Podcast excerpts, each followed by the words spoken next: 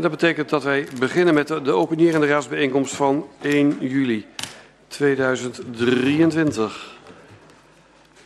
Ik zou deze vergadering willen openen en kijken of we de agenda kunnen vaststellen.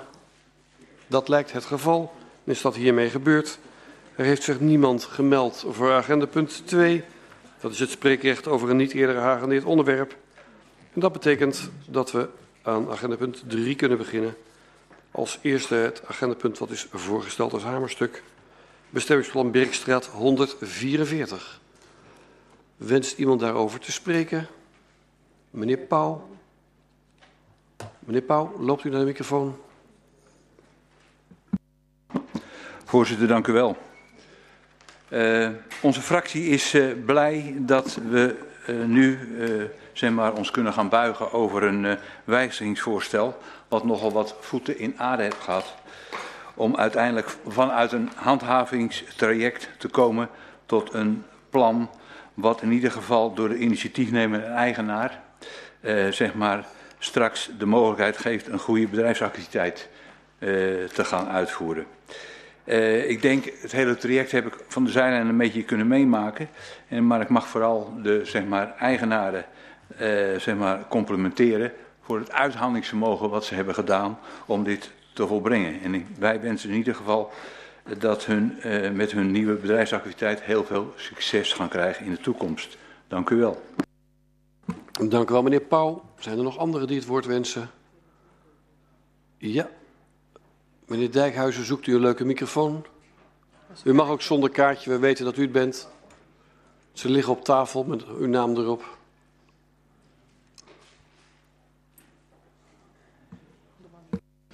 Voorzitter, dus hou... meneer Dijkhuizen spreekt namens de fractie van de ChristenUnie SGP. Ik hou het ook heel kort. Uh, bij het lezen van dit stuk... Voorzitter, bij het lezen van dit stuk Um, ja, dacht ik precies hetzelfde wat meneer Pauw eigenlijk zegt. Van, wat is het mooi, wat is het fijn dat na jaren van ploeteren, van uh, plannen maken, plannen heroverwegen, opnieuw maken, opnieuw indienen, weer kijken, dat we eindelijk tot dit punt zijn gekomen. En het is echt een, uh, een, een, prachtig voorbeeld hoe we uiteindelijk uh, van maatwerk naar iets heel moois kunnen komen. Dank u wel. Dank u wel, meneer Dijkhuizen. Anderen nog?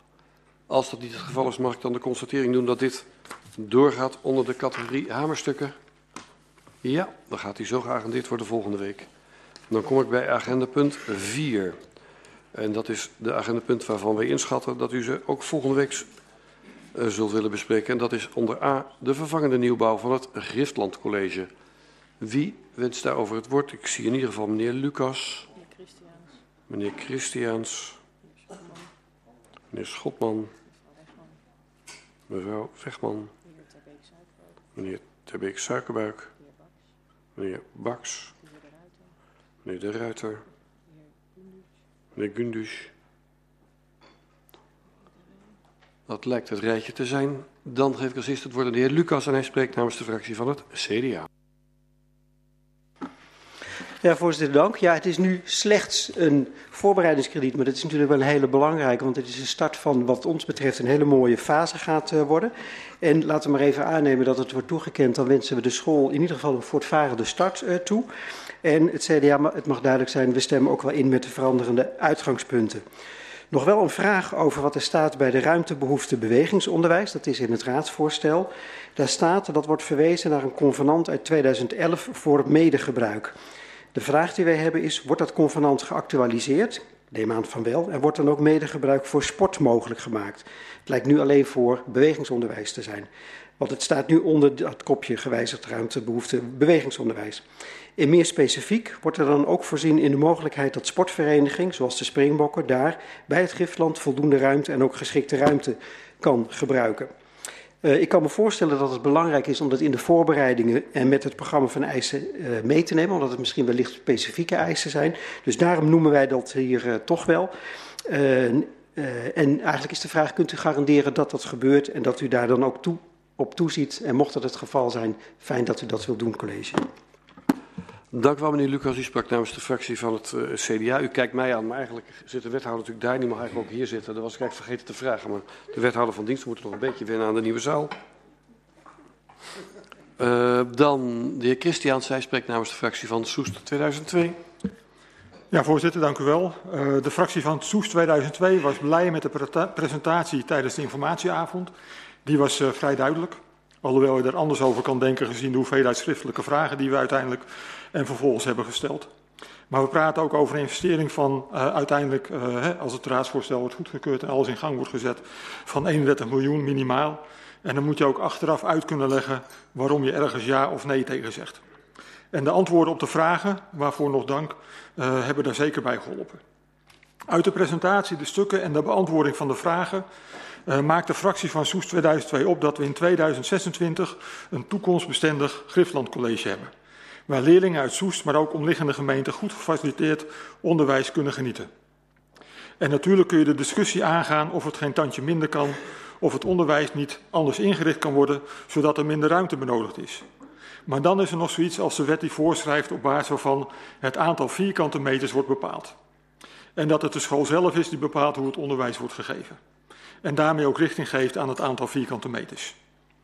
Daarnaast zou je nu voor een minimumvariant kunnen kiezen en 2,7 miljoen besparen. Maar als die ruimte over enkele jaren toch nodig mocht zijn, ben je uiteindelijk weer duurder uit. Wel zien we mogelijkheden in multifunctioneel gebruik van de ruimte die het Griffland straks heeft. En we zouden zowel het Griffland als het college dan ook uit willen dagen om samen te kijken waar er mogelijkheden liggen om andere organisaties in de nieuwbouw te faciliteren, zonder daarmee de kwaliteit van het onderwijs uh, tekort te doen. Want 31 miljoen is een groot bedrag en als we dankzij deze investering op andere vlakken geld kunnen besparen, dan is dat pure winst. We gaan dan effectief en efficiënt om met de beschikbare ruimtes. En op basis hiervan, als het college deze toezegging doet, kan onze fractie zich voorstellen dat dit onderwerp tijdens de besluitvormende vergadering een hamerstuk zal zijn. Dank u wel, voorzitter. Dank u wel, meneer Christians. U namens de fractie van Soes 2002. Meneer Schotman namens de fractie van POS. U heeft het woord. Ja, dank u wel, voorzitter. Uh, ja, het Gifland College, al decennia een begrip in, uh, in Soest en omstreken. En uh, het huidige schoolgebouw dateert uit 1979. En de kwaliteit en de staat van onderhoud van het huidige gebouw leiden ertoe dat de nieuwbouw wenselijk is. nou, daarmee was reeds rekening gehouden in het integraal huisvestingsplan, zoals dat in maart 2021 door de Raad is vastgesteld. En onze fractie onderschrijft de verantwoordelijkheid van de gemeente om een gezonde en kwalitatief goede leeromgeving te faciliteren voor de ontwikkeling van kinderen. Uh, onze fractie begrijpt ook dat de ontwikkeling van de leerlingaantallen en de daarmee samenhangende ruimtebehoeften aanleiding geeft tot aanpassingen. Minder gelukkig zijn wij met het fors hogere investeringsbedrag ten opzichte van het huidige huisvestingsplan. Prijsstijgingen in onder meer de bouwsector zijn weliswaar wijdverbreid, maar wij vrezen dat het niet bij deze stijging blijft. Hoe gaat u ervoor zorgen dat de Raad bij dit nieuwbouwproject niet keer op keer extra krediet moet toekennen? Is er voldoende controle vanuit de gemeente op het bouwproject en de daarmee gemoeide kosten? Het slim gebruiken van de beschikbare grond in eigendom van de gemeente rondom de school uh, juichen wij toe.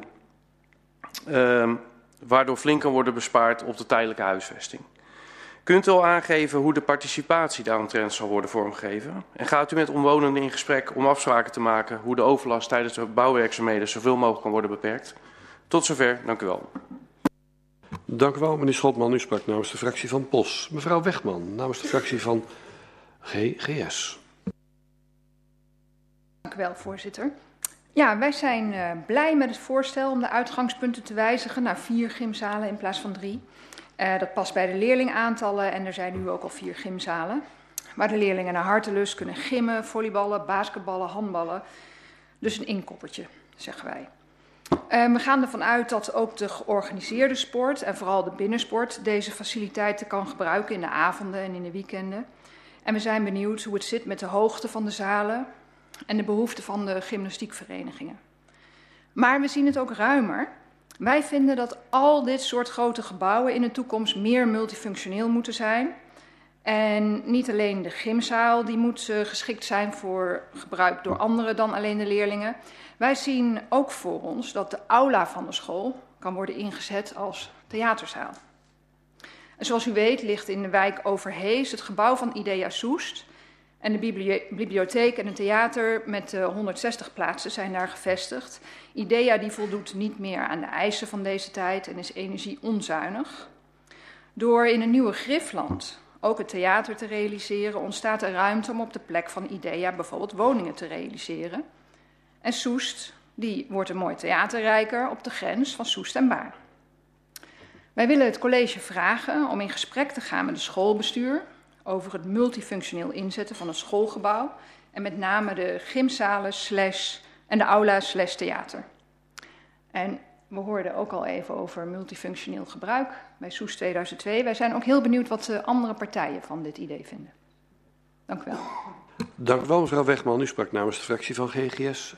Geeft het woord aan de heer Tebeek Suikerbuik en hij spreekt namens de fractie van D66. Voorzitter, dank u wel. Um, allereerst, als echte onderwijspartij moeten we ook compliment maken voor iedereen die hard gewerkt heeft aan het, uh, nou ja, het ontstaan en, en het harde werk wat al gedaan is. Want we zijn natuurlijk ontzettend blij dat er een uh, middelbare school als het gewoon weer een nieuw gebouw gaat krijgen, want dat was ook echt hard nodig. Um, toch nog wel twee vragen. En eigenlijk dan meteen ook om mevrouw Wegman te antwoorden. Wij hadden eigenlijk eenzelfde soort vraag. Die hele wijkfunctie staat in het IAP. Die komt nu niet zo heel erg naar voren toe. En nou ja, goed, het staat nu eenmaal in het IAP. En volgens ons is het ook gewoon heel belangrijk dat je een bepaalde wijkfunctie van een school houdt op het schoolplein is de plek waar allerlei mensen samenkomen. Uh, allerlei mensen met verschillende achtergronden. Uh, en het is ook gewoon een heel belangrijke plek vaak in, in een wijk. Dus maak die uh, wijkfunctie van een school groot. Dus of het nou de springbokken zijn die ChristenUnie SGP vorige week bijvoorbeeld nog vroeg. En nu ook Soes 2002. Of een theater als GGS. En kijk of je die multifunctionele gebruik van een school, als je die... Ja, het zou fantastisch zijn als er van allerlei dingen daar kunnen gebeuren. Ook voor de school zelf natuurlijk. Want het nodigt alleen maar uit, ook voor leerlingen daar naartoe te gaan... als het een fantastische school is met uh, allerlei verschillende functies. Um, en de tweede vraag uh, aan het college is, uh, dat gaat over de ruimte. Um, ook bij de beantwoording vorige week leek het er een beetje op, als we het over vierkante meters hebben, dat het alleen maar gaat over de, nou ja, de verplichte cijfers. Dus waar heeft een school nou recht op? Um, zou het niet mooi zijn als ze ook gaan kijken naar, wat heeft het onderwijs nou nodig? Dus ja, ze hebben recht op bepaalde vierkante meters, maar misschien hebben ze wel veel meer vierkante meters nodig om goed onderwijs te geven. Waarom zouden we dan niet kunnen kijken of we dan ook meer vierkante meters kunnen geven? Dank u wel. Dank u wel, meneer Terbeek Suikerbuik, namens de fractie van D66. Ik geef het woord aan de heer Baks namens Burgerbelangen. Dank u wel, voorzitter. De fractie van Burgerbelangen is uh, blij met het voorstel wat wij, laten we maar geen doekjes omwinden, van harte toejuichen. Want het Griffland is al jaren toe aan een andere, grotere accommodatie. En eindelijk zal dan de wens van het bestuur en de medewerkers en de leerlingen van het Griffland College verwezenlijk worden. Daar zijn we blij om en dat zullen we waar nodig en mogelijk van harte ondersteunen. Uh, daar waar het gaat om de multiculturele functie. Natuurlijk, de multifunctionele functie dan, ook goed. Je kunt met mij alle kanten op. Zelfs de goede hoor ik. Zelfs de goede. Ja, uh, voorzitter, natuurlijk zijn wij voor een zo breed mogelijk gebruik van het gebouw door andere verenigingen, instellingen. Alleen wil ik daar uh, de kanttekening bij maken dat de school na afloop van zo'n activiteit toch ook schoongemaakt moet worden voor de volgende dag. Dus er moet dan in het overleg met het schoolbestuur uh, afspraken gemaakt worden over de bijkomende kosten zodat niet de school daar uh, uiteindelijk voor opdraait en uh, dat geld ten koste gaat van waar het eigenlijk voor bestemd was. Maar dat horen we dan wel te zijner tijd. Dank u wel. Dank u wel, meneer Baks. Namens Burgerbelangen, meneer De Ruiter, GroenLinks. Ja, voorzitter, dank. Uh, multifunctioneel gebruik van een school. Ik had hier staan de carnavalsvereniging een plek geven, maar die schrap ik even naar aanleiding van de inbreng van de heer Baks. Voorzitter, GroenLinks is als Partij van de Toekomst altijd voorstander geweest om als gemeente verantwoordelijkheid te nemen in het financieren van accommodaties voor sociale activiteiten, zoals scholen. Een prettige leefomgeving heeft niet alleen huizen en goed onderhouden openbare ruimte, het betekent ook stenen voor sociaal. En dan natuurlijk niet ten koste van budget voor activiteiten in het sociaal domein. Gelukkig is dit in het onderwijs goed geregeld. Het Rijk geeft ons de middelen voor huisvesting van scholen. We kunnen zelf kiezen of we die opsparen of dat we de uitgaven kapitaliseren.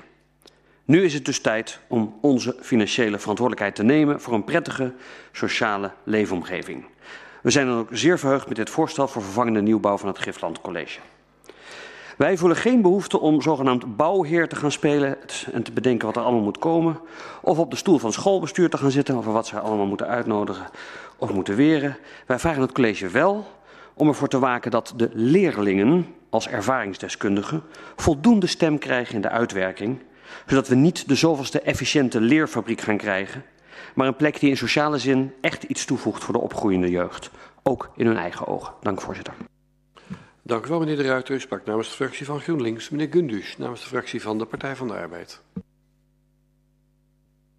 Ja, dankjewel, voorzitter. Ja, ook uh, voor ons uh, en voor jullie natuurlijk is het geen verrassing dat wij uh, voor zijn voor het voorstel. we zijn juist verheugd dat er eindelijk voor Grifland een nieuw gebouw komt. nou, er zijn al heel veel vragen gesteld, dus mijn vragen zijn eigenlijk al een beetje gesteld door andere partijen. Maar ik wil wel even reageren op de stelling van mevrouw Wegman. Tuurlijk zijn wij ook uh, voor, uh, voor maatschappelijk gebruik, juist. Uh, want we willen het ook veel breder in de maatschappij neerzetten. Dus het is niet alleen een schoolgebouw, maar laten we het ook gebruiken als een multifunctioneel gebouw voor de samenleving in Soest. en ook heel efficiënt natuurlijk in het kader van kostenbesparing, denk ik, voor de andere accommodaties. Dat was mijn bijdrage, dankjewel. Dank u wel, meneer Gundus. U sprak namens de fractie van de Partij van de Arbeid. Meneer Dijkhuizen namens de fractie van de ChristenUnie SGP. Voorzitter, dank u wel. Ik aarzelde even of ik uh, namens onze fractie wat zou inbrengen, maar ik doe het toch maar. Uh, alle lovende woorden, uh, daar staan we achter. dat mag heel helder zijn. Het is fantastisch dat hier een plan ligt voor de vernieuwing van de school. Fantastisch dat Soest voor zijn jeugd en jongeren een locatie bouwt waar het um, fijn toeven gaat worden, waar het inspirerend is om uh, onderwijs te ontvangen. Maar waar ik even naar terug wil, is een discussie die wij hier twee, drie jaar geleden met volle tribunes hebben gevoerd met elkaar. En dat ging over de discussie of wij zouden gaan bouwen voor de springbokken. Meneer Lucas, u, u haalde eigenlijk al aan wat ik eerder al hier over dit onderwerp heb gezegd in een andere meeting. Ik herinner mij toen dat wij op een kruispunt stonden. En ik leg het ook nog even terug in de raad, zoals we dat een aantal jaren geleden met elkaar besproken. De Springbokken deden uitdrukkelijk en nadrukkelijk uh, oproep om voor hun een grote, hoge gymzaal te bouwen om hun sport in te kunnen beoefenen. En de opmerking die toen werd gemaakt, als dat niet kan, dan is, onze dan is de toekomst van de Springbokken niet meer gegarandeerd, want dan raken we leden kwijt enzovoort enzovoort. Toen was het moment dat we zeiden, ja, Um, we zijn nog niet zover. We, we, we, we gaan niet investeren zomaar in zo'n gebouw. We hebben toen ook geconstateerd dat de Springbokken heel graag in samenwerking met het Griffland een nieuw gebouw op de grens van Soest en Baren zouden willen bouwen. En ik begrijp heel goed dat we in deze, met dit plan ons focussen op het Griffland College. Maar het is wel het moment wat onze fractie betreft om daar ook expliciet de keuze te maken. Gaan wij nu iets voor die Springbokken doen of niet? Want als we het niet doen, dat is ook goed, maar dan moeten we later niet meer zeggen, en daar is ook al een keer over eh, gezegd, van als we drie gymzalen, laten we meteen maar vier doen, want anders moeten we achteraf weer geld uitgeven. Volgens mij, en ik leg het in de raad voor, is dit het moment om hier expliciet een keuze in te maken. En het is mij om het even of het wel of niet wat wordt, maar dat we dan over een paar maanden of over een jaar niet opnieuw de discussie gaan voeren van, goh, gaan we nou wel iets doen of gaan we nou niet iets doen? En die vraag, die zou ik heel nadrukkelijk bij het college willen neerleggen. Gaat u met de bouw van dit dit nieuwe Griffland ook expliciet iets doen of juist iets niet doen voor datgene waarover wij twee jaar of drie jaar geleden heel nadrukkelijk in deze oude raadzaal met elkaar van discussie uh, of met elkaar in discussie zijn geweest. Die vraag zou ik heel nadrukkelijk bij het college willen neerleggen. Dank u wel, voorzitter. Dank u wel, meneer Dijkhuizen. Zijn er nog andere fracties die het woord wensen over dit onderwerp in de bestuurlijke vragen? Ja, meneer Corbij namens de fractie van de VVD. Dank u wel, voorzitter. Ja, ik leefde nog in de waan dat deze avond alleen bedoeld was voor vragen te stellen. Die hebben we niet. Alle loftprijzingen nou, zijn al... In die eh, zin, dit is de, zoals we gebruikelijk bij de opening en de raad... kan je de eerst vragen aan het bestuur stellen... en dan daarna kunt u nog met elkaar de discussie aan. Maar u mag uw bijdrage natuurlijk leveren. Ja. Nou, wij hebben verder geen vragen meer. Uh, alle loftprijzingen over het plan zijn al geschied. Uiteraard zijn wij er ook erg blij mee. En ik persoonlijk als docent aan een vergelijkbare school ben er ook blij mee met een concurrent erbij, prima. En reagerend op uh, mevrouw Wegman, dat is, dat is best een goed plan, een theater. Ja, alleen het gaat nu al flink wat duurder kosten, dus wat gaat het nog duurder kosten? En het, het, de speeldoos in Baren die is ook bezig met uh, verbouwing. Eventueel, nou, ik heb begrepen dat die, door de kroon het afgewezen is op de plek aan de Rembrandtlaan. Ik heb ook wel eens gehoord dat ze denken aan een theater op de grens van Soest en Baren. Gaat dan met die springbokken wel allemaal erg uh, druk worden. Maar daar, daar, is misschien ook naar te kijken hoe en wat. Maar het is zeker een aardige invalshoek. Dank u wel, voorzitter. Dank u wel, meneer Corbij. sprak namens de fractie van de VVD. Goed, kijk ik nu naar het college voor de beantwoording. Wethouder Scholte, u heeft het woord. Voorzitter, dank u wel. Leden van de Raad, hoe mooi is het dat ik bij velen van u dezelfde vraag hoor. Het college verheugt zich echt op het feit, of om het feit dat u met z'n allen heel duidelijk aangeeft dat er iets nodig is voor de leerlingen een goed gebouw waar ze goed onderwijs kunnen krijgen, waar ze elkaar kunnen ontmoeten. Maar dat dat gebouw, die steentjes, ook nog een andere functie kunnen hebben. Um, dat onderkent het college en ik kan u aangeven, er lopen inmiddels, meneer Dijkhuizen, wat verkennende gesprekken met de springbokken. En dan refererend aan het verleden, springbokken die niet hoog genoeg kunnen springen in een sporthal zoeken een andere locatie. Dat is ook nu weer duidelijk bij ons gemeld. Um, er zijn wat verkennende gesprekken, maar breder gezien willen we zeker kijken hoe multifunctioneel dit gebouw gemaakt kan worden. Het gebruik van het gebouw kan meer dan alleen maar leerlingen huisvesten om goed onderwijs te kunnen volgen. Dus het college onderschrijft de gedachte van velen van u dat we daar uh, zeker verkennend onderzoek naar moeten doen. En um, de heer uh, Lucas die vroeg daarbij, wordt er dan weer een convenant ge gesloten? Ik kan u nog niet zeggen wat de manier is waarop een overeenkomst tot stand komt. Ook niet zoals meneer Baks vraagt van uh, wie er voor de schoonmaak betaalt of desnoods voor de koffiedame. Dat zijn dingen die uiteindelijk tot een uitwerking zullen moeten komen als besloten wordt en overeenstemming is dat partijen met elkaar gebruik willen maken van deze ruimte.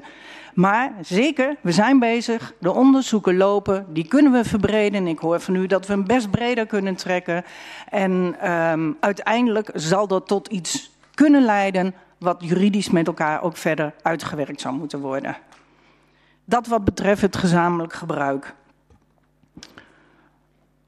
Um, POS kwam met de vraag: hoe gaat u ervoor zorgen niet keer op keer met een extra budgetvraag bij ons te komen? We begrijpen die vraag. Um, daar kan ik in die zin niet helemaal duidelijk om zijn, want het is afhankelijk van de bouwkosten. Een van de redenen waarom we ook nu bij u terugkomen. De bouwkosten zijn heel anders dan twee jaar geleden voorzien. En als u zegt, hoe houden we daar controle op? Um, dan, dan vind ik hem een beetje de technische kant op gaan, waarvan ik u dan toezeg dat we in teams daar even op terugkomen. Waarom? Er zit een organisatiestructuur, de rol van het Griffland, de rol van onze uh, mensen, uh, hoe zich dat tot elkaar verhoudt en op welke manier daar con controles zijn en op welke momenten die zijn. Dus ik zeg u bij deze toe, daar komen we in teams even met een antwoord op terug, zodat u een duidelijk beeld krijgt waar de verantwoordelijkheden liggen en de controles daarop. D66, de heer Terbeek.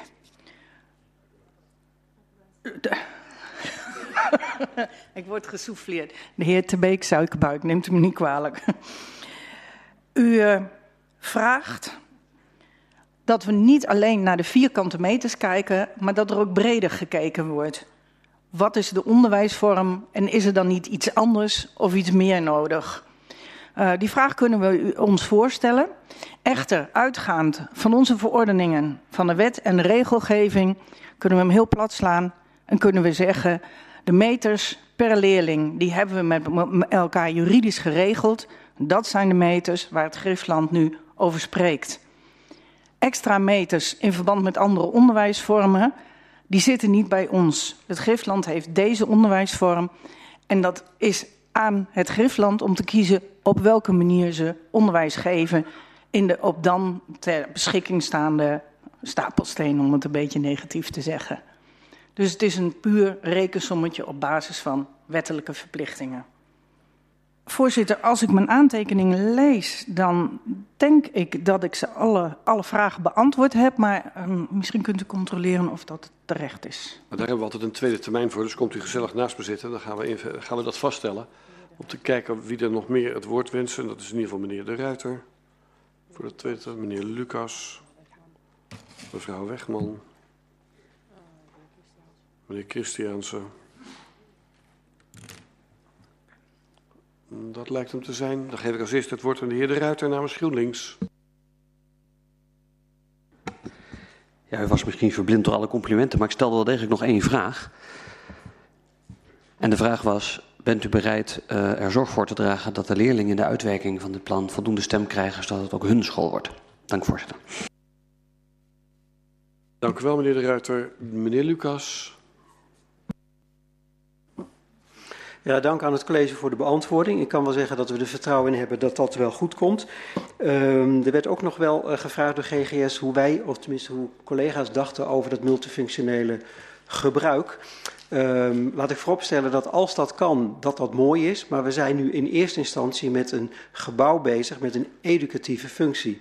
En ik zou zeggen, leg het neer bij de school. Als zij oké zijn en denken dat is te doen, prima. Dat is eigenlijk ook gelijk mijn antwoord op de vraag of leerlingen moeten worden betrokken. Ik zou zeggen, ja, dat is aan de opdrachtgever om dat goed voor elkaar uh, te krijgen. Maar we moeten ervoor oppassen dat we niet allerlei functies, ik wou zeggen, die school inmikken. En zoek maar uit wat je er allemaal mee kan. Uh, de vraag over de aula, uh, of nee, niet de aula, ja, laat ik zeggen wel de aula om die voor theater te gebruiken. Daar hebben wij zelf ook wel eens over gedacht. En misschien is het een goed idee. Ik heb begrepen dat uh, inderdaad Baren is ook bezig met zulke soort vragen. Wellicht dat een contact her en der op de grens of over de grens, het zijn slechts gemeentegrenzen, uh, ertoe kan leiden dat daar ook iets moois uit kan voortkomen. Maar nogmaals, we geven nu een voorbereidingskrediet voor het bouwen van een school. Daar wil ik het bij laten. Dank u wel, meneer Lucas namens CDA. Mevrouw Wegman namens GGS. Um, dank u wel. Het was uh, goed om te horen dat u zegt dat uh, u de verkenning breder wilt trekken. Um, kunt u ook toezeggen dat u uh, die verkenning specifiek wil richten op die theaterzaal en dan daar uiteraard met het schoolbestuur over in gesprek wil gaan? Dank u wel. Dank u wel, mevrouw Wegman. Meneer Christiaanse, Soes 2002. Um, blij met de toezegging voor het multifunctionele.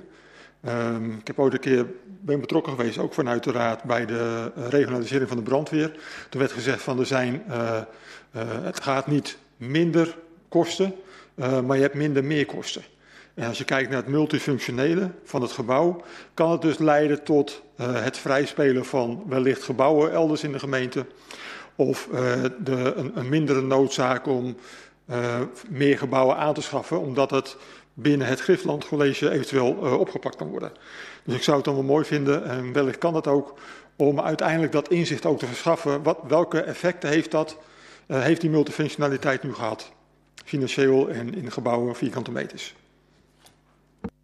Dank u wel, meneer Christiaanse. Zijn er nog anderen voor de tweede termijn? Als dat niet het geval is. Wethouder Scholten. Dank u wel, voorzitter. Zo, meneer De Ruiter, u stelde één duidelijke vraag en die vergeet ik. Dat is uh, niet leuk, maar wel goed bedoeld, want u krijgt uitgebreid antwoord op deze. Wat u zegt is een wezenlijk ding. En wij zien in de gesprekken met de rector van het Griftland dat alles draait rond de betrokkenheid van zijn leerlingen en het doel bij hem om te zorgen dat het met die leerlingen goed gaat. Heel breed, in onderwijs, in het welzijn, het elkaar ontmoeten. Uh, we, gaan we gaan hem deze boodschap meegeven. Uh, ik durf bijna te zeggen dat het hem niet verrast en dat hij daar plannen over heeft als ik hem uh, inmiddels zo gehoord heb. Maar in ieder geval dank voor uw opmerking. Zeker de moeite waard om nog even extra aandacht op te vestigen. Dan mevrouw Wegman wat betreft de theaterzaal. De plannen zijn nog in een heel pril stadium. En dat kan ook alleen maar omdat u uiteindelijk nog moet beslissen of u wel of niet een voorbereidingskrediet beschikbaar wilt stellen. Maar de gedachte, zoals het nu misschien vorm gaat ge gegeven worden in die plannen, is dat um, het Griffland ook een enorm, enorm een grote theaterzaal wil organiseren in de aula waardoor dingen weggereden kunnen worden, extra functie kunnen krijgen in de vorm van een theater. Zijn gedachten kan ik u dus geen toezegging over doen, maar ik kan zeker meegeven naar het Griffland toe. Wilt u extra onderzoek doen of die ruimte met die beoogde functie mogelijkerwijs ook ingezet kan worden voor IDEA? En dan komen we weer bij wat meneer Lucas zegt. Laten we inderdaad de, de, de hoofdfunctie van het gebouw niet vergeten. Het is een onderwijsgebouw. En daarnaast kunnen we bij partijen kijken waar wensen liggen, waar mogelijkheden liggen. En dit zou er ook één kunnen zijn. Dus het college kan nu in ieder geval uh, zeggen dat wij, uh, dat wij dit bij elkaar gaan brengen en kijken waar het toe kan leiden.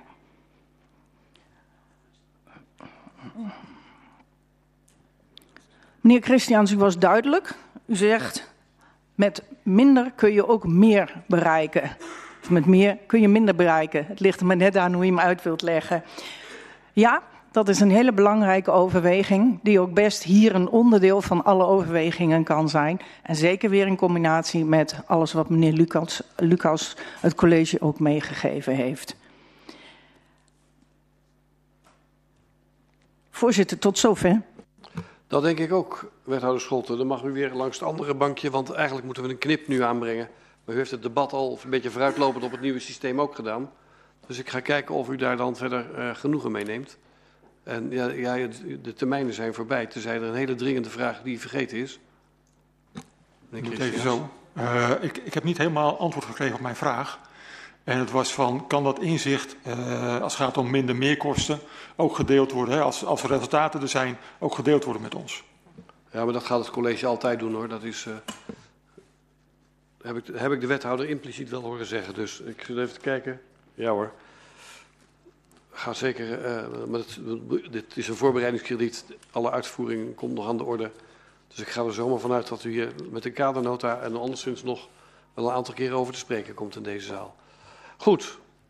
Heeft u nog behoefte om met elkaar in debat te gaan of niet? Of had u dat al gedaan, inderdaad? Ja, als dat het geval is, dan kan ik het hiermee afsluiten. En dan gaat het volgende week ter besluitvorming voorkomen in de uh, raadsvergadering. Dan ga ik over naar agendapunt 4b, de gebiedsvisie Soesterberg Noord. We hebben met elkaar afgesproken dat we over dat onderwerp uh, uh, eerst een aantal vragen aan het bestuur stellen, aan, de, aan het college stellen. En dat college daarna gaat antwoorden en daarna gaat u kijken of het rijp is voor besluitvorming. Ook dat ter voorbereiding. Ja, u mag weer naast me komen zitten. Dat had ik eigenlijk net wel kunnen bedenken, hè? maar goed. Um, dus we gaan eerst een rondje doen uh, om te kijken uh, welke bestuurlijke vragen er allemaal zijn over dit onderwerp. Wie mag ik noteren? Ik zie in ieder geval meneer Leijen van Leijenhorst. Mevrouw Welschen hoor ik. Meneer Pauw. Meneer Schotman. Meneer De Ruiter. Meneer Redeker. Anderen nog. Meneer Wijnalda. Dat is er vooralsnog. Uh, meneer Van Leijenhorst, Soes 2002, u heeft het woord. Voorzitter, dank u wel. Voorzitter, ik heb het goed begrepen dat we alleen de bestuurlijke vragen nu stellen? Ja. Voorzitter, onze fractie heeft een uh, kleine vraag. Komt er een gezamenlijk grondexploitatieplan voor Kamer 2 en 3? Zo nee, kunnen we de kamers 2 en 3 dan apart beschouwen later? Dus hoe ver is het verweven? Dat is de vraag. Dat is een heldere vraag, wil ik zeggen met de microfoon aan. Dank u wel. Uh, mevrouw Welsjen namens D66. Dank u wel. Um, sorry, ik ben mijn even kwijt. Ja. Uh, de gebiedsvisie Soesterberg Noord. Scenario's, plaatjes, aandachtspunten, cultuur, historische perspectieven. Mooi uh, als een draaiboek voor een geweldige trouwdag. Uh, maar deze raad trouwt niet voor het eerst. We hebben al een rondje mediation en therapie gehad. En weten dat na het emotionele jaarwoord het huwelijk ineens er heel anders uit zou kunnen zien dan vooraf verwacht. Dat het jaarwoord komt met grote verantwoordelijkheden en verwachtingen voor een zeer lange termijn. Het traject Dalweg heeft ons dat inzicht gegeven in de waarde van een jaarwoord. In de waarde van het instemmen met de gebiedsvisie. En dat maakt in ieder geval de fractie van D66 alert. En dat we kritisch kijken naar het mooie fotoalbum dat deze gebiedsvisie is. Want de recent ontvangen informatie maakt duidelijk dat veel niet duidelijk is. En vanwege de geheimhouding kunnen we daar niet veel duidelijker over zijn. Maar het maakt wel um, dat wij graag willen weten waarop we ja zeggen. En daarom een aantal verduidelijkingsvragen. Het plan bestaat uit een, uh, onder andere een aantal particuliere initiatieven. die in nauwe samenwerking en op basis van deze visie moeten worden uitgevoerd. Dat vraagt om strakke planning en coördinatie. Onze vraag is wie dat gaat uitvoeren en of de kennis en de capaciteit daarvoor in huis is. Hoogbouw mag tot twee à drie woonlagen en hier en daar tot max vijf. Als meerdere particuliere bouwlagen, uh, bouwlagen willen uh, bouwen van vier tot vijf hoogte, omdat het misschien mogelijk financieel meer oplevert, wie besluit dan wie dat voordeel toekomt en op basis waarvan? Um, het college is op basis van uitspraak in het coalitieakkoord bereid om financieel bij te leggen als maatschappelijke waarde kan worden gecreëerd. Wederom een ruim en breed begrip kan het college toelichten wat ze verstaat onder maatschappelijke waarde in het algemeen, in het bijzonder in deze context en hoe we dat meetbaar gaan maken. Uh, een follow-up op een technische vraag uh, en op de behandeling van het Gifland. In het kader van het IAP en de wijfuncties van scholen is het geplande buurtknooppunt bedoeld voor scholing en kinderopvang of krijgt het een bredere maatschappelijke functie? Um, de doelgroepverordening ligt binnenkort voor. Als we die goedkeuren, geldt die dan voor dit project? Of als we deze gebiedsvisie goedkeuren, geldt dan de helder geldende doelgroepverordening? Dan het kostenverhaal. Daar is opgenomen dat het bouwen van woningen voor sociale huur kan worden afgekocht als het niet passend is in het bouwproject. Nu wordt hier een groot gebied uh, ontwikkeld, maar verdeeld in meerdere kleine uh, projecten. In hoeverre lopen we hier het risico, ook door de taskforce aangekaart, dat particuliere ontwikkelaars zich kunnen onttrekken aan de plicht om sociaal te bouwen en de gemeente vervolgens op eigen grond en voor eigen kosten die uh, rijksafspraak moet nakomen. Ook adviseerde de taskforce om alle bovenwijkse kosten op te nemen in het programma. In hoeverre zijn deze kosten in ieder geval indicatief meegenomen in de cijfers die we tijdens de besloten avond hebben kunnen zien? Die vraag had ik daar willen stellen, maar er was geen tijd meer voor. Vandaag even, vandaag even hier. De laatste twee. Het college heeft met de organisatie het proces rondom de besluitvorming van de Dalweg geëvalueerd. Vindt het college dat zij in de aanloop naar deze bespreking haar eigen aanbeveling in de evaluatie van de Dalweg heeft meegenomen en zo ja, welke? En tot slot, er gaat in Soesterberg veel gebeuren de komende jaren, de komende decennia. Kan het college het proces toelichten waarmee we nu een start maken met deze gebiedsvisie? Toelichten welke afslag we nu nemen met het goedkeuren van 3,5 miljoen en het openen van de grondexploitatie. En ons een procesverloop doen toekomen, zodat wij als raad grip hebben op het verloop van ontwikkelscenario's. Dank u wel. Dank u wel, mevrouw Welsje. Sprak namens de fractie van D66. Meneer Pauw, GGS. Ja, voorzitter. Uh, wij hebben een vraag, met name dat komt een beetje naar mevrouw uh, uh, Welscher uh, in haar, uh, zeg maar, wat ze ook al aangaf. We, bij de inventarisatie van de uitgangspunten staat heel duidelijk dat 50% van de woningen is betaalbaar. Voorwaarden uit de subsidie kruising uh, Amersfoortse straat. Op pagina 21, dat, en daar doet mevrouw Welscher op, uh, staat aanwezig dat uh, er een nieuwe doelgroepenverandering komt voor de gemeente Soet. Die wordt vastgesteld. Landelijk ken, uh, zal dat mogelijk invloed erop hebben. Wij denken dat we nu klip en klaar duidelijkheid moeten hebben dat voor dit hele project dat die 50% betaalbaar moet gelden. Als je nu al gaat zeggen, ja het is nog in een wijde zak en we gaan tegen die tijd wel bekijken. Je moet juist bij die visie moet je heel duidelijk aangeven. En ik denk dat het heel goed is om vooraf uh, het te houden bij die 50%. We gaan al van Soesterberg van 20 naar 50%. Uh, en op deze manier hou je in ieder geval uh, gangbaar dat die, uh, zeg maar de projecten om te bouwen, wat we daar de doelstelling is, ook daadwerkelijk van de grond krijgen. Dat was mijn vraag. En ik wil daar graag een goede, tenminste, uh, goede afspraak over hebben. Dank u wel, meneer Pauw. Sprak namens de fractie van GGS. Meneer Schotman, die spreekt namens de fractie van POS. Ja, dank u wel, voorzitter. Ja, voor ons uh, ligt de gebiedsvisie Soesterberg Noord. Een visie op hoofdlijnen, een stip op de horizon om toekomstige ontwikkelingen richting te geven. Inhoudelijk vindt de fractie van POS de visie overal bezien niet eens zo verkeerd. Hoewel er wel degelijk onderdelen zijn waar wij kritisch tegenaan kijken. Ook in de mate waarin ze aansluiten bij de aard van het dorp Soesterberg. Zo zien we een in de participatie duidelijk uitgesproken voorkeur voor laagbouw, max 3 hoog. Maar zien we in de, weliswaar voorbeelduitwerking, toch aanzienlijke delen van het gebied met hoogbouw tot max 5 hoog. Vraagtekens hebben we ook bij het parkeren en of er voldoende parkeerplaatsen zullen zijn voor de bewoners. Probleem wat we nu al in het dorp zien ontstaan. Soesterbergen zijn afhankelijk van de auto en de OV-verbindingen die zijn er vooralsnog nog niet. Met grote verbazing lezen wij in het verslag, ik kom zo over tot, ook tot mijn vragen. Met grote verbazing lezen wij in het verslag van de participatiebijeenkomsten dat er geen draagvlak zou zijn voor maatschappelijke voorzieningen in kamers 2 en 3. Een uitkomst die compleet haak staat op wat wij tijdens onze aanwezigheid bij deze participatiebijeenkomsten en de afgelopen jaren in het dorp vanuit inwoners hebben meegekregen.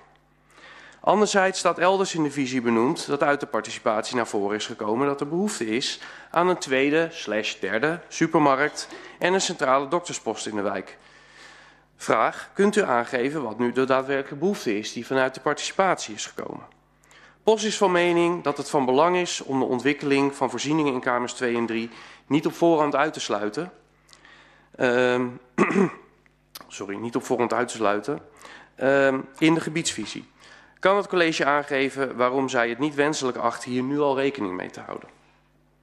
En wat betreft de toekomstige locatie voor nieuwbouw van een basisschool, kunt u zich inspannen om deze locatie zo op te zetten dat het speel slash buitenterrein direct grenst aan de school en dat daar geen weg tussen loopt, zoals nu te zien is in de kaartjes. Dan lezen wij nog over de voormalige vuilstortlocatie in Kamer 2, welke een aanzienlijk oppervlak beslaat. Kunt u aangeven welke risico's de gemeente daarbij loopt en welke consequenties dit kan hebben voor de ruimtelijke invulling van Kamer 2? Bijvoorbeeld als daar inderdaad geen bomen geplant kunnen worden. Tot dusver onze inhoudelijke vragen over de gebiedsvisie zelf. Dat brengt ons bij een belangrijkere overweging. POS vraagt zich ten zeerste af hoe realistisch deze gebiedsvisie is. Wij willen ons als POS niet committeren aan een gebiedsvisie die mogelijk allerlei ontwikkelingen in gang zet, die wij en de inwoners van Soesterberg als onwenselijk zien. Nu is ervoor gekozen om de visie en de ontwikkelstrategie los van elkaar te behandelen, of na elkaar te behandelen. Maar wij weten nog niet wat er uit die ontwikkelstrategie gaat komen. Daarnaast wordt aangegeven dat het nog niet duidelijk is wat de financiële consequenties zijn van de ontwikkeling van kamers 2 en 3. POS springt liever niet op een rijdende trein voordat wij weten waar deze trein naartoe gaat en ook welke stations worden aangedaan. Met andere woorden, wij kunnen niet instemmen met een visie waarvan niet duidelijk is wat de gevolgen van het vaststellen van deze gebiedsvisie zijn. Zetten we een trein in beweging die niet meer te stoppen is en mogelijke risico's brengt, uh, welke mogelijke risico's brengt zich dat dan mee voor de gemeente? Zijn er nog knoppen waar de raad aan kan draaien om de trein op een ander spoor te zetten en na het vaststellen van deze visie. En nog belangrijker, na het vaststellen van de strategie. Verder hebben wij nog de volgende vraag aan het college. Er wordt aangegeven dat facilitair grondbeleid de gemeente onvoldoende gaat helpen om woningbouw op korte termijn van de grond te krijgen. Kunt u aangeven welke gevolgen actief grondbeleid heeft voor de uitvoerbaarheid van deze visie en de mogelijk hogere kosten die dat met zich meebrengt? Twee, ziet u mogelijkheden om slimme keuzes te maken bij de ontwikkeling van de kamers 2 en 3? Bijvoorbeeld door in te zetten op ontwikkeling van alleen kamer 2 en 3 of door die ontwikkeling te splitsen. En welke afhankelijkheden zijn er tussen de ontwikkeling van kamer 3 en de woonwijken sortie 16 en vliegbasis Soesterberg? Is ontwikkeling van kamer 3 een voorwaarde voor die ontwikkelingen?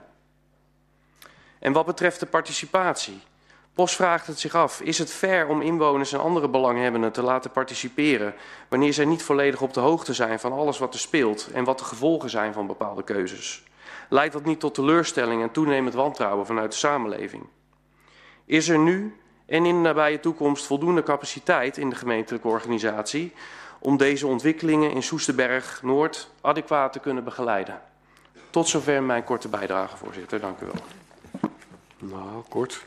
Dank u wel, meneer Schotman, namens de fractie van POS. Meneer De Ruiter, GroenLinks. Dank u wel, voorzitter. De trein raast aan Soesterberg voorbij. Um, voor Soesterberg Noord, voorzitter, ligt er al een duidelijk masterplan. En nu moet er weer een gebiedsvisie bijkomen. Een nieuw stuk papier. Ongetwijfeld met mooie plaatjes. Het is al gememoreerd. En dit terwijl de heren van Twijnstra en Gudde toch duidelijk aangeven dat er geen gebrek is aan visie, aan sturing op strategisch niveau, maar juist aan sturing op tactisch niveau. Het wensbeeld is al lang duidelijk. Maar het ontbreekt de gemeente aan tactiek. Een tactiek om bedrijven te verleiden hun vestigingen uit Soesterberg Noord te verplaatsen. Het ontbreekt de gemeente aan tactiek om ontwikkelaars te verleiden de gewenste woningbouw in gang te zetten. Plannen liggen er genoeg, maar het ontbreekt de gemeente aan tactiek om de gewenste ontwikkelingen te financieren. Voorzitter, waar zijn de plannen van dit college op tactisch niveau?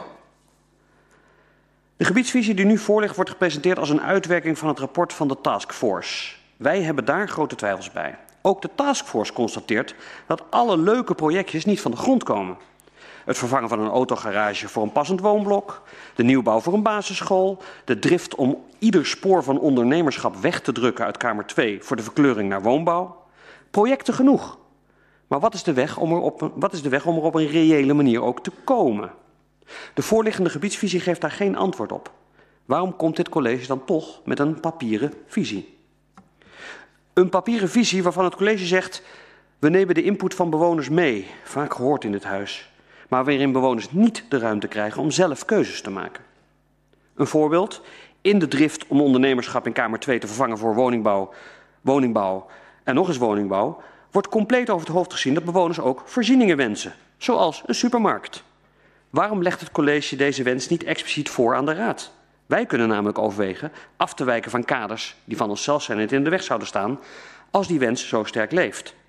Door niet te luisteren naar deze wens uit de bewoners slaan we het maatschappelijk initiatief lam. Misschien, voorzitter, is dit het juiste moment om pas op de plaats te maken. Geen opgelegde visies van bovenaf. Geen over elkaar buitelende projectjes die op onvoldoende draagvlak kunnen rekenen. We maken hier achter de bureaus in Soest al veel te veel mooie plaatjes en mooie praatjes over Soesterberg. Wordt het niet eens tijd de Soesterbergers en Soesterbergse ondernemers zelf zeggenschap te geven en ze daarbij aan te spreken op hun befaamde Soesterbergse daadkracht? Is de praktische en tactische invulling van Kamer 2 en 3 niet een heel mooi onderwerp voor een Soesterbergs burgerberaad? Een vorm van zeggenschap waarbij we aan belanghebbenden zelf vragen om met elkaar de oplossingen te bedenken. Ik hoop dat de collegeleden het boekje over deze participatievorm dat ik ze bij hun installatie gegeven heb inmiddels gelezen hebben en ik hoor graag wat het college van dit idee vindt. Geen gebiedsvisie, maar een burgerberaad. Dank u wel, meneer de Ruiter. U sprak namens de fractie van GroenLinks. Meneer Redeker, namens de fractie van de Partij van de Arbeid. Voorzitter, dank u wel.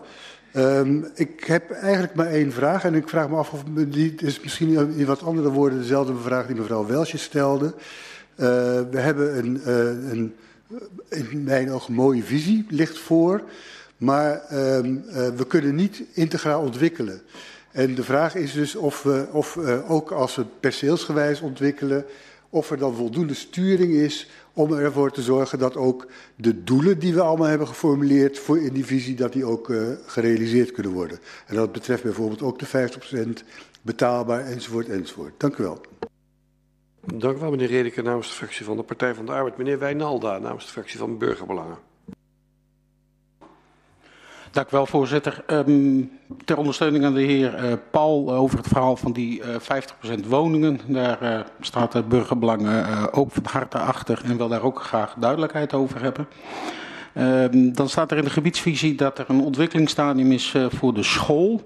En uh, Pos, uh, die Schotman, die sprak daar ook al over. Uh, wij zijn ook niet erg blij met het plan zoals het nu lijkt dat de speelgebied en de school een weg tussendoor zit. Dat komt volgens ons wel in het kader van de veiligheid van de kinderen niet te goede.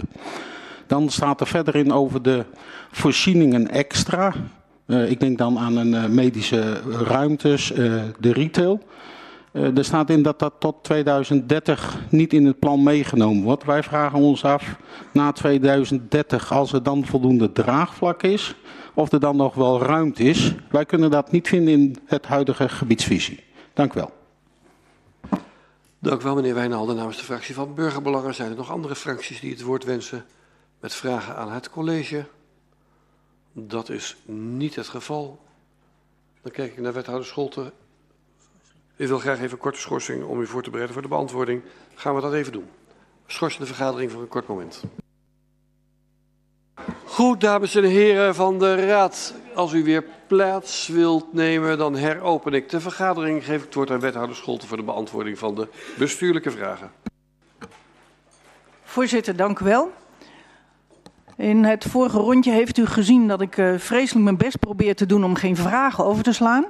Dat uh, doe ik ook nu weer, maar u heeft er een best een aantal bij ons neergelegd. Dus um, misschien hebben we ook nog een tweede rondje nodig om de vergeten uh, vragen in de veegronde te doen. Ik wil graag beginnen met de visie. Er ligt een visie voor. Een wensbeeld over een gebied wat je met elkaar vaststelt, omdat we ook vanuit de particuliere initiatiefnemers gemerkt hebben dat er een behoefte is van wat wilt u nu met dit gebied? En als die vraag bij ons ligt, de gemeente, dan kun je daar een antwoord op bedenken. Maar juist dat is niet wat wij vonden de juiste weg. Dus er zijn meerdere avonden geweest met inwoners, ondernemers, initiatiefnemers. Bij u zijn we een keer teruggekomen met een nota van uitgangspunten. We hebben een visie opgesteld. Ook die hebben we weer getoetst bij de stakeholders. En uiteindelijk ligt de conceptvisie bij u voor. Dat is het antwoord dat wij kunnen geven aan ondernemers, initiatiefnemers die graag in dit gebied iets willen realiseren. Als je dat loslaat, dan krijg je een onsamenhangend geheel.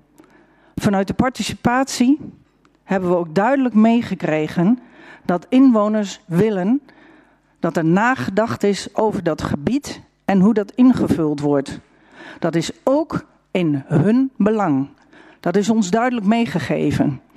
Individuele ontwikkelingen op ieder postzegeltje of een hele grote envelop leidt niet tot een samenhangend geheel en kan voor de betrokken omwonenden tot minder mooie en maatschappelijk verantwoorde dingen leiden. En dat is waarom deze visie nu bij u voor ligt. Het is een visie. Het is het wat. Wat zou kunnen met dit gebied? En als we het wat met elkaar vastgesteld hebben, dan kunnen we overgaan naar het hoe. Hoe moeten we dat doen? De strategie om te kiezen op welke wijze je dat wensbeeld uiteindelijk gerealiseerd kunt krijgen. En vanavond spreken we over de visie. Om dan terug te komen bij de vragenstellers, op volgorde van de vragen. Soes 2002, meneer Verleijenhorst. U vroeg of er een greks komt voor kamer 2 en 3. Er komt één totale greks, maar er zitten twee deelgebieden in. Kamer 2 en Kamer 3. D66, mevrouw Welschen. U vroeg de planning en de coördinatie als we daadwerkelijk aan de uitwerking toekomen. Wie doet dat en is de kennis daarvoor in huis? De coördinatie en eventueel die planning liggen hier in dit huis. De kennis is ervoor, maar dat is precies de reden waarom een van de beslispunten in, uw, in het raadsvoorstel is om de 3,5 miljoen te activeren. Zodat, zodat we daadwerkelijk een team met kennis en kunde in kunnen zetten om dit traject verder te trekken. U vroeg ook of er financieel voordeel is als er meerdere bouwlagen ergens aan toegevoegd worden. Ik vind hem neigen naar de bespreking van de ontwikkelstrategie, maar misschien heeft u hem nodig voor uw afwegingen bij de visie. En ik kan u meegeven dat dit allemaal toekomt aan de ontwikkelaar. Zowel positieve resultaten op zijn plot als negatieve resultaten zijn aan de ontwikkelaar. U vraagt ook de maatschappelijke waarde. Daar wordt over gesproken in deze visie. En wat is dat dan? En hoe is dat meetbaar? Dat zijn alle beleidsdocumenten die u met elkaar in deze raad heeft vastgesteld. En ik noem er even een paar. Uh, het duurzaam bouwen, klimaatadaptief bouwen. Dat zijn de maatschappelijke waarden waaraan we kunnen toetsen en die dus meetbaar zijn. Een vraag die vaker voorkwam is de school. Moet dat nou een weg tussen een school en een speelplein? Nou, dit is de visie. In de planvorming is dit zeker iets waar we nader met elkaar over moeten spreken. En natuurlijk heeft de school hierin een heel belangrijke stem in het kapitel. U vroeg ook de school, wat houdt dat in? Een buurtknooppunt. En kan dat niet breder? Als we het over school hebben, dan verwijzen we naar het IHP, waarin we omschreven hebben wat we heel graag, en dat heeft de Raad als opdracht meegegeven, gerealiseerd willen zien op het moment dat er ergens een school gebouwd wordt. En dat is een toevoeging van extra kindvoorzieningen. En dan kun je het voor vroegtijdige onderwijsvoorzieningen hebben, uh, crash, peuterspeelzaal, bedenk het maar. Alles wat met een kindvoorziening te maken heeft, zou rond een school gerealiseerd kunnen worden. U vroeg, net zoals de heer Pauw van GGS, en ik zag hem nog ergens terugkomen, de doelgroepenverordening. Welke geldt? We hebben een nieuwe doelgroepenverordening in de maak. Dus die volgt uiteindelijk altijd, of is altijd het, de hogere wetgeving boven een visie. Echter, in deze visie staat aangegeven dat het 50% betaalbaar moet worden. En dat is wat u zometeen terug gaat zien als de doelgroepenverordening bij u voor ligt. Dat is dan, meneer Pauw, de juridische borging waarom u vroeg. U maakte zich ook zorgen, mevrouw Welschen, uh, dat particuliere ontwikkelaars misschien de behoefte zouden hebben om zich te onttrekken aan een doelgroepenverordening en daar allerlei andere maatregelen voor in de plaats zouden willen zien. Dat zijn dingen die in onderzoek zijn. Ik kan me uw zorg voorstellen, maar het is iets wat nog nader uitgewerkt moet worden. Maar uw opmerking is duidelijk. U had het over de bovenwijkse kosten. Die zou ik echt willen laten bij de um, ontwikkelstrategie. Dus daar kan ik op dit moment geen antwoord op geven. U noemde het huwelijk. En ik specifiek op dit punt refereer ik aan dit huwelijk. Je begint een huwelijk omdat je samen met elkaar oud wilt worden. Daar heb je een beeld bij. Dit beeld is er ook, deze visie. Maar u zegt ook, er is een verleden. En dat heet Dalweg. Dus er is een ex-partner die ergens wat vervelende gevoelens oproept in dit huwelijk. En hoe heeft u gedacht om de ellende van uw ex-partner uit te wissen in dit nieuwe, huwelijk?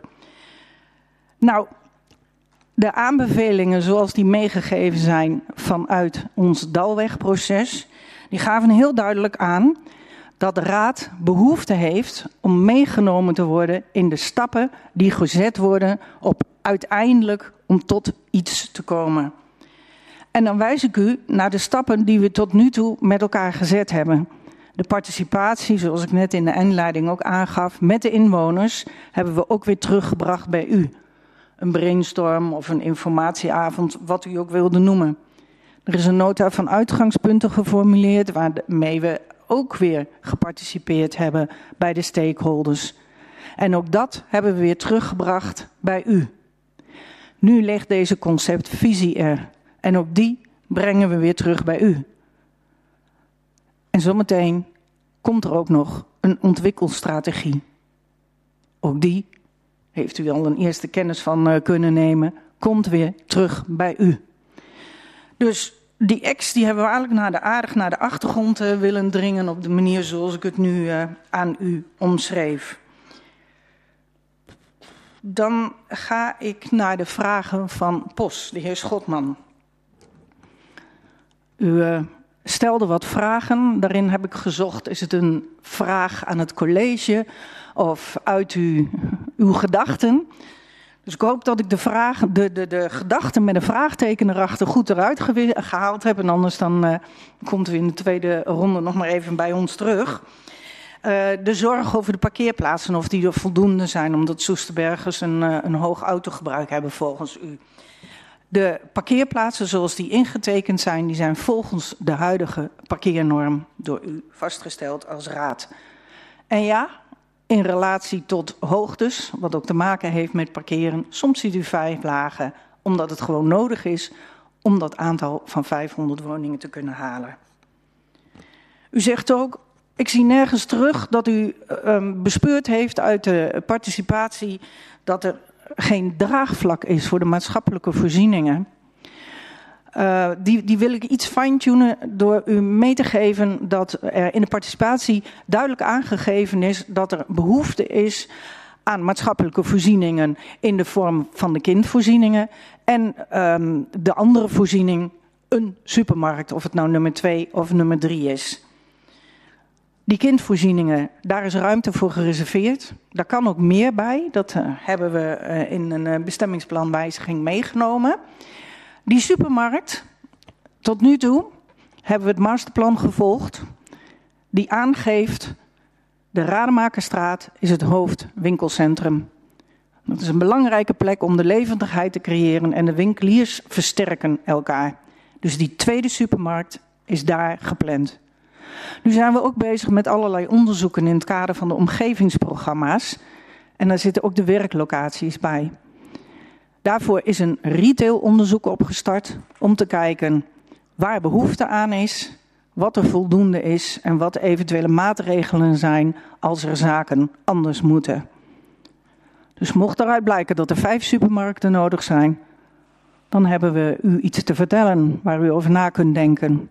Maar nu is het zo, twee supermarkten en de tweede supermarkt in de Rademakerstraat. U vraagt ook, eh, meneer Schotman, naar de, de vervuiling, wat nu um, het gedeelte is waar mogelijkwijs het groen uh, gesitueerd kan worden. Vervuiling, het is een woord wat, wat heel veel nare gevoelens opwekt. Dus ik kan me uw vraag voorstellen. Er staat ook bij dat daar geen bomen geplant kunnen worden. Weet dat de provincie, en landelijk gezien, enorme strenge regelgeving heeft wat betreft vervuiling. Niemand zal mensen willen laten wonen op een plek waar het niet gezond wonen is. De provincie heeft daar regels voor bedacht. En dat betekent dat, om even een stukje in de techniek, dat er een aantal meter leeflaag is. En als dat gerealiseerd wordt, dan kun je daarboven vrijelijk spelen, uh, de hond uitlaten, recreëren en zelfs wonen. De pech is alleen dat een boom vaak langere wortels heeft dan dat die leeflaaf bedacht is. En daarom ziet u het concrete voorbeeld van die boom terug.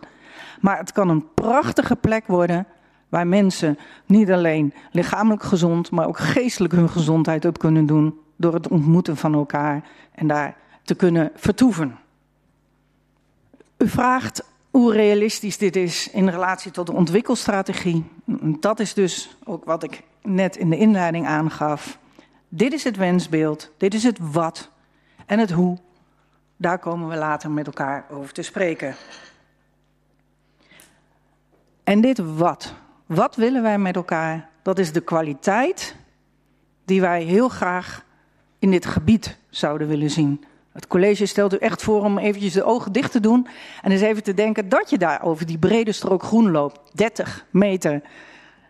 Dat daar mooie woningen staan, dat daar appartementencomplexjes staan, waar heel veel mensen blij en tevreden kunnen wonen. Dat is de kwaliteit die we zo graag in dit gebied terug willen zien. U heeft het over de mogelijke voorwaarden voor de ontwikkeling van sortie 16 en de vliegbasis, of de ontwikkeling van Kamer 3 daar een voorwaarde voor is. Dat is, staat los van elkaar.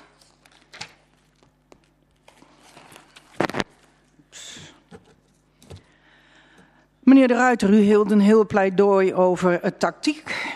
En die tactiek, die spreekt over het hoe. En we zijn vanavond over het wat bezig. Wat willen wij? En hoe we dat willen bereiken, verwijs ik u weer naar de ontwikkelstrategie. En ik voorzie dat we daar een hele mooie avond met elkaar over kunnen hebben. Meneer Redeker van de PvdA, die zei... als we dit nou eens perceelsgewijs gaan ontwikkelen... kunnen dan de doelen toch ook gewoon behaald worden? En dat is denk ik de cruciale vraag van deze avond. Als wij geen visie hebben en iedere ontwikkelaar met zijn eigen plannetje onder de arm binnen laten wandelen en dat plannetje toetsen aan niets, dan krijg je de kans is aanwezig dat je dan een verrommeld gebied krijgt. Dan krijg je niet de kwaliteiten zoals ze nu aan u voorstellen. Dan krijg je niet het openbaar gebied waar mensen juist die ontmoeting, we hebben het met corona geleerd, hoe belangrijk het is om naar buiten te gaan en zomaar een gesprek met iemand te kunnen hebben. In plaats van uit je voordeur rennen, rechtstreeks je auto in en doorrijden. Dus we doen, we doen inwonerstekort als we geen groter beeld hebben van hoe die, die plek ontwikkeld zou moeten worden. Meneer Wijnalda van BBS, die vroeg ook over het school- en het speelgebied. Daar heb ik u een antwoord op gegeven. En u vraagt, als er na 2030 voldoende draagvlak is voor een supermarkt, is er dan ruimte voor? Ik denk dat we daarvoor dan weer een onderzoek nodig hebben of er daadwerkelijk ruimte is voor een derde supermarkt. Want zo noem ik hem omdat de tweede bestemd is in de Rademakerstraat. En als dat aan de orde is, dan moeten we kijken of er ruimte is, maar waar de supermarkt dan ook graag wil zitten. Ik vind het veel te prematuur om daar nu verder een antwoord op te kunnen geven. Voorzitter, tot zover. Dank u wel, wethouder Scholten. Ik kijk eventjes rond of de vragen allemaal beantwoord zijn. Voorzitter, dan mag ik vragen om een schorsing van een minuutje? Ja, dat mag er altijd. Ik zit even te kijken. Ja, oh, sorry, daar. Ja, een schorsing van een minuutje. Vijf voor negen. Ja, een minuutje. We schorsen. We blijven even zitten. Meneer de Beek Suikerbuik, u heeft de schorsing aangevraagd. Ik heropen de vergadering en dan krijgt u als eerste het woord.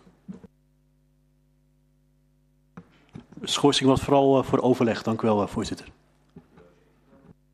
Ga ik nu kijken of, er nog, uh, of alle vragen afdoende zijn beantwoord. Meneer De Ruiter had zijn hand opgestoken. Anderen nog? Ik ga even opschrijven hoor. De Ruiter, Welschen, Wijnalda, Schotman. Nou, dat lijkt hem even te zijn. Meneer De Ruiter, GroenLinks.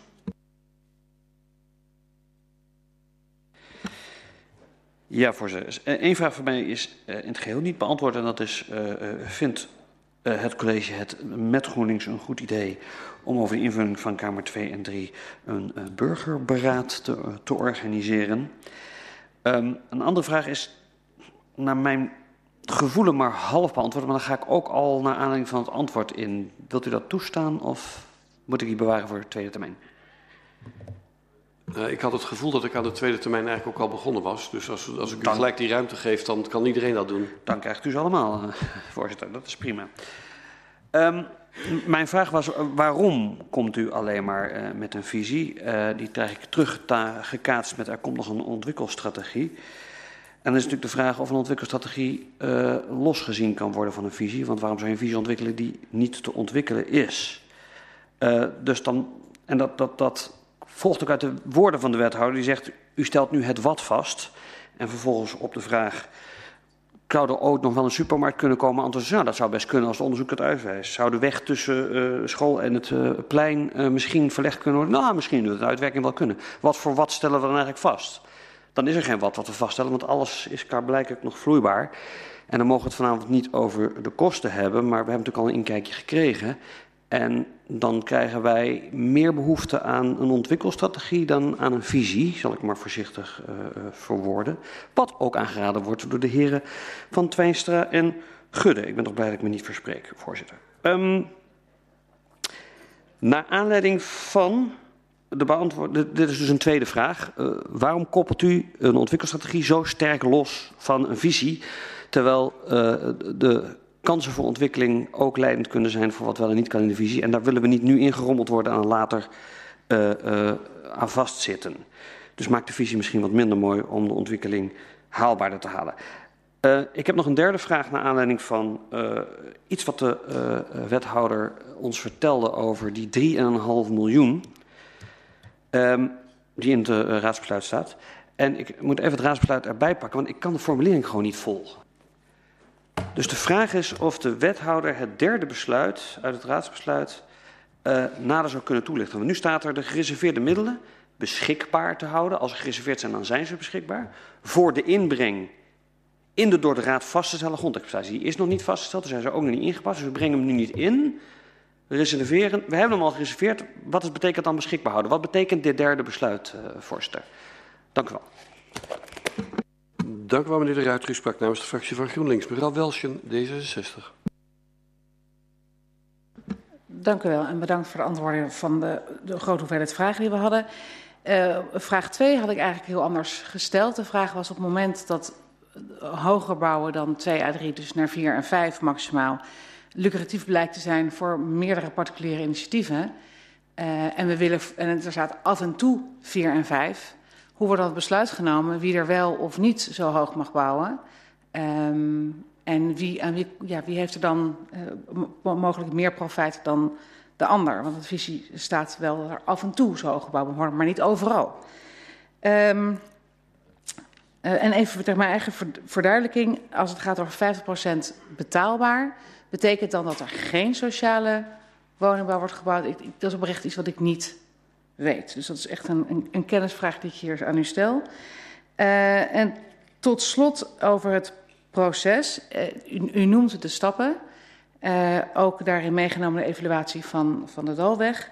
Um, wat mij verward heeft, is, is, de, is de besloten informatieavond we hebben gehad. Die informatie is niet met iedereen gedeeld, dus het is deels bekend met de raad. Dus mensen zitten ook met verschillende niveaus van informatie, maar nemen wel gezamenlijk een besluit. En dan ben ik de, het proces wel een beetje kwijt. Um, en voor mij heel concreet, wat betekent deze ja wel en wat betekent deze ja niet? Betekent deze ja dat de ontwikkelstrategie die we soort van wel of niet hebben gezien, dan ook de ontwikkelstrategie is? Dus ik, ik weet, ik kan niet overzien wat een ja op deze revisie inhoudt. En dat zou ik heel graag willen voordat ik ja zeg. Dank u wel. Dank u wel, mevrouw Welsje. U sprak namens de fractie van D66. Meneer Wijnalda, Burgerbelangen. Voorzitter, dank u wel. Um, ik had de vraag gesteld over uh, de school en dan met name het ontwikkelingsgebied met uh, betrekking tot de weg. Um, als ik het goed begrepen heb, uh, horende de woorden van het college, dat de wethouder zei dat er ook nog een gesprek zou gaan plaatsvinden met de school of het wenselijk was dat die weg ertussen is. Als wij volgende week het gebiedsvisie goedkeuren heeft de school dan nog wel invloed op het ontwikkelingsplan en mag de weg daar dan alsnog tussenuit? Dank u wel. Dank u wel, meneer Wijnalda, Burgerbelangen. Uh, meneer Schotman, uh, Bos. Ja, dank u wel, voorzitter. Ja, um, er waren een enkele vraag, in ieder geval de vraag die we hadden gesteld over de mogelijkheden, en misschien had ik het iets duidelijker moeten verwoorden, maar de mogelijkheden om slimme keuzes te maken bij de ontwikkeling van de kamers 2 en 3. Dus met andere woorden, of dat losgekoppeld uh, kan worden van elkaar, daar had ik uh, volgens mij niet een, uh, een duidelijk antwoord op gehoord. En dat hangt natuurlijk alles samen met inderdaad de ontwikkelstrategie. Want in navolging wat door D66 en GroenLinks is gezegd, uh, zijn wij, wij hebben eigenlijk gewoon geen vertrouwen in of weinig vertrouwen in dat wanneer wij ja zeggen tegen deze visie, dat wij uh, uh, vervolgens ook allerlei ontwikkelingen in gang zetten waar wij vervolgens als raad te weinig grip op hebben en worden meegezogen. En dat hebben we natuurlijk eerder gezien bij andere ontwikkelingen. Worden meegezogen in een ontwikkeling waarbij wordt gezegd, daar heeft u als raad opdracht voor gegeven. He, en uiteindelijk, het is mooi om het hier over de visie te hebben, over het wat. Maar dat is natuurlijk de opmaat voor het hoe. En dat geeft u zelf ook aan. En uh, uh, nou ja, goed, we hebben natuurlijk wat informatie gehad over die ontwikkelstrategie. En uh, dat stemt ons alles behalve positief. Verder over de vraag, ik heb wat betreft participatie ook nog gevraagd of het fair is om inwoners en belanghebbenden te laten participeren. Wanneer zij dus niet volledig op de hoogte zijn. Ehm, en Toevallig kregen wij net recent, naar aanleiding van uitgestuurde informatie vanuit de, de uitvoerende organisatie naar de deelnemers van eerdere participatiesessies, dat ook uh, bijvoorbeeld grondeigenaren nog in het duister tasten. Dat kan ik misschien later nog nader toe, uh, toelichten, maar in ieder geval uh, dat, dat, er, dat er wel degelijk veel onduidelijkheid ook is bij, bij grondeigenaren over wat er nu gaande is en waar de visie toe moet leiden. Um, en ik had nog een vraag gesteld over het facilitair grondbeleid versus het actief grondbeleid. In hoeverre dat gaat helpen bij de uitvoerbaarheid van deze visie. Want nogmaals, we kunnen het hebben over de visie. Maar wij willen graag een visie vaststellen die uit, vervolgens ook redelijkerwijs uitvoerbaar is. Um, tot zover, voorzitter. Dank u wel, meneer Schotman. Nou, we hebben er een aantal dingen opgehaald. Ik weet niet of er nog meer vragen waren blijven liggen, respectievelijk inbreng voor tweede termijn met aanvullende vragen, zoals GroenLinks gedaan heeft. Als dat niet het geval is, dan kijk naar de wethouder. U komt eruit, dan krijgt u het woord. Wethouder Scholte. Dank u wel, voorzitter. Meneer De Ruiter, GroenLinks. Het was Pinksteren en ik heb voor de tweede keer uw boekje gelezen. En ook van de collega-collegeleden, want wij bespraken het met elkaar, hoorde ik dat het niet voor de tweede keer, maar wel aan de orde was. Dus uw pleidooi voor het lezen van dit boekje, die kunnen we in ieder geval al uh, beamen. We hebben het gedaan. We hebben ons huiswerk gedaan. Daarom wordt duidelijk verteld over een burgerberaad. En dat u daar een pleidooi voor houdt, dat past bij uw visie rond hoe u graag een gemeente zou willen besturen. De visie van dit college was de participatie. En dat komt op hetzelfde neer. Wij willen graag horen van inwoners en direct betrokkenen hoe zij tegen aankomend beleid aankijken. En daarom hebben wij die participatie gedaan tot vier keer toe.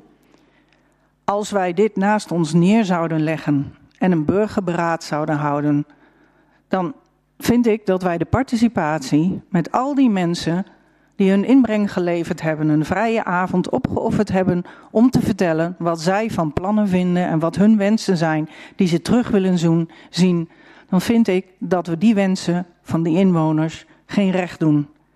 Dus nee, een, burgerberaad op dit onderwerp zou ik onterecht vinden naar de mensen die nu hun inbreng geleverd hebben. Mevrouw Welsjen, u vroeg zich af, uh, als we hoger bouwen, wie besluit dat? Af en toe, zoals u dat leest. In de visie staat ook aangegeven door middel van situatieschetsen en kleurtjes op welke plekken, en ook dat is participatief tot stand gekomen, er iets hoger en soms hoger, vijf lagen, max vijf lagen gebouwd mag worden. En ook op welke plekken er gewoon eensgezinswoningen gewenst zijn. En hoe is dat tot stand gekomen? Door de mensen, de omwonenden, die daar hun plek al gevonden hebben. En een duidelijk beeld hadden van als er hier gebouwd gaat worden, dan zou dit voor mij de minste impact hebben. En dat ziet u vertolkt in die plaatjes. 50% betaalbaar. Ja, daar zitten ook sociale woningen bij. Dat noemen wij betaalbaar. Dus dat ziet u terug op het moment dat we met die differentiatie bij u komen. U heeft het over het proces en de besloten infoavond. En meneer de voorzitter, dan moet ik zeggen dat mijn steno mij even niet verder helpt. Want dit zijn de drie woorden die ik opgeschreven heb en ik weet werkelijk niet meer wat uw vraag was. Kunt u de vraag even snel vanaf uw plek uh, opnieuw stellen? Geen enkel probleem. Um, nou, dat, dat we een besloten informatieavond hebben gehad uh, over uh, besloten. Uh, maar die informatie is niet breed gedeeld. Dus, en niet iedereen was erbij aanwezig. Maar het heeft één houdt natuurlijk wel, staat natuurlijk wel in verbinding met het ander. Dus ja, dat merk je ook op de gang. Mensen praten op, vanuit een ander informatieperspectief. Um, ik denk ja, dat, de vraag inmiddels bij de wethouder sorry. geland is als ik haar non-verbale gedrag zie. wethouder Scholten. Ja, dank u wel voor de toelichting. Uh, met het excuus dat het later is gebeurd, maar ik begrijp van de griffier dat die gistermiddag gedeeld is in IBABS. De hele presentatie, zoals degenen die op die besloten avond aanwezig waren, hebben kunnen meemaken. Achter mijn geknik. Knap hè, dat ik dat kan zien. Achter het slotje, dat wel. U vraagt zich af hoe de ontwikkelstrategie zich verhoudt tot de visie. Uiteindelijk is dat een keuze die u maakt als raad. Op die avond, of tijdens die avond, zijn er een aantal keuzemogelijkheden getoond die kunnen leiden tot realisering van die visie.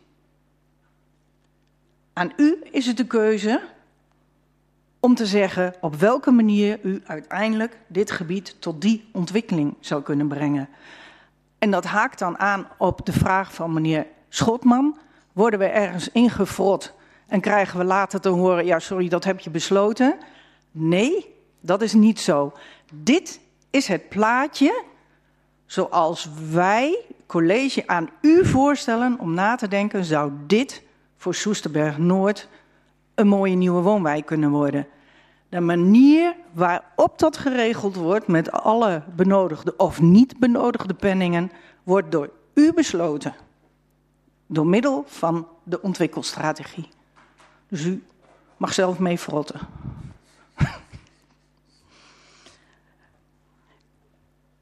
Meneer Wijnalda van BBS, u vroeg, heeft de school nog invloed? Jawel zeker. Eh, de school heeft invloed. Er lopen nu ook intensieve gesprekken. Want de school heeft een enorme behoefte aan nieuwbouw. En het IHP geeft ook aan dat dat absoluut aan de orde moet zijn. Uh, zij hebben de kennis en de wensen hoe je met je leerlingen om moet gaan. Dus die invloed van die school is daar zeker aanwezig. Dan ga ik even nog verder met de vragen van meneer Schotman. Kunnen we slimme keuzes maken? En u doelt dan op loskoppelen kamers 2 en 3. Ook dan verwijs ik weer naar de uh, ontwikkelstrategie. Dat zijn de keuzes die u kunt maken. En u vraagt of de participatie fair is geweest. En dat woord gebruikte u in de eerste ronde ook al. Ik vind dat een moeilijk woord. Als je ziet dat we iedereen in vrijheid bevraagd hebben. Plak een sticker, roep je mening. Geef mee wat voor u belangrijk is. En u zit letterlijk terug in de visie wat er gezegd is en hoe dat moet passen op beleid en hoe dat moet passen bij het grote beeld. U kunt de opbrengsten lezen en u kunt zien waar dat toe geresulteerd heeft. Dus voor mij is het woord ver een beetje moeilijk uit te leggen, maar misschien wilt u daar straks zelf nog een toevoeging op doen. Nee, daar ga ik geen ruimte voor geven. Oh, nee, meneer Kinkerwale, voorzitter, ik nam uw rol over. En dan vraagt u de uitvoerbaarheid van het plan. En dat is uiteindelijk ook weer waar u als raad over beslist. Dit is het beeld wat wij u graag mee willen geven om te zorgen dat daar een fijne woonwijk gerealiseerd kan worden. En ziet u dat na aanleiding van behandeling van de ontwikkelstrategie anders, dan is dat aan u. En wie vroeg. Ah ja, meneer De Ruiter zegt ook van waarom hebben we dan niet die combi gemaakt?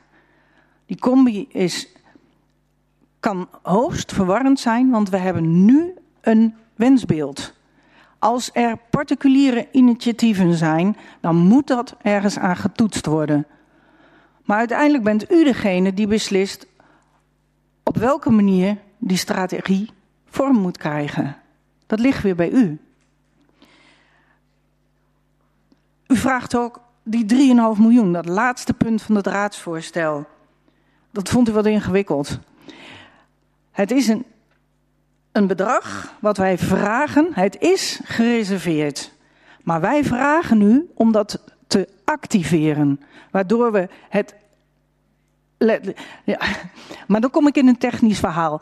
Um, dan, uh, dan gaan we zorgen, stelt u de vraag nog een keer in Teams, dan gaan wij zorgen dat we in Teams die technische uitleg van hoe zich dat verhoudt en op welke manier er dingen gevraagd worden en gebruikt kunnen worden, dan uh, komt daar het antwoord. Tot zover, voorzitter. Ik vond ook al dat het naar de technische kant ging, zal ik maar zeggen. Maar dat kan gewoon nog uh, voor de besluitvorming van volgende week plaatsvinden. Goed. Als we hiermee het vraag en antwoord gehad hebben, mag ik dan de knip aanbrengen? Of wenst iemand nog iets anders uh, nu? Of kunnen we overgaan nog tot een politiek inhoudelijke bespreking? Mevrouw Welschen. Ik heb nog één verduidelijkingsvraag. Op het moment dat we ja zeggen tegen dit raadsvoorstel, gaan we dan verder met de ontwikkelstrategie zoals die gepresenteerd is op die avond en nu dus in UBAP staat? Of kan er nog een andere ontwikkelstrategie uit voortkomen? En dan nog de vraag, wat is het proces in de tijd vanaf hier naar ontwikkelstrategie? Naar...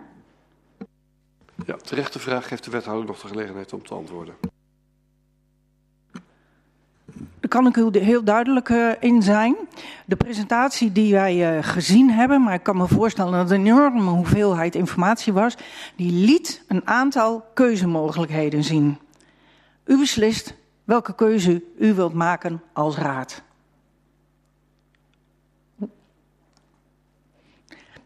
Die komt in het najaar aan de orde. Is, Dat was de volgende. Eh, hij is bedoeld in het najaar bij u voor te liggen. Goed, ik kijk rond. Mag ik de knip aanbrengen? Ja. Wie wenst nog inhoudelijk met elkaar de degens te kruisen over dit onderwerp? Meneer de Ruiter.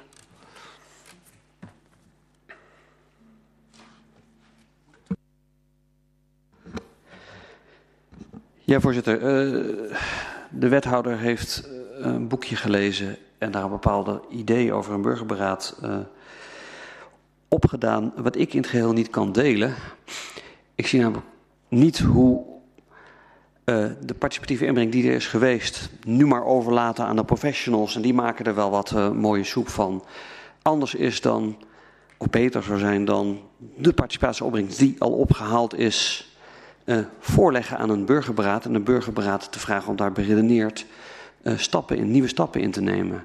Het is helemaal niet onrecht doen aan de participatie geweest is, want dat is de inbreng in de burgerberaad. Dus ik wil mijn mede-raadsleden, de fractiegewijs, vragen of zij heil zien in het houden van een burgerberaad voor de uitwerking van die mooie gebiedsvisie voor Soesterberg Noord. Met het idee dat daarmee burgers aan zet blijven en niet na de participatie bedankt worden. En dan mogen de professionals het verder uittekenen in mooie plaatjes. Nee, vraag dan aan die bewoners zelf om hun eigen buren serieus te nemen. En dat is ook daadwerkelijk de portée van een burgerberaad. En met elkaar te beredeneren hoe ze dat het beste vorm kunnen geven.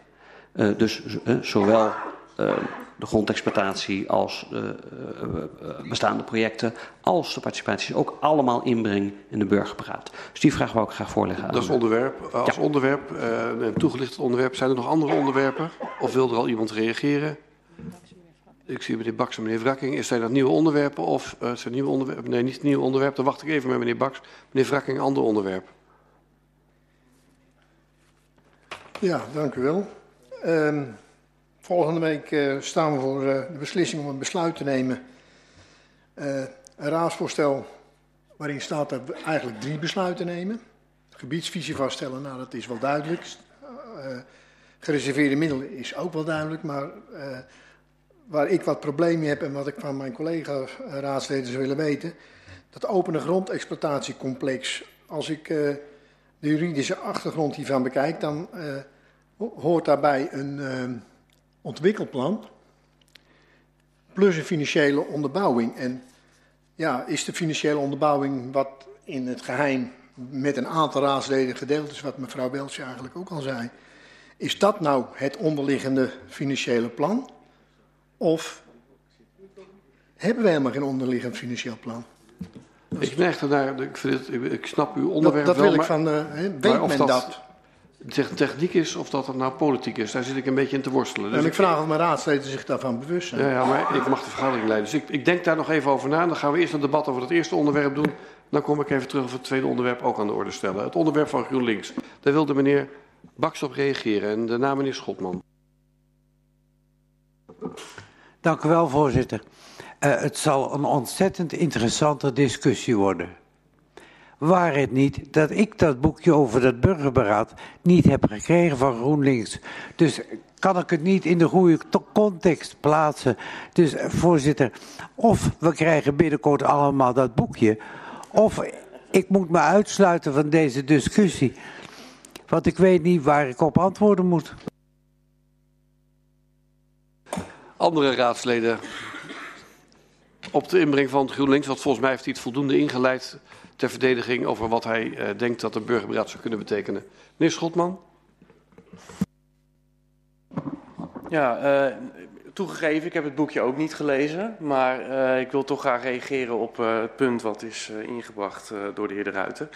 En wat ik eigenlijk vooral interessant vind eraan is, er is inderdaad geparticipeerd op de, op de visie zelf. En er zijn een aantal scenario's voorgelegd, daar is informatie opgehaald, ja, als ik het goed verwoord in ieder geval.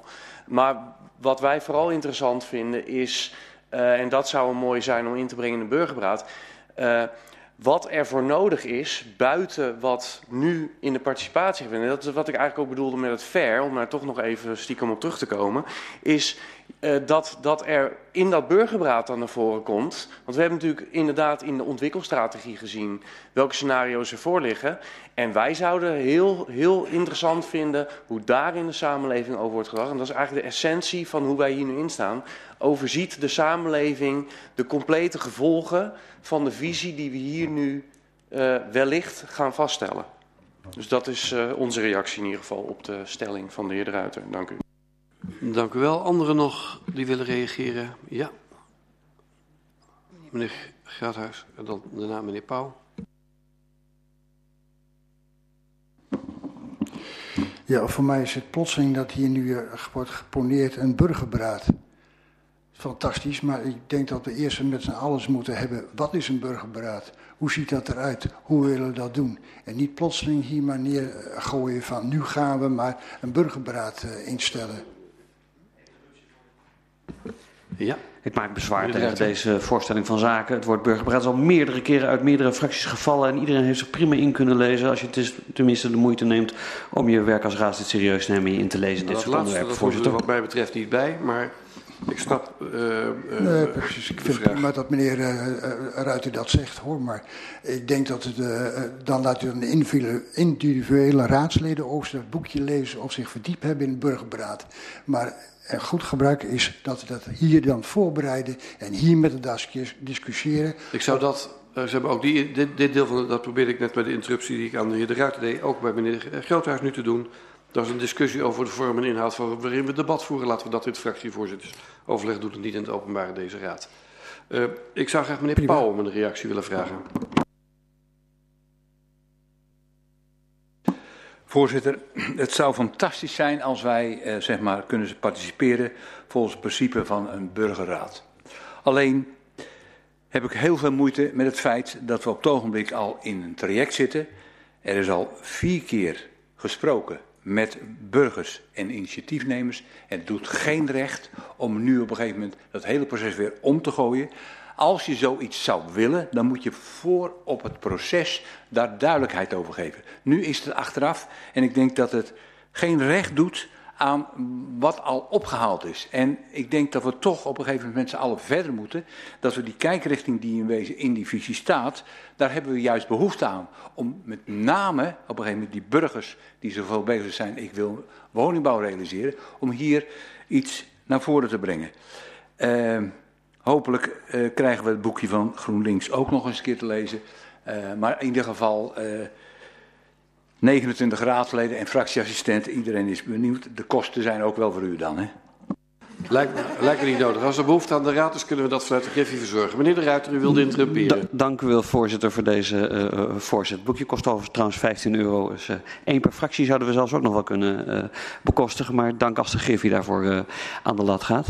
Ehm, meneer Pauw, zou ik u eventueel dan wel kunnen uitdagen om voor de uitwerking van de visie een burgerberaad in te stellen. Hè? Dat wij als, als raad zeggen, dit, dit is onze visie, die moet nu uitgewerkt worden. Dat tactische niveau, daar lopen we de hele tijd vast. Ik zie geen verschil dat over te laten aan de professionals en de inwoners daar dan mee te confronteren hoe het uitgewerkt is. Of de inwoners daar actief bij betrekken door ze middels een burgerberaad zelf te laten uitvinden hoe ze die visie kunnen uitwerken. Meneer Pauw. Voorzitter, eh, ik zei al eigenlijk in, in, mijn eerste reactie dat je dat van tevoren moet bepalen uh, op welke manier je gaat participeren. En als je daar de burgerraad voor wil instellen voor een bepaald project, prima, dan kan je dat doen. Maar niet halverwege het proces. En dat is waar ik nu moeite mee heb om dat in te brengen. Dat, dat, dat, dat doet geen recht aan waar we al mee bezig zijn. Laatste termijn voor meneer uh, De Ruiter en deze dan meneer Terbeek Suikerbuik. Ja, voorzitter. Het begin was het masterplan Soesterberg misschien. Of misschien wel het, bouwen van de, het slaan van de eerste paal in Soesterberg. Het college brengt een duidelijke knip aan tussen visie en uh, strategie. Dan kunnen we toch voor de strategie met elkaar bepalen we daarvoor aan het begin, dus voor met de strategie beginnen, beginnen bepalen dat we daar een burgerberaad voor willen. Ik zie niet in waarom u dat halverwege vindt. Nou, laatste antwoord en dan ga ik echt naar meneer Terbeek Suikerbuik. Meneer Pauw. Ja, moet luisteren, ik zie het hele proces dat we uiteindelijk komen dat er gebouwd wordt. En om dat nu halverwege met een burgerraad te gaan opsieren, daar zie ik echt op dit moment geen heil in. Dan moet je van tevoren beginnen, waar iedereen, dat iedereen weet waar hij mee bezig is. Dank u wel, meneer de Beek Suikerbuik. Ik ben vooral blij, voorzitter, om te horen dat er best wel veel partijen volgens mij nog best wel het goed idee vinden om met een burgerberaad te komen. Behalve dat het dan van tevoren had moeten, duidelijk moeten zijn. Dus dat is interessant voor de volgende uh, nou alle andere volgende projecten. Um, ik moet bekennen, uh, D66 zat eerst ook uh, eigenlijk een beetje waar GGS volgens mij ook zoals 2002 zat. Ja, gaat het inderdaad wel samen, die participatie en een burgerpraat. Alleen de heer De Ruiter heeft ons wel overtuigd dat het dus wel samen zou kunnen gaan. Er is inderdaad participatie geweest. Nou ja, laten we kijken of een burgerberaad daarna uh, nog een duidelijke mening over kan vormen. Dat is volgens, volgens ons zou dat niet heel raar zijn om dat voor elkaar te krijgen. En voor iedereen die iets wil weten over een burgerberaad, sinds kort bestaat er iets als Google, dat gaat ook vaak wel heel goed.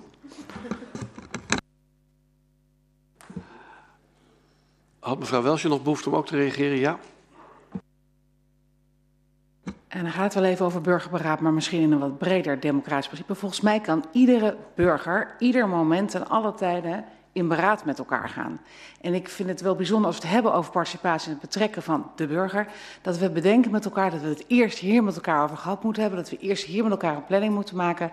Terwijl het zou toch toe te juichen zijn als Soesterberg besluit om zo meteen in een nieuwe dorpshuis zeggen, wij gaan het met elkaar erover hebben. En wij komen eens naar de gemeente om te zeggen, jongens, dit is ons voorstel. Tenminste, dat zou ik als democraat toejuichen. Dank u wel, mevrouw Welsje. Goed. Hebben we dit onderwerp voldoende uitgediscussieerd? Nee. Meneer Corbij. Uh, dank u wel, voorzitter. Ja, uh, uh, we zijn het eens met wat de wethouder zei en ook de heer Pauw. Dat het inderdaad geen recht doet aan de participatie die nu al geschied is. Daarbij hebben we begrepen uit de informatieavond over dat het is een heel complex verhaal. En vooral belangrijk is de integrale aanpak. Uh, leent dit zich wel voor participatie, of een burgerberaad, niet voor participatie, maar een burgerberaad, dat vragen we ons af. We hebben een werkgroep participatie. Die zou eens uit kunnen gaan vogelen met elkaar van inderdaad van waar hebben, wat voor uh, burgerberaad hebben we en hoe zit die samengesteld en hoe gaat die werken, waarover gaat die en wat krijgen ze voorgelegd of gaat het in het wilde weg. Het is wel heel makkelijk gezegd een burgerberaad, vinden wij. Dank u wel. Anderen nog? Ja, meneer Schotman nog, de laatste dan in deze ronde. Nou, inhakend op de heer uh, Corbij. Kijk, een burgerberaad, en ik citeer uh, hier even een stukje of parafraseer. Een burgerberaad kan ad hoc worden georganiseerd over een bepaald onderwerp waar de politiek hulp bij nodig heeft. En als ik denk aan de, met name de ontwikkelstrategie Soesterberg, dan denk ik dat draagvlak in de samenleving, is er voldoende steun in de samenleving, essentieel is. En dat hangt natuurlijk op zichzelf volledig samen met die visie. En ik vind het eigenlijk wat makkelijk gesteld juist om te zeggen dat we dit halverwege het proces uh, inbrengen. Ik denk juist dat het heel goed is voor de legitimering van wat, wij hier met z'n allen aan het doen zijn, wat er is opgehaald vanuit de participatie.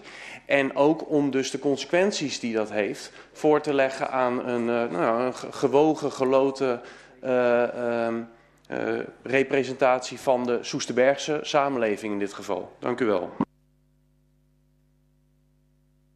Dank u wel, meneer Schotman dit onderwerp uitgekoud. Ik heb nog even nagedacht over de, de vraag van meneer Frakking. En als de vraag is, kan het juridisch, dan vind ik het een technische vraag. En als de vraag is aan de Raad, vindt u dat het juridisch voldoende onderbouwd is, dan is dat een politieke vraag. Dus ik vraag even aan meneer Frakking, welke van de twee smaken wilt u? Nou, als ik een technische vraag uh, stel, dan mag ik hem zo meteen in uh, team stellen. En ik wil hem eigenlijk in discussie brengen. Ja, maar ja, als, u, als u aan de raad vraagt, vindt u dat het technisch voldoende onderbouwd is, juridisch, dan, uh, dan is dat een dan kunt u hem zo vragen. Maar dan weet ik niet of er heel veel mensen dat debat met u willen voeren. Nee, nee, ik, ik wil weten of uh, de raadsleden zich voldoende bewust zijn hè, uh, van de financiële onderbouwing. Is dat inderdaad de financiële onderbouwing zoals achter dat slotje zit? Moeten we dat aannemen? Of... Ja, maar ik, ja, ik, ik vind dat u toch steeds meer de techniek induikt ervan. Dus ik zou. Ja, ik, ik, twijfel heel erg of ik dat echt het debatonderwerp vind. Want uw vraag gaat ook eigenlijk veel meer over de. Weliswaar in het besluit over de opening van het complex. Eh, wat nu voor ligt. Eh, daar, dus de aanleiding van uw vraag. Maar u vraagt het eigenlijk over de ontwikkelstrategie. Nee, naar aanleiding van het uh, raadsbesluit waar we volgende week vaststellen, hebben we drie uh, onderwerpen die we vaststellen. En juist dat tweede onderwerp, dat wil ik ter discussie en ik weet wel dat u nu ter discussie wil stellen, maar ik worstel of het nou techniek is. Ik weet niet, uh, als ik aan de raad vraag, vindt u dat het technisch voldoende onderbouwd is, is het een technische vraag. En u moet er als raadslid eigenlijk vanuit gaan dat als het college het, het inbrengt, dat het juridisch voldoende onderbouwd is tot het tegendeel achteraf gebleken is. En dan mag ik foei zeggen tegen het college. Nee, het, het, zal misschien wel juridisch onderbouwd zijn, maar, maar ik mis gewoon die financiële onderbouwing. En, ja, maar dat is dat niet wil... een onderwerp van debat. Nee, maar ik wil weten of andere raadsleden dat ook missen. Of dat ze zeggen, nou, je bent de enige. Ja, maar, ja, maar dat vind ik techniek. Ja, meneer Paul, ik ga toch maar even een onderwerp doen. Maar ik vind het eigenlijk geen onderwerp voor debat, zeg ik erbij. Ik geef het woord aan meneer Paul, maar u moet wel naar de microfoon. Ja, zo sta ik ook uh, dichter bij uh, meneer Frakking. Uh, zoals ik het lees, is het raadsbesluit dat er een greks wordt geopend voor de kamers 2 en 3. En over de hoogte en over, over de, de timing en de, de duur, et cetera. En de exacte omvang van de grenzen van die greks zegt het nog niks. Staat alleen dat er een greks wordt geopend. Dus dat lijkt mij dan voldoende om ja tegen te zeggen. Want ja, we hebben sowieso een greks nodig. Dus het is een onvermijdelijk besluit. En ik krijg ambtelijk door dat, het, dat men het graag aan u toelicht. Goed. Zijn er nog meer mensen die willen reageren? Nee? Wil meneer Wrakking nog reageren? Ja, graag van de microfoon. Uh, die correctie komt er inderdaad, maar uh, volgende week moeten we besluiten. En dan wil ik gewoon uh, weten of ik de enige ben die die financiële onderbouwing niet duidelijk heb. Of dat de anderen zeggen van ja, je bent inderdaad de enige. Nou, dat heb ik meneer Paul net horen zeggen. Nee, dat heb ik meneer Paul niet horen zeggen. Nou goed, dan hebben wij verschillend geluisterd. Zijn er nog anderen die willen ingaan op dit onderwerp? Als dat niet het geval is, dan gaan we het hier volgende week verder in de besluitvormende raad over hebben. En schors ik nu de vergadering voor 10 minuten. Goed, ik heropen de vergadering. Wij gaan over naar agenda punt 4c. En dat zijn de jaarstukken 2022. Wij hebben afgesproken met elkaar in de procedure dat we de procedure iets anders doen dan in andere jaren gebruikelijk is. We gaan namelijk uh, uh, per fractie een korte inbreng leveren. Maar wat wij anders doen dan anders is dat we elkaar kunnen interrumperen. Het college bij de beantwoording straks kunnen interrumperen. Om wat meer debat mogelijk te maken. Wij hebben vanmiddag, en wij zijn griffier en ik, gelood over de volgorde van de sprekers. Er zijn de fracties over geïnformeerd. Maar wij gaan als eerste de fractie van Soes 2002 bij monden van haar fractievoorzitter, de heer Groothuis, het woord geven. Met een korte beschouwing. Dank u, voorzitter. Inderdaad, een korte beschouwing. Het jaar 2022 was een veel bewogen jaar. Einde coronamaatregelen en start van de oorlog in Oekraïne, wat de energiecrisis ten gevolge had. Mede door deze oorlog en andere conflicten in de wereld vergt het vraagstuk ook voor Soes steeds meer inspanningen. Veel spanning en zorgen bij veel van onze inwoners. Ook veel inspanning voor de ambtenaren die moesten zorgen voor de nodige steunpakketten op de goede plek terechtkwamen. Ondanks en dankzij corona en energiecrisis is de algemene cijfer gestegen tot 14 miljoen. Onze fractie is hier uiteraard positief over. Zijn benieuwd wat dit gaat opleveren voor de kadernota. We zijn wel bezorgd over wat niet in de jaarstukken staat. Deze coalitie is gestart met een gezamenlijke constatering dat woningbouw urgent is en dat er versnelling moet komen in de realisatie van woningbouwprogramma's. Hier is tot nu toe echter nog weinig te zien.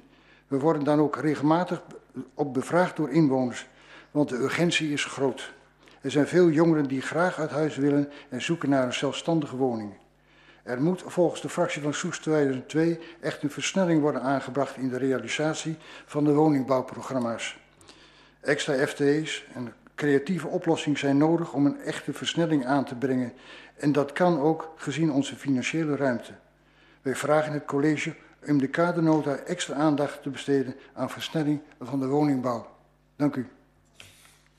Dank u, meneer Groothuis, namens de fractie van SUS 2002. Als tweede de VVD bij monden van de heer Van Zutphen. Ja, dank u wel, voorzitter. Uh, voor ons en ter bespreking nu liggen de jaarstukken 2022. Dat is een lijvig rapport van ruim 200 bladzijden met ongelooflijk veel informatie. En niet alleen financieel. Over hoe het onze mooie gemeente in 2022 is vergaan. Het college legt met deze jaarstukken verantwoording af over het gevoerde beleid. Pardon. Laat ik om te beginnen eerst een welgemeend compliment uitdelen. De stukken zien er goed verzorgd en zeer leesbaar uit. Een welgemeend compliment dus voor de verantwoordelijke wethouder en de ambtelijke organisatie. Er is veel werk in gaan zitten en dat is te zien. Wat wel meteen opvalt, is dat aan sommige onderwerpen hele lappen tekst worden gewijd en andere belangrijke onderwerpen amper aandacht krijgen.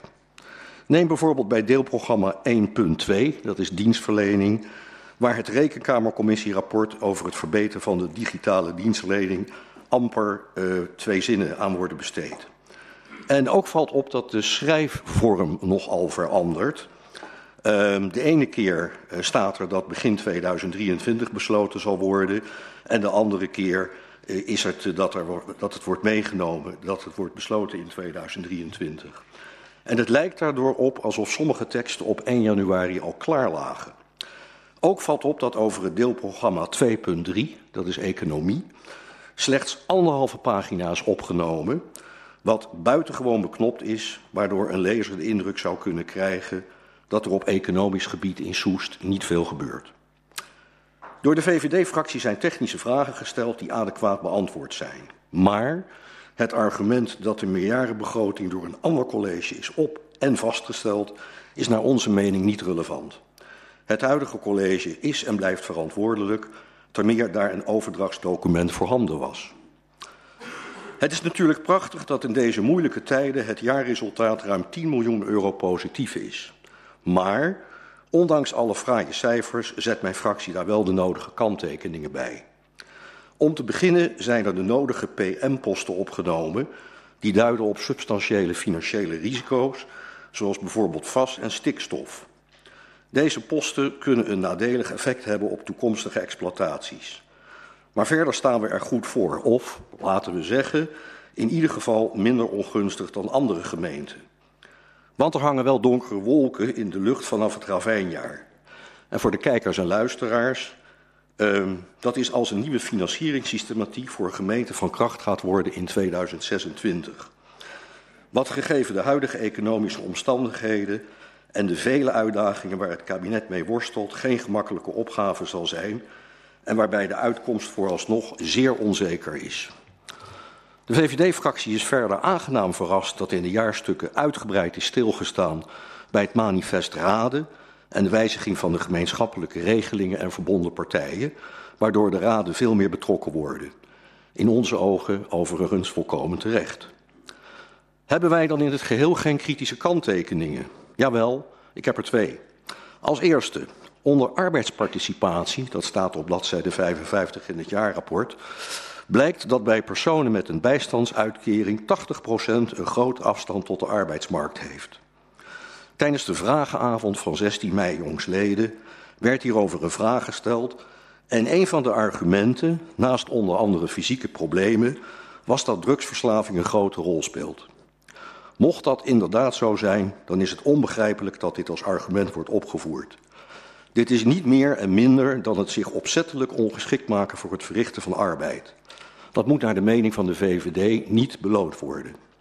En de tweede kanttekening gaat over de subsidie van de gemeente, ruim 12.000 euro aan de Stichting Derde Wereldgroep. Mijn fractie was in de veronderstelling dat deze subsidie onderdeel was van de taakstelling. De VVW verwacht dat dit richting de begroting voor 2024 alsnog rechtgezet gaat worden. Want ons betreft hoort ontwikkelingssamenwerking niet tot onze taakstelling. Voorzitter, tot zover mijn bijdrage.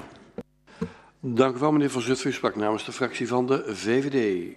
Dan is nu de fractie van de Partij van de Arbeid aan het woord met de heer Gundus als woordvoerder namens die fractie.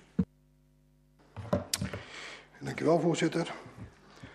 Geachte voorzitter, college, raadsleden, aanwezigen en luisteraars. Allereerst de complimenten namens de Partij van de Arbeid voor alle betrokkenen bij het opstellen van de jaarrekening. Wat betreft de Partij van de Arbeid is het een goede en een duidelijk leesbaar document. We hebben in 2022 afgesloten met een overschot van ruim 10 miljoen. Onze financiële positie biedt ons mogelijkheden om het werk dat in de stijgers is gezet af te maken. Als gemeente hebben we veel geld, maar er wordt verwacht dat het vanaf 2026 steeds moeilijker gaat worden. Omdat verwacht wordt dat er minder vanuit het Rijk komt. Die financiële onzekerheid hangt als een zware zwarte wolk boven alles wat we de komende jaren willen bereiken. Maar ook, ondanks de financiële onzekere tijden, moeten we ook door durven te pakken. De impulsen van de tijdelijke gelden bieden op korte termijn misschien iets meer lucht, maar biedt geen toekomstperspectief, zodat wij als gemeente onze taken kunnen uitvoeren. Als er niets gebeurt, dan vrees ik stilstand op onderwerpen die voor de samenleving heel belangrijk zijn. De thema's die wij als Partij van de Arbeid een warme hart toedragen, zoals zorg, betaalbaar uh, wonen, sociale zekerheid, mobiliteit en de energietransitie. Ook wil ik even in mijn bijdrage stilstaan bij een aantal paragrafen en afsluiten met een aantal vragen aan de portefeuillehouder. In het weerstandsparagraaf staat dat wij als gemeente het uitstekend doen. Met een weerstandsratio van 2,8. Wel een beetje technisch, maar daar zal de wethouder uh, zeker op terugkomen. Um, maar wat zegt dit precies? Hebben we de doelen bereikt die wij als gemeente voor ogen hadden? Ook wil ik nog even iets over de veiligheid. Uh, paragraaf veiligheid. In het document wordt gesproken dat er op verschillende terreinen binnen domein veiligheid een aantal belangrijke zaken zoals ondermijning en mensenhandel bestrijden, aanpak woonoverlast, aanpak jeugdoverlast, criminaliteit, radicaliseren verminderen. Het zijn hele belangrijke onderwerpen, maar ik mis uh, daarin ook het onderwerp drugs. Uh, want volgens de CBS-cijfers scoort Soest redelijk hoog met drugsverbruik en handel. Dit zijn uh, zorgelijke ontwikkelingen uh, in de samenleving. Dus ik ben benieuwd of hier ook echt de aandacht aan besteed is. Wij lezen ook dat het project Smitsveen tot het einde is gekomen. Om vooruit te kunnen blikken en wat het resultaat hiervan zijn geweest, missen wij nog de evaluatie. Kan er aangegeven worden wanneer wij de evaluatie van dit project echt kunnen verwachten? Dan wil ik nog even inhaken op de leerlingenvervoer. Om de zelfredzaamheid bij uh, het reizen te vergroten is het project gestart uh, om te kijken of de leerlingen met een beschikbaar gesteld elektrische fiets zelfstandig naar school kan in plaats van met een leerlingenvervoer. Uh, heeft dit project opgeleverd wat ook gewenst was? Daarnaast valt er op dat er nog te veel externe capaciteit inhuren. Dat heeft gevolgen voor hogere lasten ten opzichte van vast personeel. Wij begrijpen dat we in een krappe arbeidsmarkt leven, maar we vragen ons af of we dan wel de juiste instrumenten inzetten om ervoor te zorgen om goede mensen te werven. In het voorjaarsnota heb ik hierover wel een en ander over gelezen, maar misschien komt dat later nog een keer terug. Daarmee kom ik eigenlijk tot het einde van mijn betoog en uh, wil ik alvast bedanken voor het beantwoorden van de vragen. Dank u wel, meneer Gunus. U sprak namens de fractie van de Partij van de Arbeid. Dan kijk ik naar meneer Stormbroek en hij spreekt namens de fractie van POS. Meneer Stormbroek, u heeft het woord. Ja, uh, dank u wel, voorzitter. Gefeliciteerd met de prachtige cijfers over 2022. Een moeilijk jaar, maar met een positief resultaat van 10 miljoen en een algemene reserve van 14 miljoen. Maar laten we even stilstaan bij die cijfers. Klots het geld gewoon tegen de klippen? Doen we juist te weinig? Of is het stilte voor de storm? Als post zien wij de nodige uitdagingen op ons pad. Denk aan het Griffland de Soesterberg Noord, waar we het eerder vanavond ook over hebben gehad. We moeten verder kijken. De verhoging van de algemene reserve komt voornamelijk door het herschikken van potjes. Eindelijk zijn de reserves voor rentegebruik aan het gemeentehuis toegevoegd aan de algemene reserve. Iets wat POS al jarenlang voorstelt. Maar laten we ook kijken naar het positieve resultaat van 10 miljoen, waarvan 6 miljoen komt door een hoge bijdrage van het Rijk. En laten we niet vergeten dat er een miljoen winst is gemaakt bij de opvang van vluchtelingen uit Oekraïne. Dat er 2,5 ton minder is uitgegeven in sociaal domein dan begroot. Rijst de vraag, gaat hier iets verkeerd? Of zijn vluchtelingenopvang en sociaal domein verdienmodellen geworden? Laten we die winst investeren in het Soester cement in onze samenleving, waar het echt nodig is. In een samenleving waar het woord samen echt betekenis krijgt. En nee, ik, heb, ik neem nu niet de woorden over mevrouw Wels, ik zie u, ik zie u wel kijken. Uh, en, en de gemeente in een nieuwe visie sociaal domein samen met inwoners optrekt. Laten we aandacht houden voor degenen die het financieel moeilijk hebben door de energieprijzen en een blijvend hoge inflatie. Laten we geld oormerken voor initiatieven zoals de weggeefbasis Soesterberg, zodat deze open kan blijven. En investeren in andere maatschappelijke initiatieven uit de samenleving, zoals Happy Kids, Happy People uit Soest, om maar een lokaal voorbeeld te noemen. In de jaarstukken kijken we terug, maar wij kijken ook graag vooruit, zoals u hoort. POS heeft ook zorgen. Het op orde krijgen van de ambtelijke organisatie en het bouwen van woningen verlopen niet naar verwachtingen.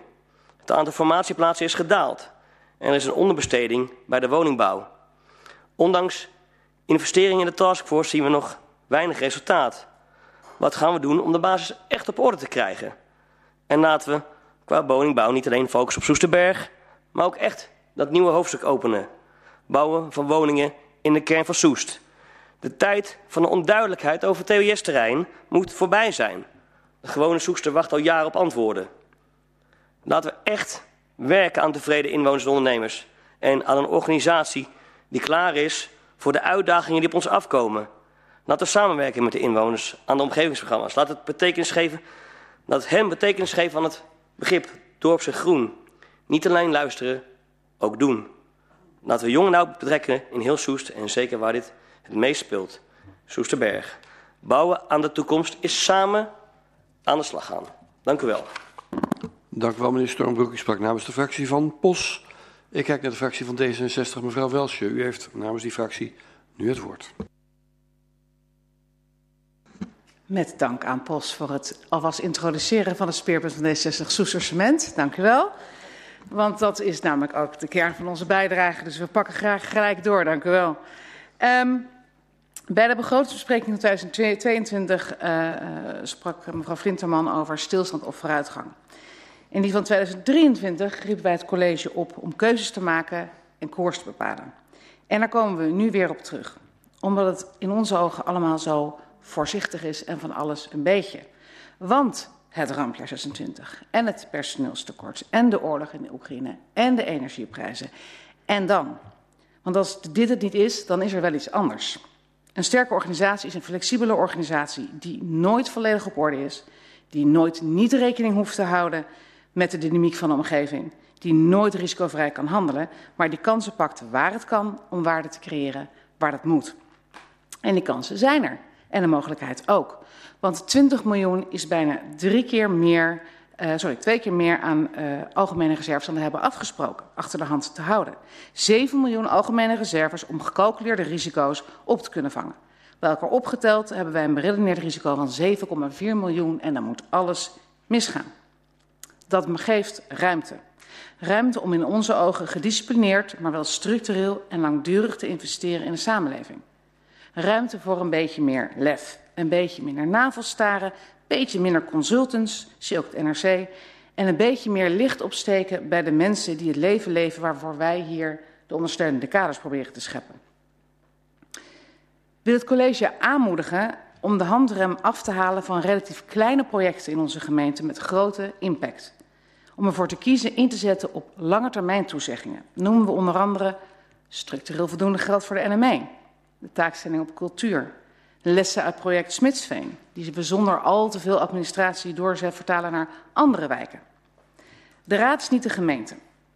Het ambtelijk apparaat is niet de gemeente, het college evenmin. De gemeente, dat zijn 46.000 mensen buiten deze muren die iedere dag iets kleins doen met impact. En onze taak is om die mensen te vertegenwoordigen en te controleren of wat wij hier besluiten hen helpt. Veel meer is het niet. Naar aanleiding van deze jaarstukken en met onze overweging in het achterhoofd hebben we een aantal concrete vragen. En ik vraag even of het moment. Dank u wel. Uh, onze eerste vraag is hoe het college kan zorgen voor een stabiele en voorspelbare financiële situatie voor de partijen binnen de gemeente Soest die ondersteuning van ons ontvangen. Dat ondanks het wellicht grillige financiële beleid vanuit Den Haag, dat ze wel op, voor langere termijn lijnen uit kunnen zetten en dat niet met de handrem erop hoeft te doen omdat er eventueel fluctuaties gaan plaatsvinden. En daarmee refereer ik onder andere aan de bijeenkomst die we dankzij D66 hebben gehad uh, in het Gifland College over natuur, milieu en klimaateducatie in onze jeugd. D66 neemt de Global Goals heel serieus. Het lijken grote, haast onhaalbare doelen, maar het zijn de kleine stapjes iedere keer weer die maken dat het een beetje dichterbij komt. Dus de aandacht vinden we, uh, zeker de consequente, consequente aandacht daarvoor, van groot belang. Het komt niet terug in deze jaarstukken, maar we vragen ons wel af um, of het beleid afgelopen jaar heeft bijgedragen aan de Global Goals. Dan een hele praktische. Ziet het college mogelijkheid om de skatebaan in Soesterberg gewoon aan te leggen? In het vertrouwen dat we of de subsidie wil krijgen of dat we het geld eventueel mislopen. Omdat we met elkaar regelmatig spreken over de behoeften van de Soesterbergse jeugd aan wat meer activiteiten. En we hier elke dag kunnen zien in Overhees hoe goed die gebruikt wordt. Ziet het college ruimte om consequent wijkgesprekken te voeren. Met inzet van eigen mensen. En niet als doel om iets op te halen, uit te zetten of te achterhalen. Maar gewoon om één keer of twee keer per jaar te luisteren. En tenslotte had ik nog twee technische vragen in team staan die nog onbeantwoord zijn. Dus dank u wel. Dank u wel, mevrouw Wels. Je gaat vast iemand hard aan werken nu. Uh, GroenLinks, meneer De Ruiter. Dank voorzitter en dank mevrouw Welsje voor het maaien van enig gras voor mijn voeten. Een interruptie? Eindelijk een interruptie? Voorzitter, de wolf is gesignaleerd. Dicht bij de gemeentegrens. Er lijkt gelukkig volgens nog geen directe bedreiging van uit te gaan, want niemand hier roept wolf, wolf. Nu ineens niet. Het is ieder jaar hetzelfde patroon. Bij de kadernood en de begroting roepen de coalitiepartijen: Wolf, Wolf, voorzichtig, er komt zoveel op ons af, we moeten zuinigjes aandoen. En ieder jaar bij de jaarrekening blijken er miljoenen over te blijven. Geen wolf die onze reserves opeet. Zo blijft er bij deze jaarrekening maar liefst meer dan 10 miljoen aan niet besteed geld over. En ook dit jaar weer wordt een fors bedrag zogenaamd geoormerkt om alsnog te besteden. Zeg maar het inhalen van de vertraging in uitgeven aan het doel waar wij het als Raad voor beschikbaar hadden gesteld. Het maatschappelijk doel. Daarom stel ik nu voor het derde jaar op rij dezelfde vraag. Met aangepaste jaartallen. Waarom is het nodig om zo'n fors bedrag aan niet uitgegeven middelen uit 2022 op de plank te leggen om alsnog te besteden in 2023? Terwijl er voor dit hele jaar ook gewoon budget is. De afgelopen jaren hebben toch wel bewezen dat we niet ineens dubbel werk kunnen doen.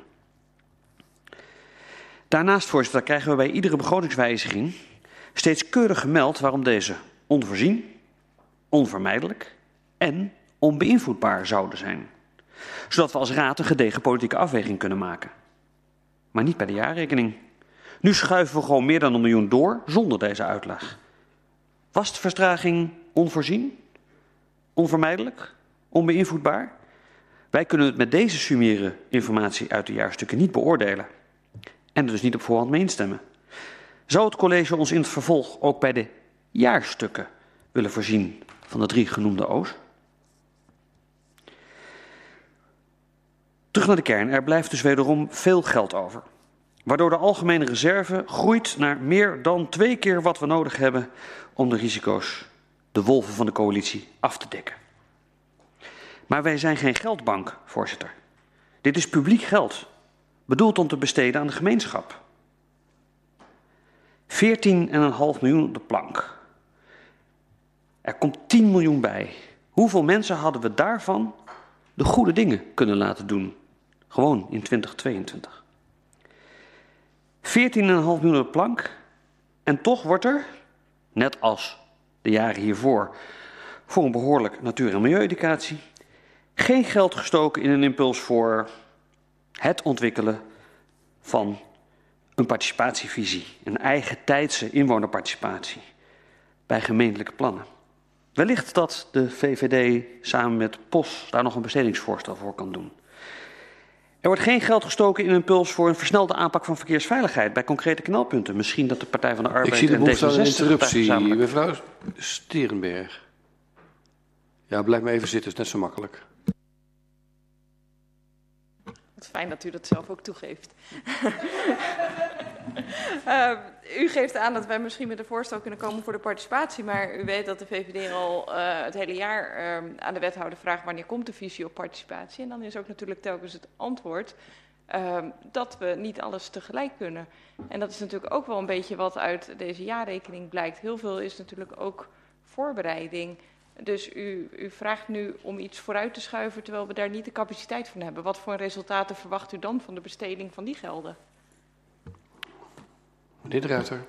Ik herhaal, er komt 10 miljoen bij. Hoeveel mensen hadden we daar de goede dingen van kunnen laten doen, mevrouw Sterenberg? Onder andere het ontwikkelen van die eigentijdse inwonersparticipatie. Dus laten we het geld er dan nu ook gewoon voor reserveren. Waar ook geen geld voor gestoken wordt, is een impuls in de versnelde aanpak van verkeersveiligheid bij concrete knelpunten. Misschien dat de Partij van de Arbeid en D66 daar een bestedingsvoorstel voor kunnen doen. Er komt ook geen geld, terwijl er veel geld overblijft, voor een impuls voor het eindelijk onderbouwen van een standpunt over het combineren van werken met wonen, met name op het TBS-terrein. Misschien dat Soes 2002 en de ChristenUnie daar een bestedingsvoorstel van kunnen doen. En er komt ook geen extra geld, terwijl er wel geld blijft liggen, voor het nog beter combineren van landschappelijke kwaliteit met biodiversiteit. Meneer Pauw, zullen wij samen een bestedingsvoorstel indienen?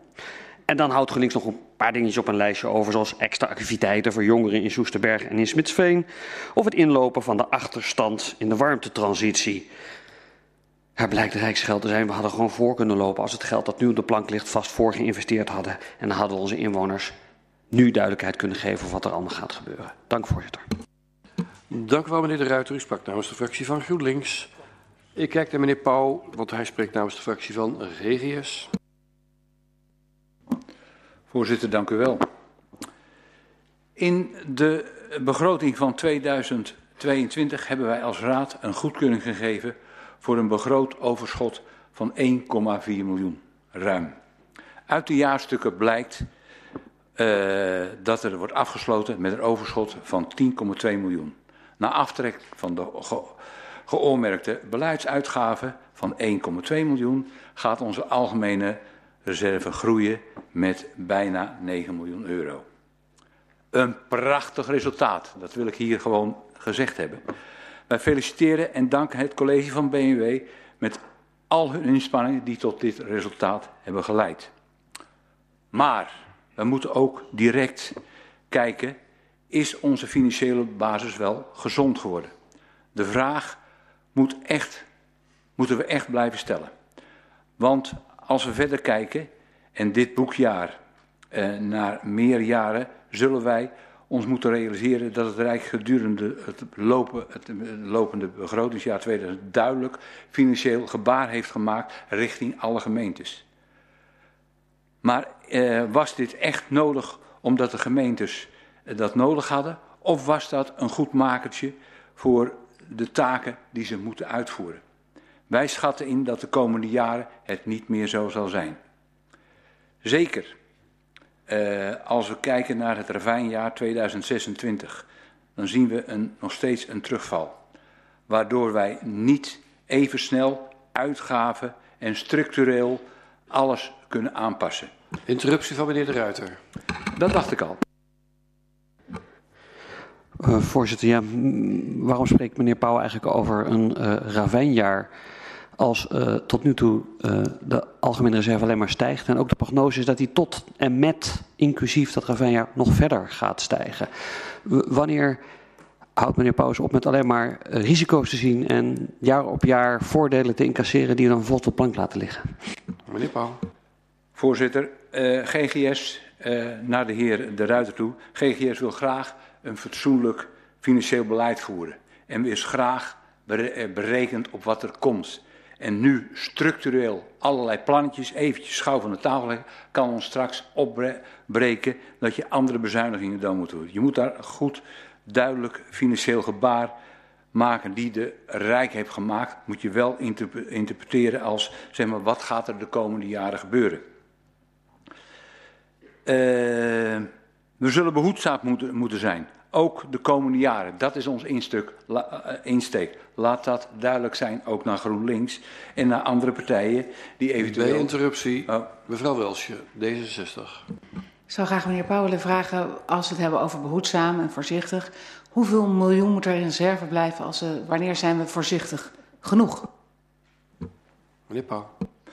Ja, kijk, ik denk dat met name eh, zeg maar GroenLinks en D66 zich moeten realiseren dat je moet kijken naar de structurele uitgaven. We hebben nu, die, wat, overhoudt, zijn eenmalige bedragen. En je kan nu alles besluiten van, we gaan het eventjes doen, maar het heeft gevolgen voor de structurele uitgaven van onze gemeente. Uh, eventjes die reserve omhoog brengen, dat is hartstikke leuk, maar daar heb je dus geen zekerheid over in de toekomst. Mevrouw Welsje. Dat snap ik. Ik ken het verschil tussen structurele en incidentele uh, baten en ja, lasten. Gelukkig. Maar nog steeds staat de vraag dan open: waarop gebaseerd en hoeveel miljoen moeten we dan in reserve houden om die veiligheidsmarge vooral aan te houden? Meneer Meer Paul. dus blijkbaar dan 7 miljoen. Meneer Pauw. Uh, het is uh, tuurlijk, uh, we hebben nu, en als u kijkt naar de jaarverslagen, we hebben een risico van ruim 7,4 miljoen die, da die daar is. Daar gaat eigenlijk ons hele, als het allemaal mis zou lopen, ben je dat kwijt. En het is niet voor niks. Als je straks op een gegeven moment zaken zou moeten, extra moeten financieren, dat je dan eenmalig bedragen uit die, zeg maar, meerdere reserves kunnen, kunnen halen. Uh, dus ik ben alleen maar blij dat we de reserves eventjes wat hebben kunnen ophogen. Uh, ik ga voor met mijn betoog. Uh, niet alles kan, maar we hebben een coalitieakkoord dat als fundament voor veel werk wordt gezorgd dat het in de stijgers wordt gezet. Echte resultaten zijn nog niet zichtbaar, zeker voor de inwoners. Onze, inzo onze inzet met de taakforce bouwen en wonen is een voorbeeld daarvan. Maar we willen wel beoordelen als raad wat er is gedaan. En dat missen wij in dit jaarverslag. Laten we duidelijk zijn over uh, wat wij als gemeente hebben gedaan. Met name in de sector uh, wonen en bouwen. In het deelprogramma eh, 2.1 wonen staat niets over wat is gerealiseerd. Pas uit antwoorden op schriftelijke vragen kunnen wij vaststellen dat er in 2022 126 woningen zijn gerealiseerd en 486 woningen een omgevingsvergunning is afgegeven, waarvan 253 woningen niet uh, zijn gestart met de bouw. Waarom staan deze cijfers niet expliciet gemeld in het deelprogramma? Want wij worden als raad constant geconfronteerd met vragen van inwoners van gaat er nou eens wat gebeuren? En dat missen wij.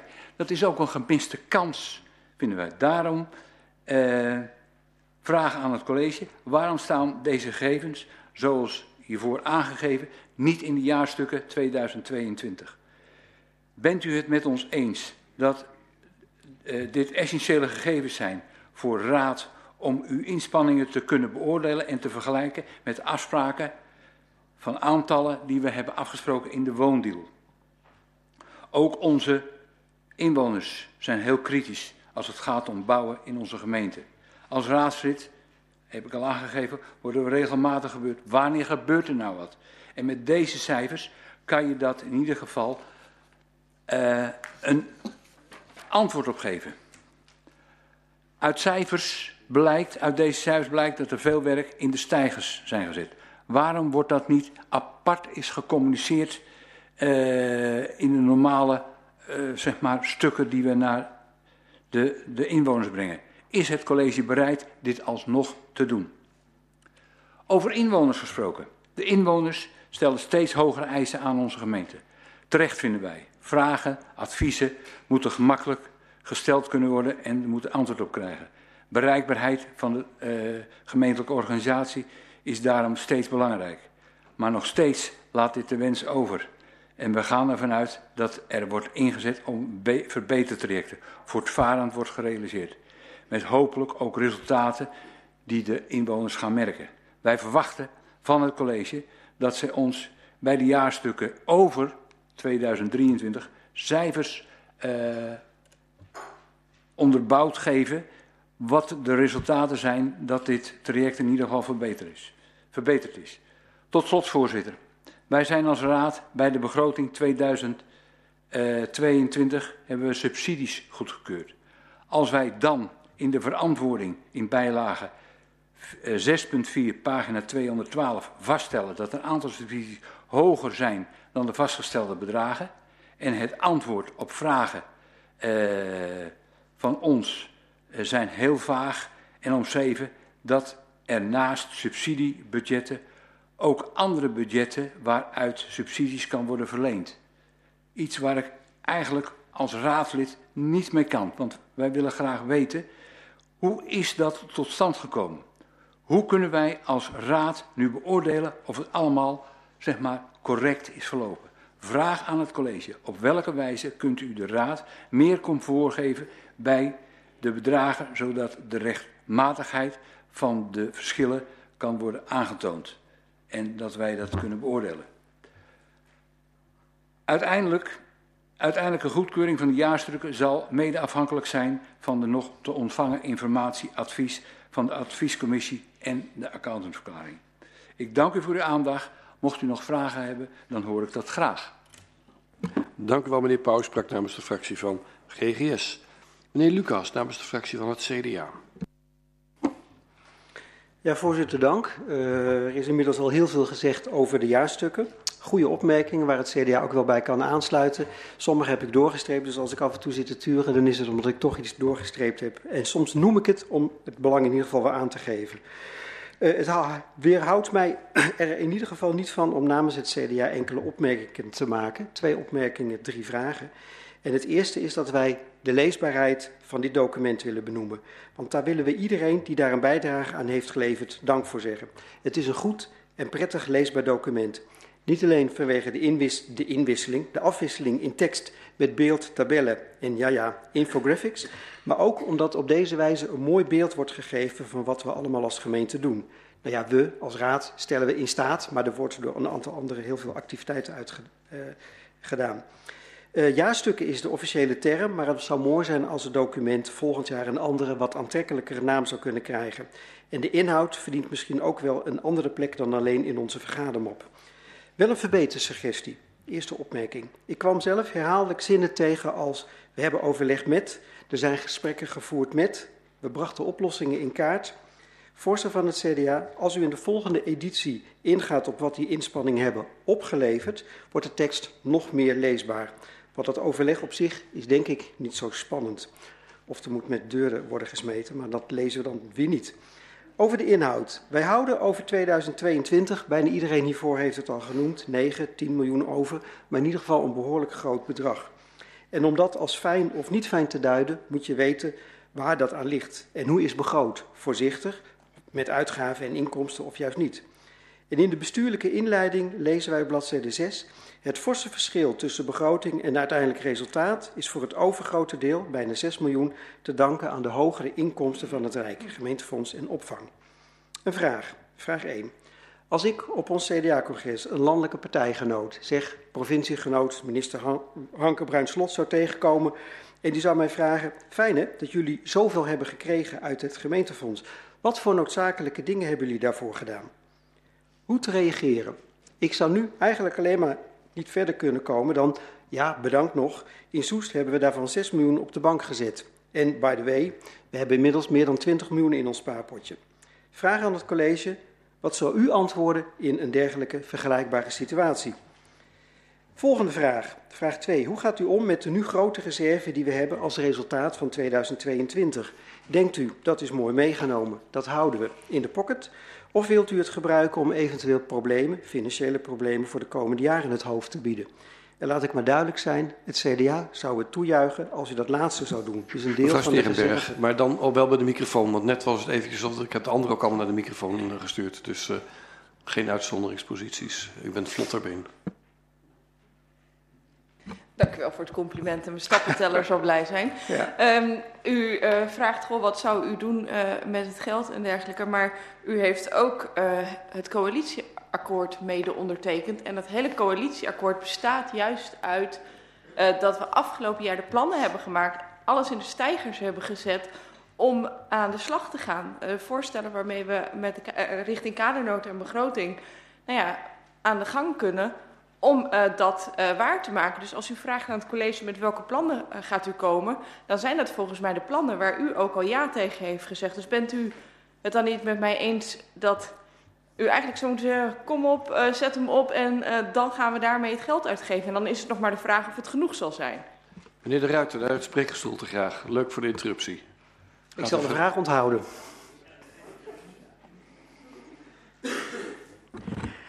Ja, voorzitter, interruptie op de interruptie. Um, ja. In het bestuursakkoord, collegeakkoord, staat het ontwikkelen van een visie op inwonerparticipatie. VVD heeft er zelf om gevraagd om dat te versnellen. Gebeurt niet, blijft wel uh, 10 miljoen over. In het bestuursverkeer, uh, collegeakkoord staat bevorderen verkeersveiligheid. Geen extra inzet waar de geld op plank liggen. In het collegeakkoord staat, we gaan een visie ontwikkelen op uh, een combinatie van bouwen en wonen, met name voor TBS-trein geen stap opgezet terwijl er wel heel veel geld overblijft. Van waar u vraagt, het collegeakkoord wordt gewoon niet uitgevoerd terwijl er wel geld overblijft. Voorzitter, voor de volgorde. Zal ik eerst de antwoord van mevrouw Steerdenberg beantwoorden? Of nee, wilt de interruptie, u... de interruptie gaat eerst. U moet hem even vasthouden, dat kan u. En mevrouw Sterenberg was zo vlot dat, dat de andere microfoon is gesneld. Maar ik maak plaats. Mevrouw Sterenberg. Uh, um, Meneer de Ruiter, ik vind het toch echt bijzonder dat u telkens met die visie op participatie blijft komen. Want ja, daar heeft de VVD ook meerdere keren om gevraagd. Maar als we het dan hebben over die visie op participatie, dan hebben wij volgens mij dezelfde mailbox. En daarin is nu gewoon een werkgroep gevormd om te gaan werken, mee te gaan werken vanuit de Raad ook aan de visie op de participatie. Toevallig vroeg ik vandaag nog, hoe gaat het daarmee? Nou, het was heel erg moeilijk om een datum te vinden waarop iedereen kon. Dus volgens mij bent u ook gewoon een van de uh, participanten in dat ge geheel en in die puzzel, waardoor het misschien wat minder snel loopt. De participatie op de participatie op de participatie als gevolg van de interruptie op de interruptie. Werd opgeleverd een interruptie van mevrouw Welsje. En even een korte interruptie op mevrouw Sterenberg. Het college heeft een jaar daar gewoon plannen te maken en een stijger zetten. Maar samenleven is geen productieproces waarin het leven even een jaar stil ligt en Soest even een jaar de adem inhoudt. Uh, dat gaat allemaal gewoon door. Dus we gaan het geld niet op de plank laten liggen, zodat we na een jaar verder kunnen gaan. Vier jaar is vier jaar, dat klopt voor een coalitieakkoord, maar niet voor het leven. Goed. Meneer Luc... Oh ja, nou, ja, nou, nou meneer Lucas een keertje zijn beantwoording, vind je niet? Ja. Ja, is goed. Meneer Lucas eerst, anders dan staat u er ook maar een beetje bij terwijl u uh, eigenlijk met uw inbreng oh, bezig was. Oh nee hoor, ik ben wel wat ouder, maar ik ben nog niet helemaal vergeetachtig. Want de eerste vraag die... Uh, Doet u het kaartje er ook even in?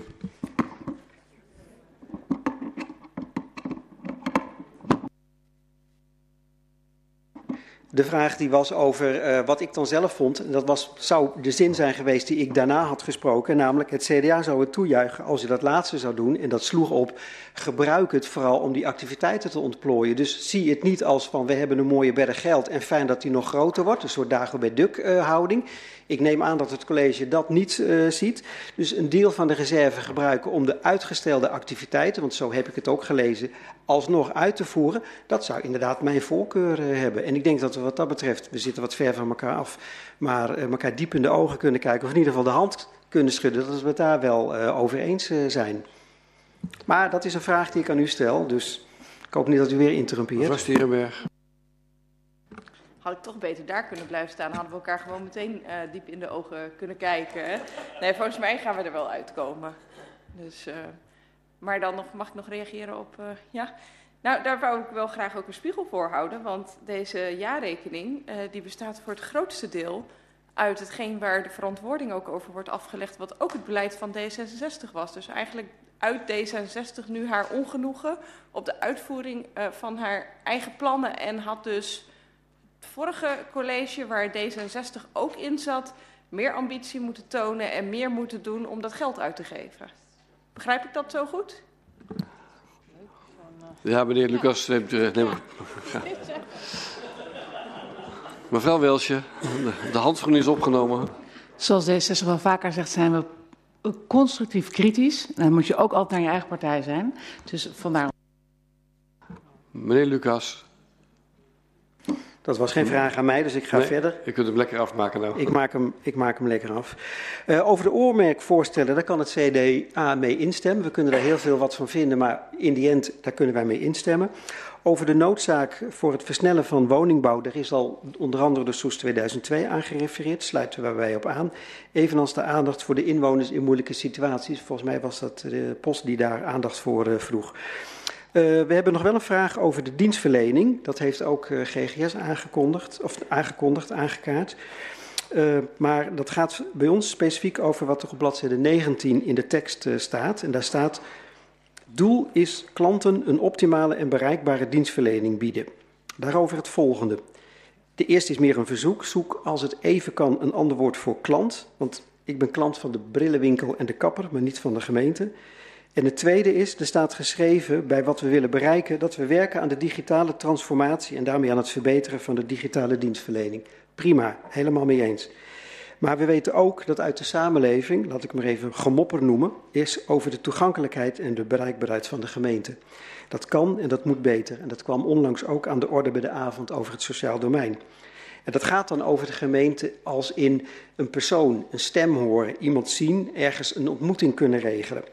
En ik lees nergens dat daaraan is gewerkt in 2022. De vraag is, dat is vraag 3, klopt dat? Dus dat ik dat over het hoofd heb gezien. Eigenlijk is de vraag, waar lees ik het wel? En ik lees ook eh, nergens in de oormerkvoorstellen over een financiële inzet om juist op dat thema verbeteringen in stand, tot stand eh, te brengen. En daar vragen onze inwoners wel om en het CDA ook. Voorzitter, tot zover onze twee opmerkingen en drie vragen. Dank u wel, meneer Lucas. En dank u wel voor de aanleiding voor vele interrupties. Ik kijk naar meneer Dijkhuizen als uh, tot slot uh, van deze uh, inbreng namens de fractie van de ChristenUnie SGP. Ja, dank u wel, voorzitter. Het werd er toch nog een beetje levendig zo aan het eind van, het, van de jaarstukken. Hadden we toch met elkaar een beetje gewild. Dus, nou, wie weet wat ik in u losmaak. Voorzitter, dank u wel. Uh, we bespreken vanavond de jaarstukken 2022. Een groot en lijvig document waarvan de inhoud op de vele cijfertjes na prettig lezen is. En waarvoor dank. Iemand anders noemde het ook al, de leesbaarheid. Uh, dan kijk ik ook even naar de ambtelijke apparaten hier. Waarvoor dank. Dat is wel eens anders geweest. En omdat cijfers vaak de inhoud overschreeuwen, zouden we ook hier kunnen zeggen dat het een heel mooi document is met positieve cijfers. Wat zeg ik? Er is een flink overschot. Cijfermatig dus heel goed gedaan. Er is een flink positief saldo, maar tegelijk zijn er ook nog wel veel onzekerheden voor de toekomst. Zorgen over bijvoorbeeld de vele PM-posten, is ook al genoemd. Zorgen over de inflatie, zorgen over personeel, zorgen over klimaat, sociaal domein, energietransitie. Afijn, ik zal nog een heel stuk verder kunnen gaan. Maar er is wat ons betreft ook specifieke zorg over bijvoorbeeld de gezondheid, de mentale gesteldheid van onze jeugd en jongeren.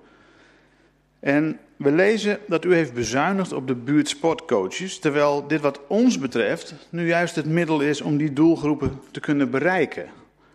Dus we zouden de vraag hebben, waarom heeft u nou juist daarop bezuinigd? En ik snap dat u zal, zult zeggen, ja, de overheid, de rijksoverheid gaf ons minder middelen, maar wat ons betreft was dat nou juist het middel om die doelgroepen, waarin u in dit stuk spreekt dat het daar niet goed mee gaat, om die te bereiken. Voorzitter, verder willen we oproepen om de overschotten niet op de plank te laten liggen, maar in te zetten voor onze inwoners. We lezen dat u graag wilt verduurzamen. U benoemt dat u de verduurzaming van onze accommodaties wilt versnellen. Dat vinden wij een goed plan. Maar zou u wellicht ook een plan willen maken om met de overschotten die u heeft, verduurzamingsmaatregelen, verduurzamingsleningen, mogelijk te maken voor onze inwoners. Waardoor de wat armere, ja, dat is een moeilijk woord, maar ik noem het toch maar, waar onze wat, nou ja, armere, nou ja, dat kun je ook weglaten, waardoor onze huiseigenaren geld van ons zouden kunnen lenen om die woning te verduurzamen. En in dat specifieke geval, voorzitter, zou ik het college willen vragen om eens naar het voorbeeld in Montvoort te kijken. Montvoort heeft een heel bijzonder plan, verduurzamingsplan gemaakt, waarbij zij een uh, verduurzamingslening uitreiken aan de eigenaar, maar gekoppeld aan de woning. Dus als de eigenaar verhuist, blijft dit aan de woning zitten en met de ja, bezuinigingen die ze daarmee opleveren, kunnen ze de lening op termijn weer aflossen. Ik zou erop willen roepen om daar eens naar te kijken. En dan nog een ander. De versnelling voor de woningbouw. Het is al genoemd. Wij missen eigenlijk de urgentie hierin. En dan kijk ik even een beetje naar links. U heeft onze inwoners veel beloofd. En met name één specifieke persoon heeft u heel erg veel beloofd. En dan kijk ik even naar het college. Misschien kent u hem nog, Joost van Soest. Ik zie iemand een blik van herkenning geven. Nou, er zijn een heleboel nieuwe raadsleden, maar Joost van Soest is hier de afgelopen vier jaar regelmatig benoemd in deze zaal. Het ontbrak Joost van Soest aan veel, maar met name aan een woning.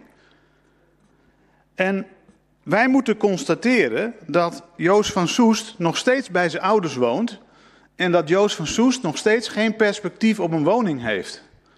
En ik zou aan het college willen vragen, wanneer geeft u Joost van Soest nou eens perspectief? Maar zoals gezegd, u heeft cijfermatig een geweldig jaar afgesloten. U bent daarbij natuurlijk ook een klein beetje op het spoor gezet van het vorige bestuur. het is al gezegd. Maar dan nog, en dat willen we toch even zeggen, het is uw verdienste. En daarmee een compliment uitgedeeld. Maar dan nog, um, ook Den Haag heeft u daar een klein beetje bij geholpen. Tot slot, voorzitter, we zijn blij met alle inspanningen die het college en opnieuw het ambtelijk apparaat heeft geleverd.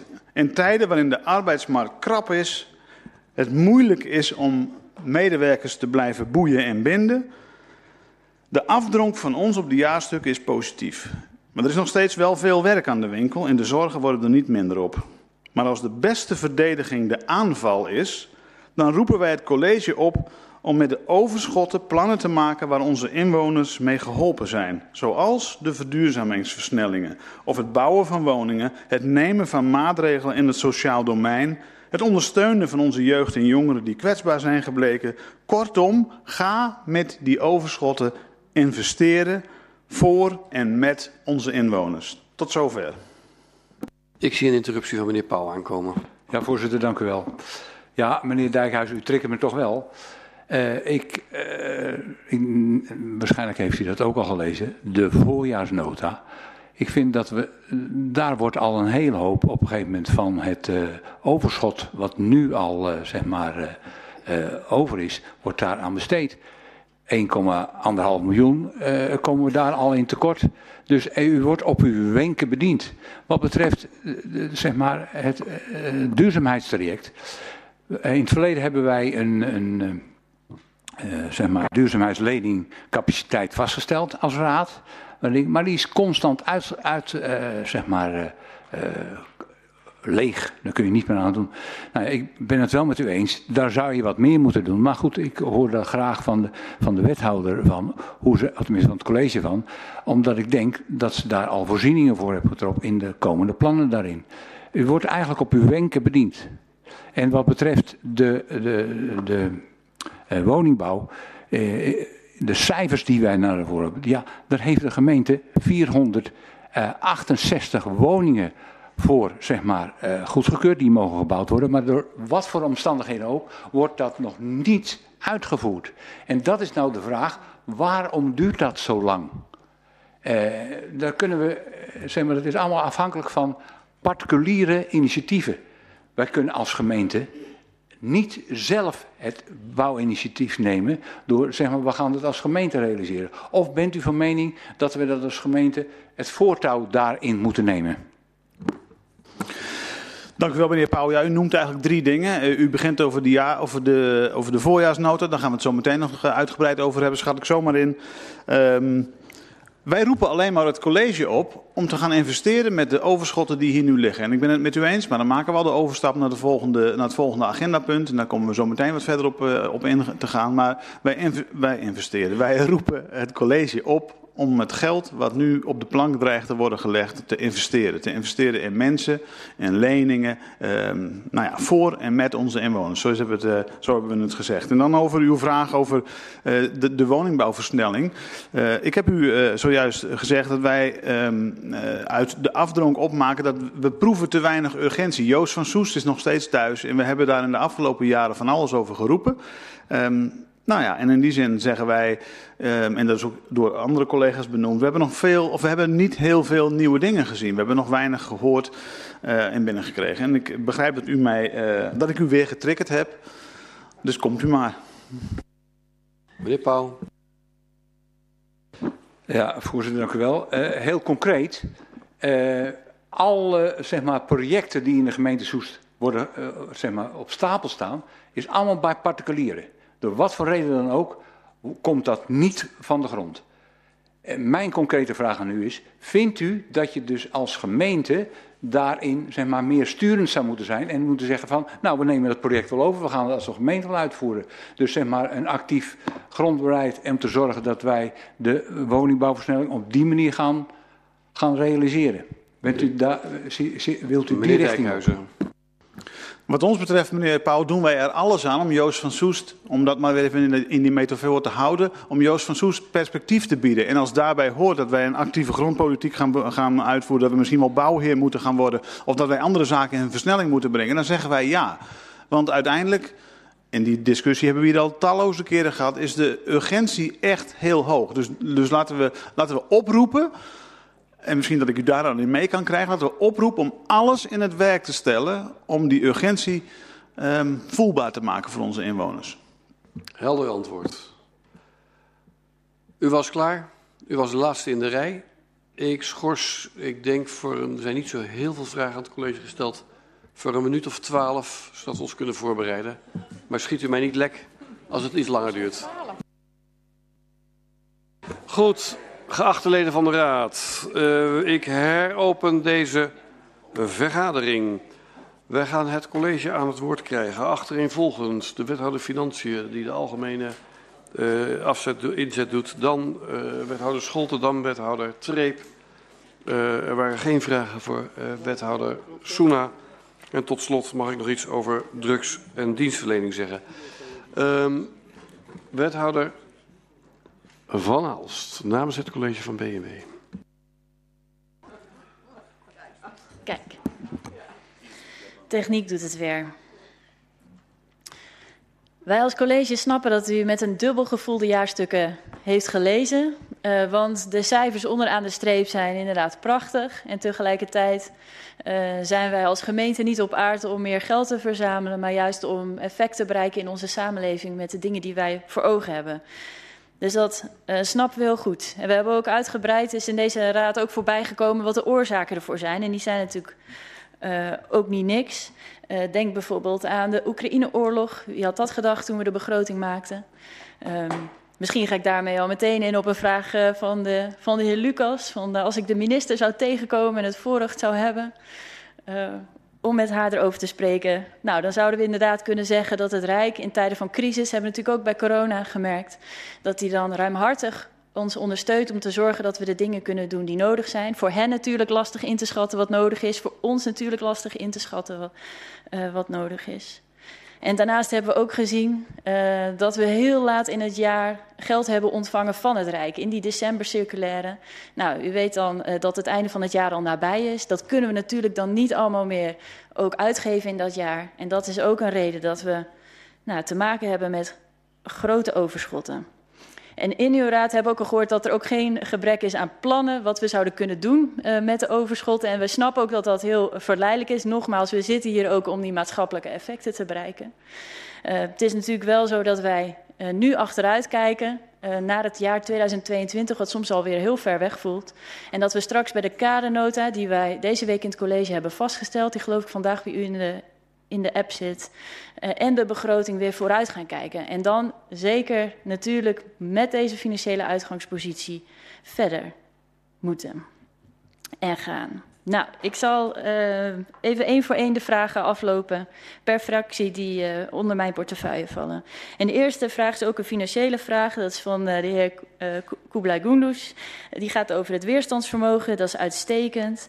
Um, en hebben we nou ook de doelen bereikt die we voor ogen hadden, is, was uw vraag daarbij. En inderdaad, onze financiële uitgangspositie, onze reserves, die zijn uitstekend te noemen. En daarmee ook onze uh, vermogens, of onze weerstandsvermogen is ook uitstekend ons vermogen om risico's, om klappen op te vangen. Dat is, is goed. Hebben we de doelen bereikt die we voor ogen hadden? Dat is natuurlijk ook weer net een andere, uh, net een andere vraag. In de jaarstukken kunt u zien wat zijn onze doelen en wat hebben we daarvoor gedaan. Nou, dan is nu het oordeel wat u daarvan vindt. Uh, maar de, nou ja, het is net een andere, het weerstandsvermogen zet net iets anders dan hebben we de doelen bereikt. Maar met dit, deze middelen zouden we er in ieder geval toe in staat moeten zijn. Dan geeft u aan van uh, wij kijken zo uit naar de evaluatie van, uh, Smits, van project Smitsveen. Wanneer komt u? Komt die? Nou, ik kan me uw behoefte heel goed voorstellen, want het, 2022 was het laatste jaar van het project Smitsveen. En inmiddels zijn we al best wel ver gevorderd in 2023. Dus ik snap dat u uh, daar naar uitkijkt. Uh, door omstandigheden hebben we die nog niet afgerond. Maar in het tweede half jaar uh, komt die zeker naar uw raad terug. Komt hij naar de raad. Dan vroeg u naar de elektrische fiets als het gaat om leerlingenvervoer voorkomen. En ook zorgen daarmee dat onze kinderen en jongeren ook zoveel mogelijk zelfstandig kunnen zijn. Wat natuurlijk ook een voordeel van is. Uh, en daarmee kan het, en het kan ook leerlingenvervoer voorkomen, wat natuurlijk ook goede, goede zaak kan zijn. Daar hebben wij, zijn we een pilot mee begonnen om inderdaad jongeren ook een elektrische fiets te verstrekken. Om te zorgen dat ze daarmee niet met de busjes opgehaald hoeven te worden. De eerste uitkomsten daarvan, de beelden die ik daarvan heb gekregen, is dat het positief is. En dat we ook kijken van kunnen we dat uitbreiden ook naar andere scholen. Want we zijn eerst begonnen op één school om dat ook uit te breiden. En dat is iets wat we doen in uh, regionaal verband. Dus daar kunt u wellicht meer over gaan horen. Dan, uh, als het gaat om de fractie van D66, die gaf nog aan dat twee vragen nog niet zijn beantwoord. Er is separaat, uh, is er nog een antwoordbrief gekomen met uh, vragen. Dus we gaan er eigenlijk vanuit dat uw vragen daarmee wel beantwoord zijn. Mocht dat niet zo zijn, trek even aan de bel. Even kijken. Dan de fractie van GroenLinks. Uh, die vroeg zich af van de oormerken, daar passen we geen 3O toe. Uh, nee, dat klopt. Dat is inderdaad uh, niet wat we doen. Is ook, nou, natuurlijk, volgens de regels zeggen we dan conform onze financiële verordening, dat we als het gaat om de voortgangsrapportages en er wijzigingsvoorstellen, dan toetsen aan de 3O. Dat doen we niet bij de jaarstukken. Uh, daar is ook een goede reden uh, voor. Gezien het tijdstip kunnen we daar wellicht buiten de vergadering over hebben. En dan uh, kunt u kijken of u dat dan alsnog in debat wilt brengen. Nou, ik zie meneer wilt het nu doen. Meneer de Ruiter. Ja, we mochten het college ook interrumperen. Die kans laat ik dan niet schieten. Um, de essentie van mijn vraag is, bent u niet van mening dat vertraging van uitgaven eigenlijk ook gewoon een wijziging van de begroting is? En zou het dan niet handig zijn om daar voortaan in de toekomst wel de drie O's op toe te passen? Nou, dan... Um... Als u kijkt naar de oormerkvoorstellen, ziet u dat er verschillende redenen voor zijn. Uh, als het bijvoorbeeld gaat om de visie sociaal domein, even uit mijn hoofd, want we hebben best wel een aardig wat uh, oormerkvoorstellen, dan is er in jaar 2022 toe besloten, maar loopt het project gewoon over de jaargrens heen. Dus heeft het een technische reden. Dus daarmee is het ook wel, zijn de oormerkvoorstellen van een andere aard. En is er ook aan u de vraag als raad, en die vraag die stelde u er eigenlijk daarvoor ook al, uh, van willen wij inderdaad dat wij deze taken ook in het volgend jaar uh, uitvoeren? Dat is ook aan u de afweging uh, of wij dat inderdaad willen doen. Wij als college hebben de afweging gemaakt, ook gezien de vragen die u bij, als raad bij ons heeft neergelegd, dat u dat inderdaad ook in 2023 wil doen. We hebben ook natuurlijk de organisatie op bevraagd van is, zijn deze oormerkvoorstellen, kunnen we die allemaal aan? En ja, we weten nooit wat er komen gaat gedurende het jaar, maar wij verwachten dat dat kan. Dan heb ik er net al iets over gezegd. Even kijken, nou dan laat ik die ook gewoon, ga ik daar gewoon verder.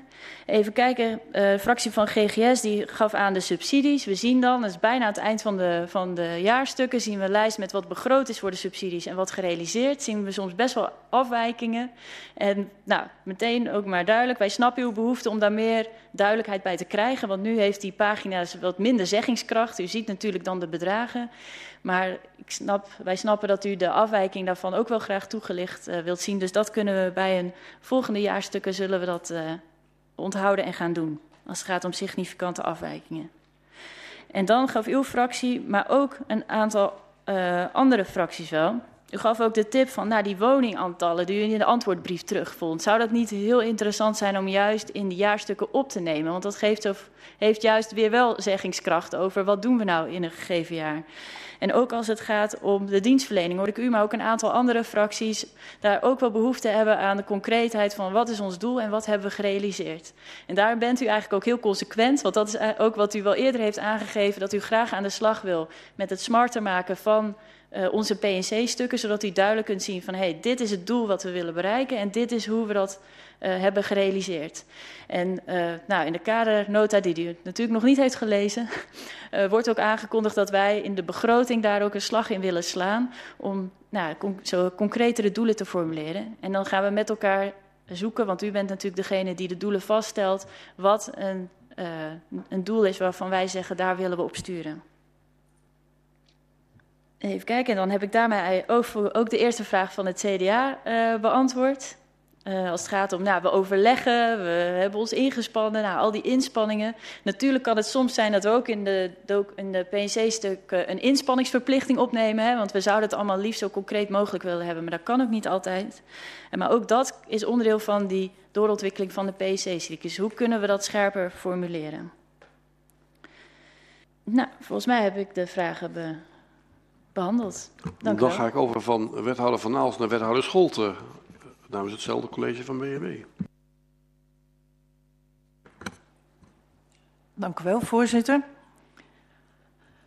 D66 die vroeg of wij uh, de bereidheid hebben om één of twee keer per jaar te luisteren naar onze inwoners. Nou, dat kan ik u blij maken, want heeft u de camper hier achter in de tuin zien staan?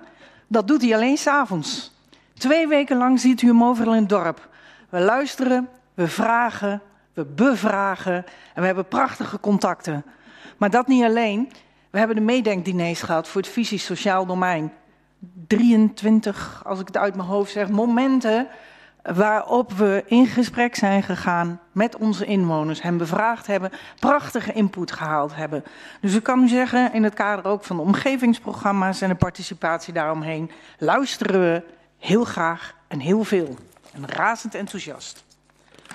Dan is meneer Dijkhuizen inmiddels verdwenen, maar die vertelde, herinnerde ons aan eh, Joost van Soest. En Joost van Soest die woont nog steeds thuis, vertelde meneer Dijkhuizen. En in het kader van versnelling van woningbouw was dat nou net niet wat hij bedacht had en zijn ouders ook niet. Weet u waarom hij nog op de bank zit? Hij twijfelt. Wil hij nou gewoon in de oude tempel een Soesterberg Noord. Zijn er nog andere plekken? En zijn moeder vertelde hem dat zij gelezen had, zonder dat ze aan een meedenkdiner deed, dat er een nota grondbeleid was vastgesteld. Dus de gemeente kon zelf ook wat kopen. Misschien komen daar nog veel leukere woningen voor je. En dat er een speciale mevrouw is hier in het gemeentehuis die zorgt dat de woningbouwplannen van woningcorporaties versneld worden. En niet even per ongeluk onderop een stapel, omdat er zoveel andere prioriteiten zijn. Dus de moeder van Joost en Joost samen zijn heel snel in de gelegenheid om de keuze voor hem te maken dat hij een sleutel krijgt. En ik kan u zeggen, het college heeft net zoveel behoefte om te gaan staan graven als de moeder en Joost. Dank voorzitter. Dank u wel, wethouder Scholt. Dan ga ik nu naar wethouder Treep. Ja, dank u wel. Ik wil graag twee dingen aanstippen. Eén is niet per se gevraagd, maar is wel genoemd door D66 en GroenLinks. is het natuur- en milieueducatie. En het ging eigenlijk over waarom uh, gebruik je niet overschotten ook om uh, externe partijen te ondersteunen. En uh, tegelijkertijd dat de succesvolle samenlevingsavond in het Grifland was ongeveer tegelijkertijd had ik een gesprek met Stichting Balans, die voor ons de natuur- en milieueducatie uitvoert. En heb ik gevraagd, hoe kunnen we nou vraag en aanbod goed uh, reguleren, samen aan de slag. Zowel scholen als Stichting Balans als de gemeente. Wie draagt wat bij? En een week geleden heb ik bericht gekregen van, uh, van de directeur van Stichting Balans... dat de schoolbesturen voor de komende drie jaar zelf uh, per leerling een bedrag betalen... wat precies gelijk is aan uh, nou, het tekort van ongeveer 18.000 euro. Dus ik ben daar heel erg blij mee dat we daar op die manier uit zijn gekomen... en dat de schoolbesturen daar mee in hebben gestemd. En het Tweede punt, en u, uh, meneer Duikhuizen die namens de ChristenUnie stipte dat aan, dat ging over de leningen. Mogelijke leningen à la Montfort om te komen tot de versnelling van verduurzaming voor de woningbouw. Dit is een keer eerder gevraagd bij de najaarsnota van 2022. Toen was onze eigen leningspot leeg. En we hebben toen aangegeven, en eigenlijk zitten we nog steeds wel uh, op die lijn, dat het Nationale Warmtefonds de plek is om laagdrempelig een, uh, zowel voor VVE's als voor woningeigenaren een lening aan te vragen. En wij denken dat dat nog steeds een eenduidig loket is waar naartoe verwezen kan worden, zodat wij onze budgetten ook voor versnelling van verduurzaming in kunnen zetten, maar dan op andere manieren.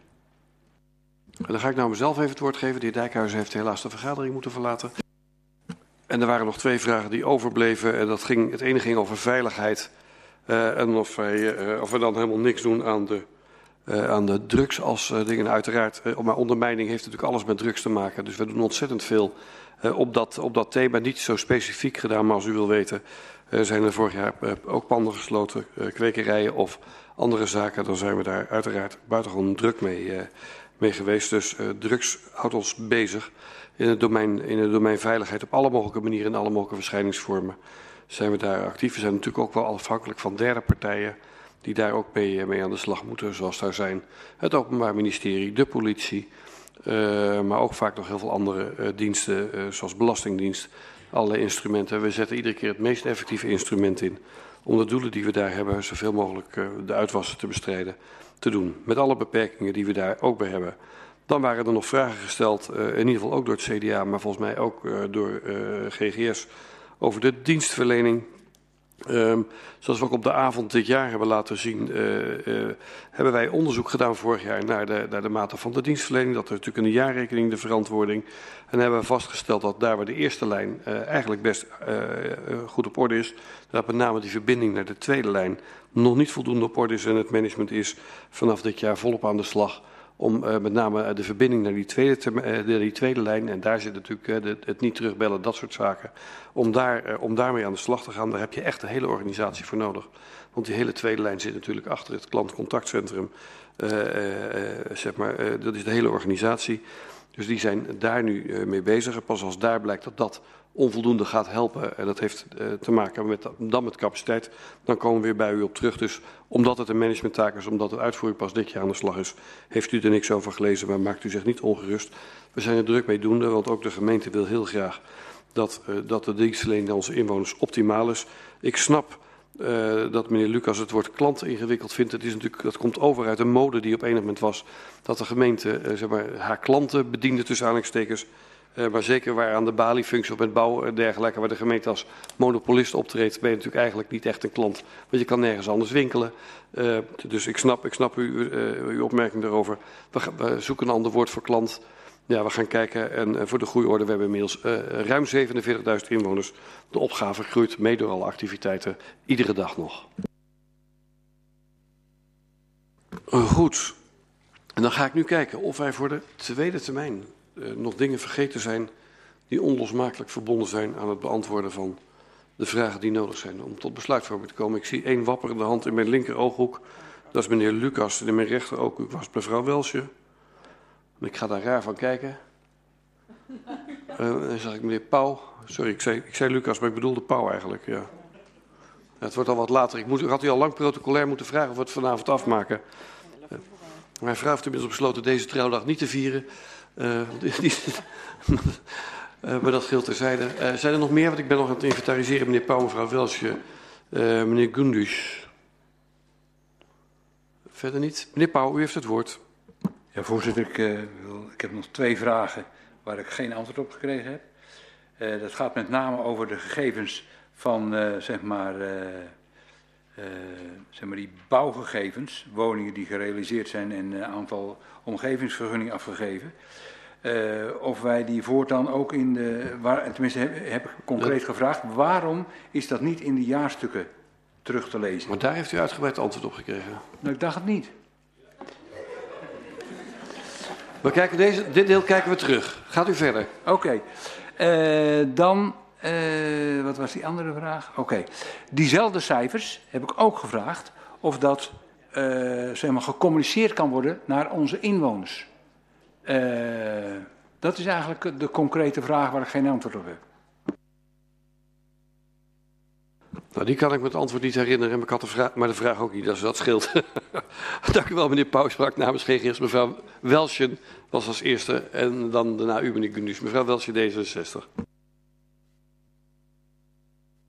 Dank u wel. Ja, volgens mij zijn er een aantal niet um, beantwoord, maar de avond gaat zo heen en weer dat, nou, komt u Dennis Joost mag het weten. Um, volgens mij de eerste ging deels over, uh, ging deels over de NME, maar we hebben eigenlijk een uh, vraag over de, de constante uh, uh, cashflow zeg maar, voor, van organisaties die gesteund worden door de gemeente. En nu is het, ja, gaat het wel of gaat het niet door. Um, ook afhankelijk van het Rijk. Maar kunnen we als een soort hitteschild dienen naar die organisaties in Soest. Zodat zij voor langere termijn samenwerking of, of, of, mensen kunnen inhuren, zodat het niet, um, ik het nou goed zeggen,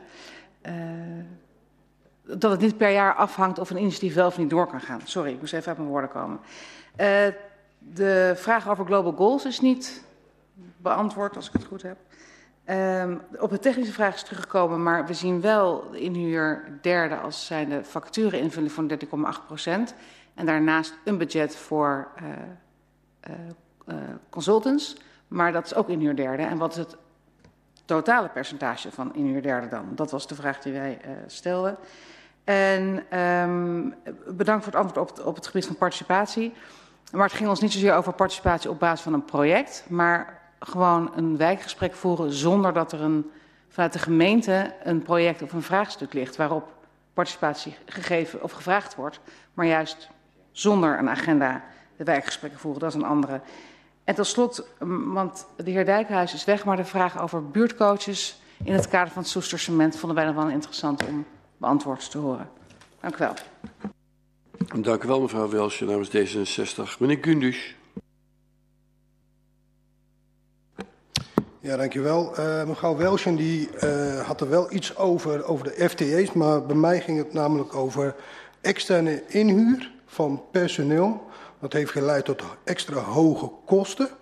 En de vraag was eigenlijk van, uh, zetten we nu juist wel de juiste instrumenten om te zorgen dat we gewoon vaste personeel kunnen aannemen. Ja, ik, ben eventjes, ik ga even een kort moment schorsen om even de antwoorden te verzamelen. Goed, dames en heren, niet alle raadsleden zijn al binnen. Maar heel voorzichtig begint het te druppelen. Ik ben nog een fractie kwijt, geloof ik. Nou, ik uh, heropen de vergadering. Ik geef wethouder Van Aalst het woord.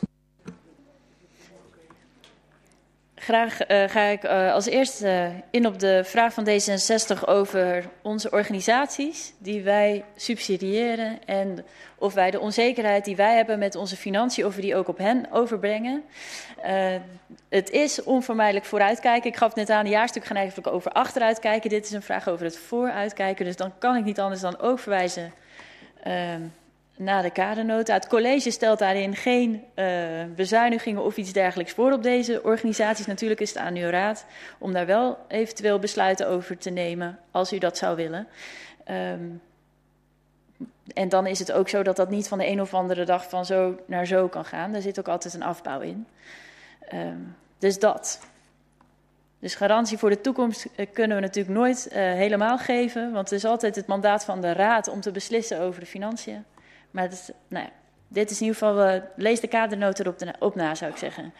Dan, uh, u vraagt de verduidelijking van het percentage van externe. En uh, nou, dat gaan we even technisch, dat is een technische vraag, dus die gaan we even separaat voor u verduidelijken, dat antwoord. Dank u wel. Dank u wel, wethouder Van Aalst. Wethouder Soena.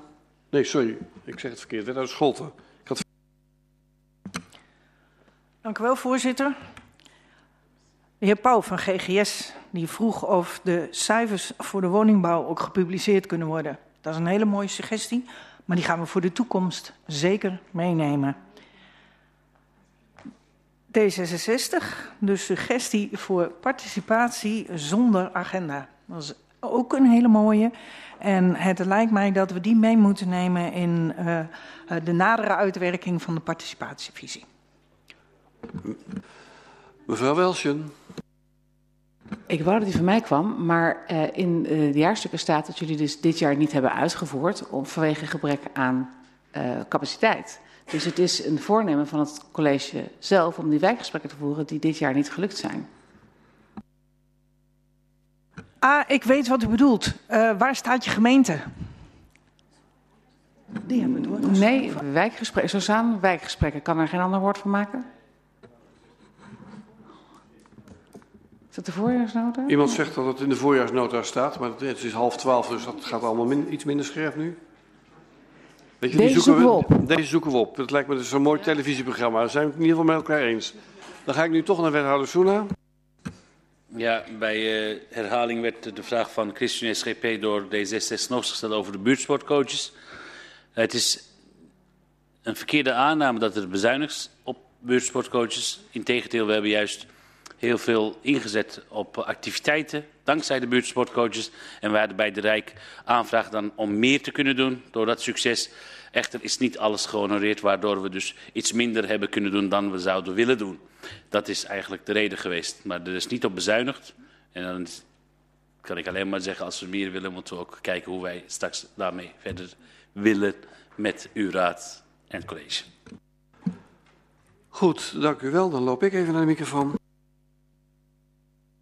Want er lagen nog een tweetal vragen voor mij open. Het ene ging over de Global Goals. Uh, want u stelde vast dat er in de rekening dat niet zo zichtbaar is. Nou, daar heeft u helemaal gelijk in.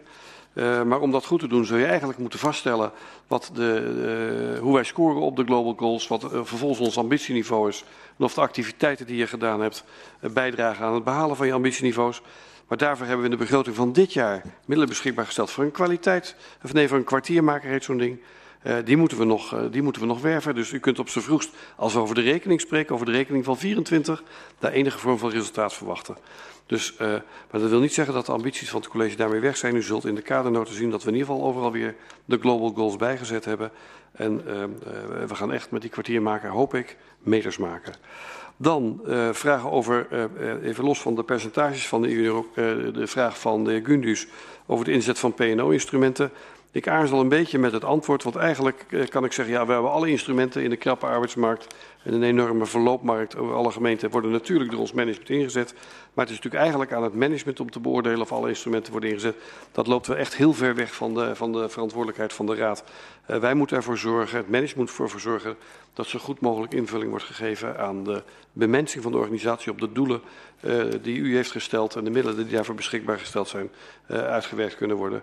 En uh, als portefeuillehouder PNO uh, prikkel ik het management in ieder geval optimaal om daar gebruik van te maken. Maar we moeten het doen met de arbeidsmarkt zoals die is.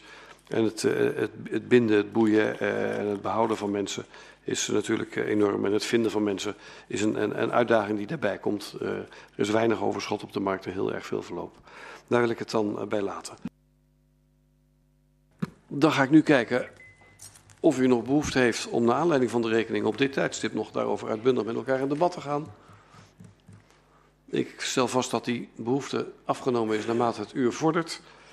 Uh, want dan kom ik bij agenda punt 4d. Als u dat goed vindt, want dan komt dit verder volgende week terug in de besluitvorming. Oh, 29 juni natuurlijk. Ja, dankjewel Griffier. Het is voor mij ook al half twaalf geweest. Uh, want we moeten eerst weten wat de accountant allemaal overal van vindt en zo. En wat vervolgens de auditcommissie adviseert. Uh, we gaan toch naar agenda punt 4d. Dat is de voorjaarsnota 2023. Wie wenst daarover het woord te voeren? Ik zie in ieder geval uh, meneer Van Zutphen. En ik zag uh, meneer Groothuis. Mevrouw Welsjen. Meneer Stormbroek. Meneer Lucas. Dat lijkt het vooralsnog te zijn. Ik geef het woord aan de heer Van Zutphen namens de fractie van de VVD. Uh, ja, voorzitter, dank u wel. Uh, het is fijn dat nu weer voldaan wordt aan het feit dat eerst de voorjaarsnota en daarna de kadernota wordt aangeboden. Over de voorjaarsnota heeft de fractie technische vragen gesteld die afdoende zijn beantwoord. Onze dank daarvoor. En de voorjaarsnota is een tussenreportage, het is hier vanavond al eerder gevallen, waarin door het college de afwijkingen gerapporteerd worden ten opzichte van de begroting van het lopend jaar. En de bedoelde afwijkingen zijn beoordeeld aan de hand van onvoorzien, onvermijdelijk en onuitstelbaar. Je moet trouwens uitkijken als je wat tikt, want hij met autocorrectie maakt het er snel van onherstelbaar. Dat is niet de bedoeling. De zogenaamde drie O's. Het is vanavond eerder gevallen, het woord. Maar toch wordt ook hier weer, evenals dat het geval was in voorgaande jaren, verzocht aan de Raad om in te stemmen met aanvullende kredieten en financiële wijzigingen van technische aard die niet voldoen aan deze drie O's, terwijl die de facto moeten worden aangegeven in de nu nog te verschijnen kadernota ter voorbereiding op de meerjarenbegroting. Helaas is het eerder positieve saldo van 169.000 euro omgebogen naar een nadelig saldo van ruim 1,4 miljoen, waarbij wel wordt opgemerkt dat vaak in de loop van het jaar allerlei voordelige bijstellingen uit met name het gemeentefonds komen. Dat was ook regelmatig het geval. Maar gezien de financiële situatie binnen de Rijksoverheid moet naar de mening van de VVD deze verwachting, mede door de negatieve effecten van de herverdeling van het gemeentefonds, kritisch worden bekeken. Landelijk leek het op financieel gebied niet op te kunnen. De miljarden vlogen in het rond. Maar sinds kort wordt weer gesproken over bezuinigingen. En dat belooft voor gemeenten niet vol goeds als het om de centjes gaat. En voor degene die denkt dat ik een zwartgallige kijker ben, dat is niet zo. Ik ben een optimistisch mens. Twee weken geleden stond in de NRC een artikel waar de landelijke voorjaarsnota door de Raad van State is eh, vernietigd of vernietigd. Daar is gehakt van gemaakt. En ik wil even twee dingen citeren. Volgens de Raad van State biedt de voorjaarsnota geen buffers voor economische tegenvallers. Terwijl uit recente crisis blijkt dat de Nederlandse overheidsfinanciën, en nou komt hij, zeer gevoelig zijn voor een economische omslag. Vanochtend hoorde ik op het nieuws dat VDL, een groot bedrijf in Brabant, de helft van zijn personeelsbestand moet ontslaan. Dus het begint al een beetje te morrelen. Ik moet u corrigeren, het is echt ja? Limburg. Oh, sorry, sorry. ik dacht dat het Brabant was. Uh, en waar, waar, komt dat door? Vooral door oplopende asielkosten en rentelasten op de staatsschuld, die tegenvallers creëren, die moeten worden opgevangen. En het is de eerste keer in jaren dat ons kabinet moet gaan bezuinigen. Dus enige waakzaamheid is, denk ik, wel geboden. Eveneens moet maar afgewacht worden of het gigantisch bedrag van bijna 4,8 miljoen voor de opvang van Oekraïense vluchtelingen ook tot een daadwerkelijke uitkering komt, naar aanleiding van het door het Rijk nog te nemen besluit in juli. En ik zeg dat vanwege die eerdere citaten uit de krant waar ik het net over had. Het gaat niet zo goed met de overheidsfinanciën en wij zijn daarvan afhankelijk voor een groot gedeelte. Um, hetzelfde geldt overigens ook voor de VRU, waarbij, zoals bij menig ander financieel onderwerp in deze voorjaarsnota, de stelpost prijsontwikkeling wordt ingezet en in het geval van de VRU gedeeltelijk. En de VVD-fractie is dan ook benieuwd naar de rest van de dakking en bovendien is deze stelpost onuitputtelijk. En zoals ik ook al bij de behandeling van de jaarstukken heb genoemd, zwemt Soest niet bepaald in het geld. Denk aan de vele PM-posten, de onzekerheden en bijvoorbeeld de nieuwbouw van het Gifland College met de vele miljoenen en de daaraan gekoppelde kapitaallasten. En als goed rentmeester en bewaker van andermans geld is en blijft de VVD kritisch op de financiële middelen. Voorzitter, tot zover mijn bijdrage. Dank u wel, uh, meneer Van Zutphen. Ik uh, wil wel vaststellen dat u vooruitloopt op de nieuwe vergaderwijze. Want dit is eigenlijk de rondje bestuurlijke vragen. En ik heb werkelijk niet één vraag kunnen ontdekken. Uh, maar wel, ik ben wel natuurlijk erg benieuwd, uh, of ik was erg benieuwd. Ik ben nu beantwoord in de visie van de VVD op de voorjaarsnota. Maar ik ga dan diezelfde ruimte maar bieden aan de andere fracties. Want dan doen we het gewoon in dit geval, omwille van de tijd, maar in één rondje. Meneer Groothuis, Soes 2002. Dank u, voorzitter. Ik zal, zal, het kort houden en beknopt en niet alles benoemen wat ik hier heb staan. Uh, we zijn blij met uh, hoofdstukken 2 en 3, waar uitgebreid wordt ingegaan. Dat is uh, heel prima. wijkbijeenkomsten waar het net over ging, dat zijn die wijkbijeenkomsten. Wij verzoeken dat wel zo spoedig mogelijk weer op te pakken wanneer dat kan. Want het is ontzettend belangrijk dat contact met het publiek is. en daardoor komt ook meer vertrouwen in de overheid.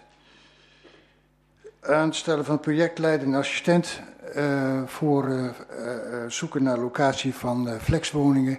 Ja, we juichen dat toe, maar we verzoeken de wethouder wel om ons daarvan op de hoogte te houden. Het mag niet weer in, in de tijd wegzinken. Er moet snel gehandeld worden en snel gerapporteerd worden. Ik ga ervan uit dat u het college bedoelt. Ja, het college, sorry. Uh, zorgelijk is de mentale gezondheid van de jeugd. En ik hoop dat het college daar de nodige aandacht besteedt in het sociaal domein. Ten slotte, uh, wat we hebben gezien is de sterke toename van de bezwaarschriften van de WOZ. Dit is een zorgelijke ontwikkeling. En uh, dat kan ook niet zo blijven. Dit moet hier door het college opgepakt worden. Nu worden achteraf uh, extra personeel gezegd, maar dat kan ook vooraf. Want we kennen in onze contacten bemerken we toch dat mensen bellen naar de organisatie hier en bezwaar maken. En dan wordt gezegd we bellen terug en vervolgens hoort men niets meer. Waarna men automatisch overstapt naar de commerciële organisatie die het voor hen regelt. Dus college, pak deze op en wees vooraf goed in de in de personele inzet en voorlichting. Dank u. Dank u wel, meneer Groothuis. Namens de fractie van Soest 2002, mevrouw Wilschen, D66. Dank u wel. We houden het graag kort en krachtig. Um, een aantal korte punten ten aanzien van de uh, taskforce adviezen, vooral voor het op orde brengen van de organisatie ten behoeve van dienstverlening aan de gemeente en uh, geld voor um, het vlottrekken van woningbouwprojecten daar, ja, daar ging een heel groot deel van de, uh, van, de, van de begroting over. En op verschillende plekken wordt er geld gevraagd, ook inderdaad de projectle projectleider of project, iemand voor de flexwoningen. dankjewel. En, maar ook als het gaat over extra voor de WMO. Ik vraag, wij vragen ons af of dat niet valt onder het geld wat is vrijgemaakt voor, voor de taskforce adviezen. Um, we vragen ons ook af of de bezwaren WOZ, of we dat tij kunnen keren. Uh, of we daar niet proactief op in kunnen zetten om, uh, om die kosten in ieder geval uh, te, doen, te doen dalen. We ondersteunen de extra kosten voor speelruimtebeleid en de boelbanen. Um, erg onvoorzien lijkt ons het feit dat er toegangscontroles voor, toegangscontrole voor sportaccommodaties zijn. Sorry, ik kom bijna niet met mijn woorden vanwege het tijdstip. Maar dat dan de chips er niet op aansluiten. Ja, dat is niet echt heel erg onvoorzien. En een vraag ten aanzien van BBS. Er staat, we willen dit zorgvuldig doen. Er zijn extra kosten mee gemoeid. Maar waarom zijn er extra kosten gemoeid met iets zorgvuldig doen? Lijkt me een uitgangspunt. Maar wat moet ik verstaan onder de kosten voor iets zorgvuldig doen? Dank u wel. Dank u wel, mevrouw Wels. U sprak namens de fractie van D66. Meneer Stormbroek-Pos. Ja, dank u wel, voorzitter. Uh, ik geloof altijd in de kracht van herhaling, maar om bijna tien voor twaalf is de kracht van herhaling altijd wat minder. Een aantal punten zijn al aangehaald. Dus ik wil het bij een, nou, twee, drietal punten eigenlijk uh, houden. Ten eerste wil ik een citaat uh, benoemen die ik heb gelezen in de voorjaarsnota. In de begroting 2023 hebben we aangekondigd wijkbijeenkomsten te organiseren om het inwoners in gesprek te gaan over de uitkomsten van de brede burgerpeiling waar staat je gemeente.nl. We zien echt de aanleiding om daar dit jaar van af te zien. Plat gezegd, vrij vertaald, komt dat erop neer dat u denkt dat u te veel participeert en dat er weer een visie moet worden ontwikkeld. Uh, u zal vast weten, voorzitter, dit uh, onderwerp ligt al een jaar of vier stof te happen, omdat wij in 2019 daar al vragen over hebben gesteld van wat gaat u hier nou uiteindelijk mee doen en ga hiermee aan de slag. We zijn nu uh, vier jaar verder en uh, plat gezegd wordt er eigenlijk gesuggereerd... we gaan 60.000 euro laten vrijvallen, want het is eigenlijk nodig. Waarom in hemelsnaam? Want dit is toch een heel belangrijk onderwerp... als je het hebt over ontevredenheid versus uh, de inwoners... hoe die uh, naar de gemeente kijken. En dan een ander uh, ding, nu we het toch over zomer hebben. We lezen dat tijdens de zomermaanden... het betreft hier trouwens één woord zomermaanden... en niet twee losse woorden zoals ik ze heb gelezen... maar dat is ook terzijde dat heeft besloten dat de GFT-bakken niet wekelijks hoeven te worden geleegd. Dit vanwege personele problemen bij RMN. En zeker in uh, de zomer is het prettig als de bruine containers waar voedselresten of uh, ander biologisch materiaal. Ik, uh, ik heb een tuinierhobby en een stel kippen en dan is het niet zo prettig als dat een, meer dan een week ligt te broeien in een graad 35.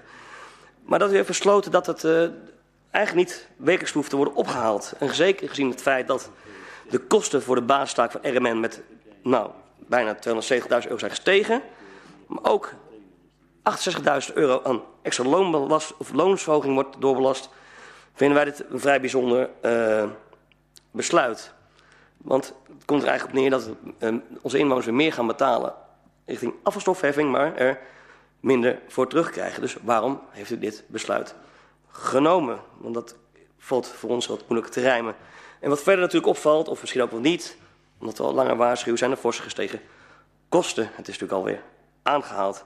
En zijn al die prijsstijgingen wel zo onvoorzien als we kijken naar de drie O's die al vaker zijn genoemd vanavond. Dank u wel, voorzitter. Dank u wel, meneer Stormbroek. U sprak namens de fractie van POS, meneer Lucas, fractie van CDA. Voorzitter, dank. Um, ja, van bijna 2 ton plus naar 1,4 miljoen negatief. Uh, dat is negatief, zou je zeggen, maar op de totale begroting valt het eigenlijk wel mee. Uh, en laat ik gelijk maar zeggen, dat vindt het CDA dus op zich nog niet zo verontrustend. Wat wij wel interessant vinden is welke ontwikkelingen die tendens hebben veroorzaakt. Daarover een paar vragen. Uh, de eerste is de voorgestelde aanvulling structureel van 3 ton voor de VRU. De vraag is, kunt u toelichten hoe u de toekomstige ontwikkelingen ziet met betrekking tot die prijs- en loonontwikkeling? Moeten we bijvoorbeeld aannemen dat door misschien wel komende CO-afspraken in de toekomst een nog hogere structurele bijdrage is te verwachten of is dat al meegenomen? Tweede, over de afvalverwerking, bladzijde 11. Wederom stijgende kosten. Het CDA vindt dat zorgelijk en vraagt zich af of we hier niet een keer op een ander moment diepgaander over zouden moeten spreken. De vraag is nu de volgende. Er staat een dekking structureel van bijna 3 ton voor de afval door de afvalstoffenheffing. Uh, en de vraag is ook hier, hoe ziet u die ontwikkeling? Want ik neem aan dat er rekening mee wordt gehouden in de komende begroting. Maar ook hier komt er een extra heffing. En wat kunt en wat wilt u doen bij de RMN om die stijgende kosten aan te kaarten en wellicht een halt toe te roepen? Suggestie? Wilt u dan ook samen optrekken met Baren, waar gisteren uh, dit ook is aangekaart en een motie is aangenomen om dit aan de orde te stellen? Drie, dan had ik een aantal vragen, maar die laat ik gezien het tijdstip zitten. Maar die gaan over het sociaal domein. Daar zijn risico's uh, genoemd en er wordt geschreven dat rekening moet worden gehouden met een groter nadeel in 2023 dan vooraf ingeschat. En de vraag wil ik eigenlijk meer bundelen als een verzoek of het college, uh, de raad, uh, op een door u geschikt moment wilt informeren over welke ontwikkelingen dat zijn. Want ik kan me voorstellen dat het in het prijsniveau zit, hoewel er in de uh, tekst wordt aangenomen dat er wel een dekking is via de inkooptarieven. Maar het kan ook te maken hebben met een toenemende vraag. Ik neem aan dat, of laat ik zo zeggen, ik kan me voorstellen dat het nu niet het moment is om te beantwoorden, maar wij zouden daarover graag geïnformeerd worden. Dat het voor de zomervakantie lukt, zal denk ik niet lukken, maar dat is ook geen probleem. Um, over de aanpassingen met betrekking tot de prijsontwikkelingen, ja, dat is een hoog bedrag, bijna een miljoen, maar we kunnen daar niet tegen zijn. Alle investeringen extra om de woningbouw vlot te trekken, daar kan het CDA van harte mee instemmen. En uh, een aantal andere vragen laat ik nu even zitten. Ik denk dat ik de belangrijkste heb genoemd. Dank u wel, meneer Lucas. U sprak namens de fractie van het CDA. Zijn er anderen nog die behoefte hebben aan... Ja, ik zie mevrouw Terbeek Zakenwerk namens de fractie van GroenLinks. Ik ga het echt daadwerkelijk kort houden. Um, ik zou mij onder andere willen aansluiten bij de vraag van heer Stormbroek als het gaat over de participatie. Um, ook wij vonden die zeer opmerkelijk. En voor de rest um, wil ik vooral hopelijk een goed voorbeeld stellen, namelijk geen vragen stellen voor de niet bestaande publieke tribune. onze inbrengen en hoe wij tegen de voorjaarsnota als geheel aankijken komt volgende week. Dank u wel. Anderen nog? Als dat niet het geval is. Ja, oh, sorry. Hij moest hard zwaaien, meneer Redeker. Namens de fractie van de Partij van de Arbeid. Ook ik zal het kort houden, dank u wel voorzitter. Um, en wat ik dacht eigenlijk toen, uh, toen de heer Van, Zitten, van Zutten zijn betoog begon, dat hij mijn vraag zou gaan stellen. Dus ik denk van nou, ik zal me ook niet, uh, niet aanmelden, want u had me toen ook al niet gezien. Um, maar um, uh, het is zo dat, dat ik er wordt wel een beetje een, een, onzeker voorschot op de toekomst genomen in de, in de voorjaarsnota. Gelet ook op de, de financiële positie bij het Rijk. Uh, in de verwachting dat, uh, dat um, we uh, die 1,4 miljoen uiteindelijk wel gecompenseerd zullen gaan krijgen. En ik heb stiekem eh, tussendoor ook eventjes al naar de voorjaarsnota gekeken. En de voorjaarsnota, sorry, de kadernota gekeken. En de kadernota gaat ook al uit van oplopende tekorten tot, eh, als ik het goed heb gezien, bijna 3 miljoen in 2027. En dan is die 10 miljoen die we nu uh, over hebben uit 2022, die is zo verdampt. Dus eigenlijk is, is, is de vraag, nou, kan het college een beetje aangeven welk risico we lopen door nu dit voorschot te nemen op die, uh, dat we die 1,4 miljoen wel gecompenseerd krijgen. Dank u wel, meneer Redeker. U sprak namens de fractie van de Partij van de Arbeid. Sorry dat ik u niet gezien heb. Uh, u zit echt in de uithoeken van mijn gezichtsveld, zal ik maar zeggen. Uh, moet nog wennen aan de nieuwe opstelling in de Raad. Ik ga, als niemand verder meer opmerkingen of vragen heeft, ga ik even kort schorsen, zodat het college zich kan voorbereiden op de beantwoording. Goed, dames en heren, ik heropen de vergadering. Nog niet alle raadsleden zijn terug, maar ik hoop dat ze de bel gehoord hebben. Misschien wil mevrouw Welsje de deur voor me dichtkiepen. Dank u wel. Uh, ik geef als eerste het woord aan de wethouder van Aalst. Yes. Dan ga ik als eerste in op vraag van uh, zowel VVD als CDA. Vroegen er eigenlijk naar, naar die stelposten voor uh, loon- en prijsontwikkeling. En nee, die zijn inderdaad niet onuitputtelijk. We hebben er grote bedragen in, we hebben er grote bedragen nu uitgehaald. En uh, ja, daarvan bereiken we wel de bodem. Het voorzichtig goede nieuws is dat we met de meicirculaire, die uh, nou, vandaag op de deurmat uh, is gevallen, dat we daar weer middelen krijgen, ook voor dit doel, voor die loon- en prijsstijgingen. Maar het is maar zeer de vraag of dat voldoende is, omdat nou, alle geluiden die we van tevoren hoorden, um, nou, het Rijk ons daar niet in gaat compenseren voor de kosten die we ook gaan maken. Dat dat de verwachting is. Dus dat is een, uh, een, zorgelijk, een zorgelijk puntje. Dan ga ik ook meteen in op de vraag uh, van uh, de heer Redeker over de 1,4 miljoen die we nu voorzien als tekort. Welk risico nemen we uh, daarmee? Nou, onze reserves zijn goed gevuld. We hebben het net ook bij de jaarstukken over gehad. Dus dat tekort voor 2023, het lopende jaar, dat kunnen we gewoon prima opvangen. Dus dat risico is in die zin beperkt. U wijst wel heel terecht op de zorgen die we hebben voor de jaren 2026, 2027 en verder. Want hoewel wij nou, als gemeente Soest, maar ook andere gemeenten, onze reserves uh, nou, de afgelopen jaren gevuld hebben met, met overschotten, zien we dat we structureel uh, nou, toch echt het perspectief er niet goed, uit, goed uitziet. En de taken die we hebben zijn veelal wel structureel, dus dat is gewoon zorgelijk. En dan lijkt het heel veel geld wat we in onze, in onze reserve hebben zitten, maar kan u verzekeren, dat kan ook heel snel weer op. Daarover meer bij de kadernota begroting. Dan een vraag van uh, POS die vroeg van zijn de prijsstijgingen wel zo onvoorzien?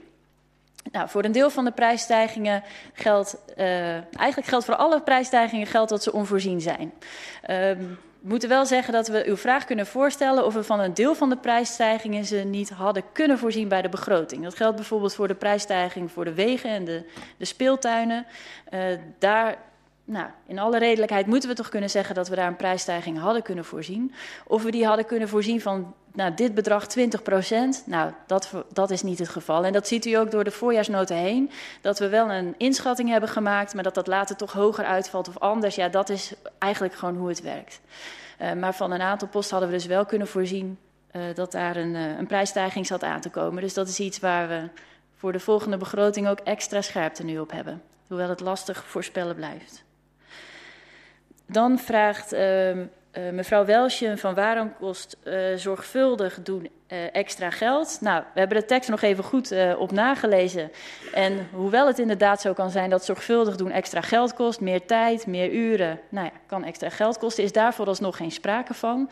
Het is wel zo dat we de uitkomst van de, de gesprekken, die is nog niet bekend. En die gaan we natuurlijk aan u voorleggen. En het kan zijn dat daar wel een budgetvraag uit voortkomt. Van als we eenmaal bepaald hebben hoe we de uitvoering willen inrichten, kan het zijn dat er middelen voor nodig zijn om aan dat toekomstbeeld ook uitwerking te geven. Dus zo moet u de, moet u de tekst lezen. Dan vroeg de heer Lucas van, kan de raad geïnformeerd worden over de financiële ontwikkelingen in het sociaal domein? En kan ik u zeggen dat we dat graag doen. We zijn ook wel blij met uw, uh, eigenlijk uw handreiking van, nou, dat hoeft niet meteen, uh, hoeft niet meteen morgen, maar dat uh, pakken we graag op, die, die uitnodiging. En Bedankt voor uw interesse. Even kijken. Dan, oh, ik zie dat ik eentje uh, bijna vergeet. Dat gaat over een vraag ook van, uh, volgens mij mevrouw Welsje, over de losse FTE's die nu worden aangevraagd. Of dat niet dubbel is ten opzichte van de taskforce. Uh, en daarbij kan ik u zeggen dat er geen sprake is van een dubbeling, omdat waar we nu formatie voor aanvragen, dat dat niet onderdeel was van de opdracht van de taskforce destijds. Dank u wel. Dank u wel, wethouder Van Aalst. Wethouder Scholten. Gesprekken met onze inwoners, uh, Pos. U zegt ontevreden inwoners en dan laten we 60.000 euro vrijvallen en we schuiven het maar weer door. Sorry, ik kan u verzekeren, het valt vrij, maar gesprekken schuiven we niet door. Dit jaar zitten we volop in de gesprekken. En we zijn bezig met de ontwikkeling van een nieuwe visie over de participatie. En het lijkt me dat dit daarin ook zeker weer een plek moet krijgen. Dus uh, verzamel uw vragen maar, want we gaan volop aan de slag. Dank u wel, wethouder Treep. Ja, ik zal twee vragen beantwoorden over de RMN, de afvalverwerking. De fractie van POS vroeg uh, naar de GFT-baklegging in de zomermaanden. Waarom dat uh, teruggeschroefd is naar één keer.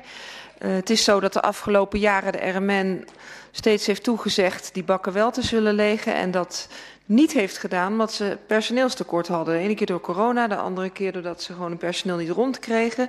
En dat gaf nogal wat ergernis uh, uh, bij de verschillende gemeenten. Dus we hebben gezegd voor dit jaar, als u het niet waar kunt maken, doe het dan ook niet.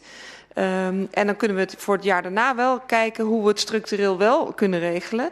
Maar niet een belofte en dan in de dienstverlening tekortschieten. Dat geeft onze inwoners alleen maar extra ergernis. En uh, nou, dat hebben we gewoon liever niet.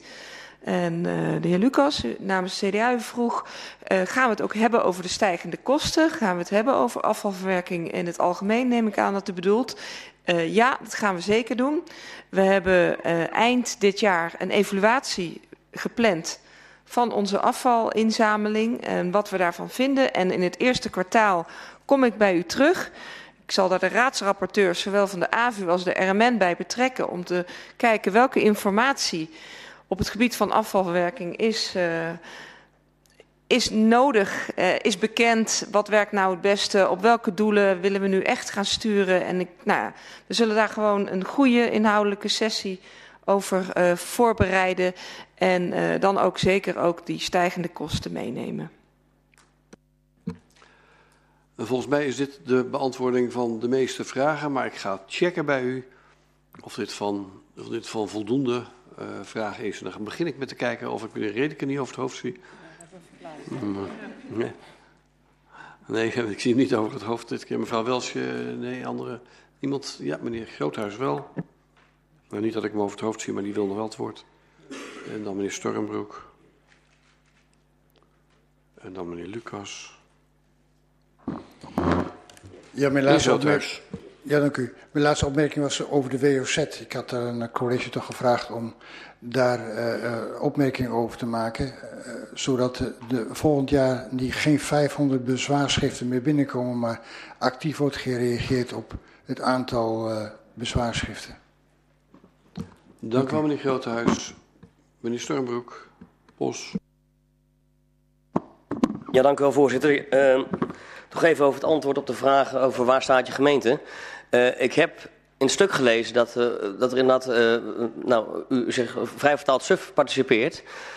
Dit gaat echt specifiek over waar staat je gemeente. En dit ligt eigenlijk al vier jaar. In de jaarstukken 2022 stond dat er nou, geen capaciteit was, vluchtelingencrisis, et cetera, begrijp ik. Maar nu staat er eigenlijk van, ja, het is nu niet meer zo nodig. Dus wanneer gaat het college iets doen met die uitkomsten van waar staat je gemeente, die jaar op, nou, keer op keer, uh, nou, een matig zesje scoren en uh, met name Soesterberg ook lager. Dus toch nog wel even, ik wil daar toch wel een antwoord op hebben. Dank wel, meneer Stormbroek. Meneer Lucas. Ja, dank voor de beantwoording van het college. Nog één vraag, die ging over de afvalstoffenverwerking. Uh, afvalstoffenheffing en later inderdaad de verwerking. Uh, ik ben blij met de toezegging dat we erover gaan spreken. Dat duurt weliswaar nog wel een tijdje. En mijn vraag ging vooral over de stijging die nu en misschien ook wel voor dus het komend jaar al uh, nou ja, misschien in de lucht hangt. En mijn suggestie was om daar ook met Baan over te spreken, omdat daar, volgens mij was dat woensdag, over is gesproken om daar in gesprek. Dus wellicht kunt u dan samen optrekken om hetzelfde doel te, te bereiken. En ik weet, in Baan ging het ook over de vraag of zij niet heel erg hoog in het rijtje stonden van de lasten. Dus dat ze heel erg, ik weet niet hoe wij daarin zitten. Dus het moet ook weer niet zijn dat uh, Baren lager komt en wij weer een stuk uh, hoger. Maar ik snap dat het vooral bij de RMN gaat om gezamenlijk optreden. En dat u in uw eentje iets vragen misschien ook wel niet, uh, niet. Dus het is nu niet een wedervraag, maar meer de suggestie om samen op te trekken. Goed, dank u wel. Zijn er nog meer vragen vanuit de Raad? Ik kijk even naar het college. En twee vragen die er overbleven. Ik geef als eerste het woord aan wethouder Van Aalst. reactie op de vraag van Soes 2002 over de behandeling van de WOZ-bezwaren. Ik had u kunnen aangeven inderdaad wat wij uw signaal ter harte nemen en dat uh, nou, dat ook iets is voor de organisatie om te kijken of we eventueel de dienstverlening kunnen verbeteren. Dus we nemen uw suggestie ter harte.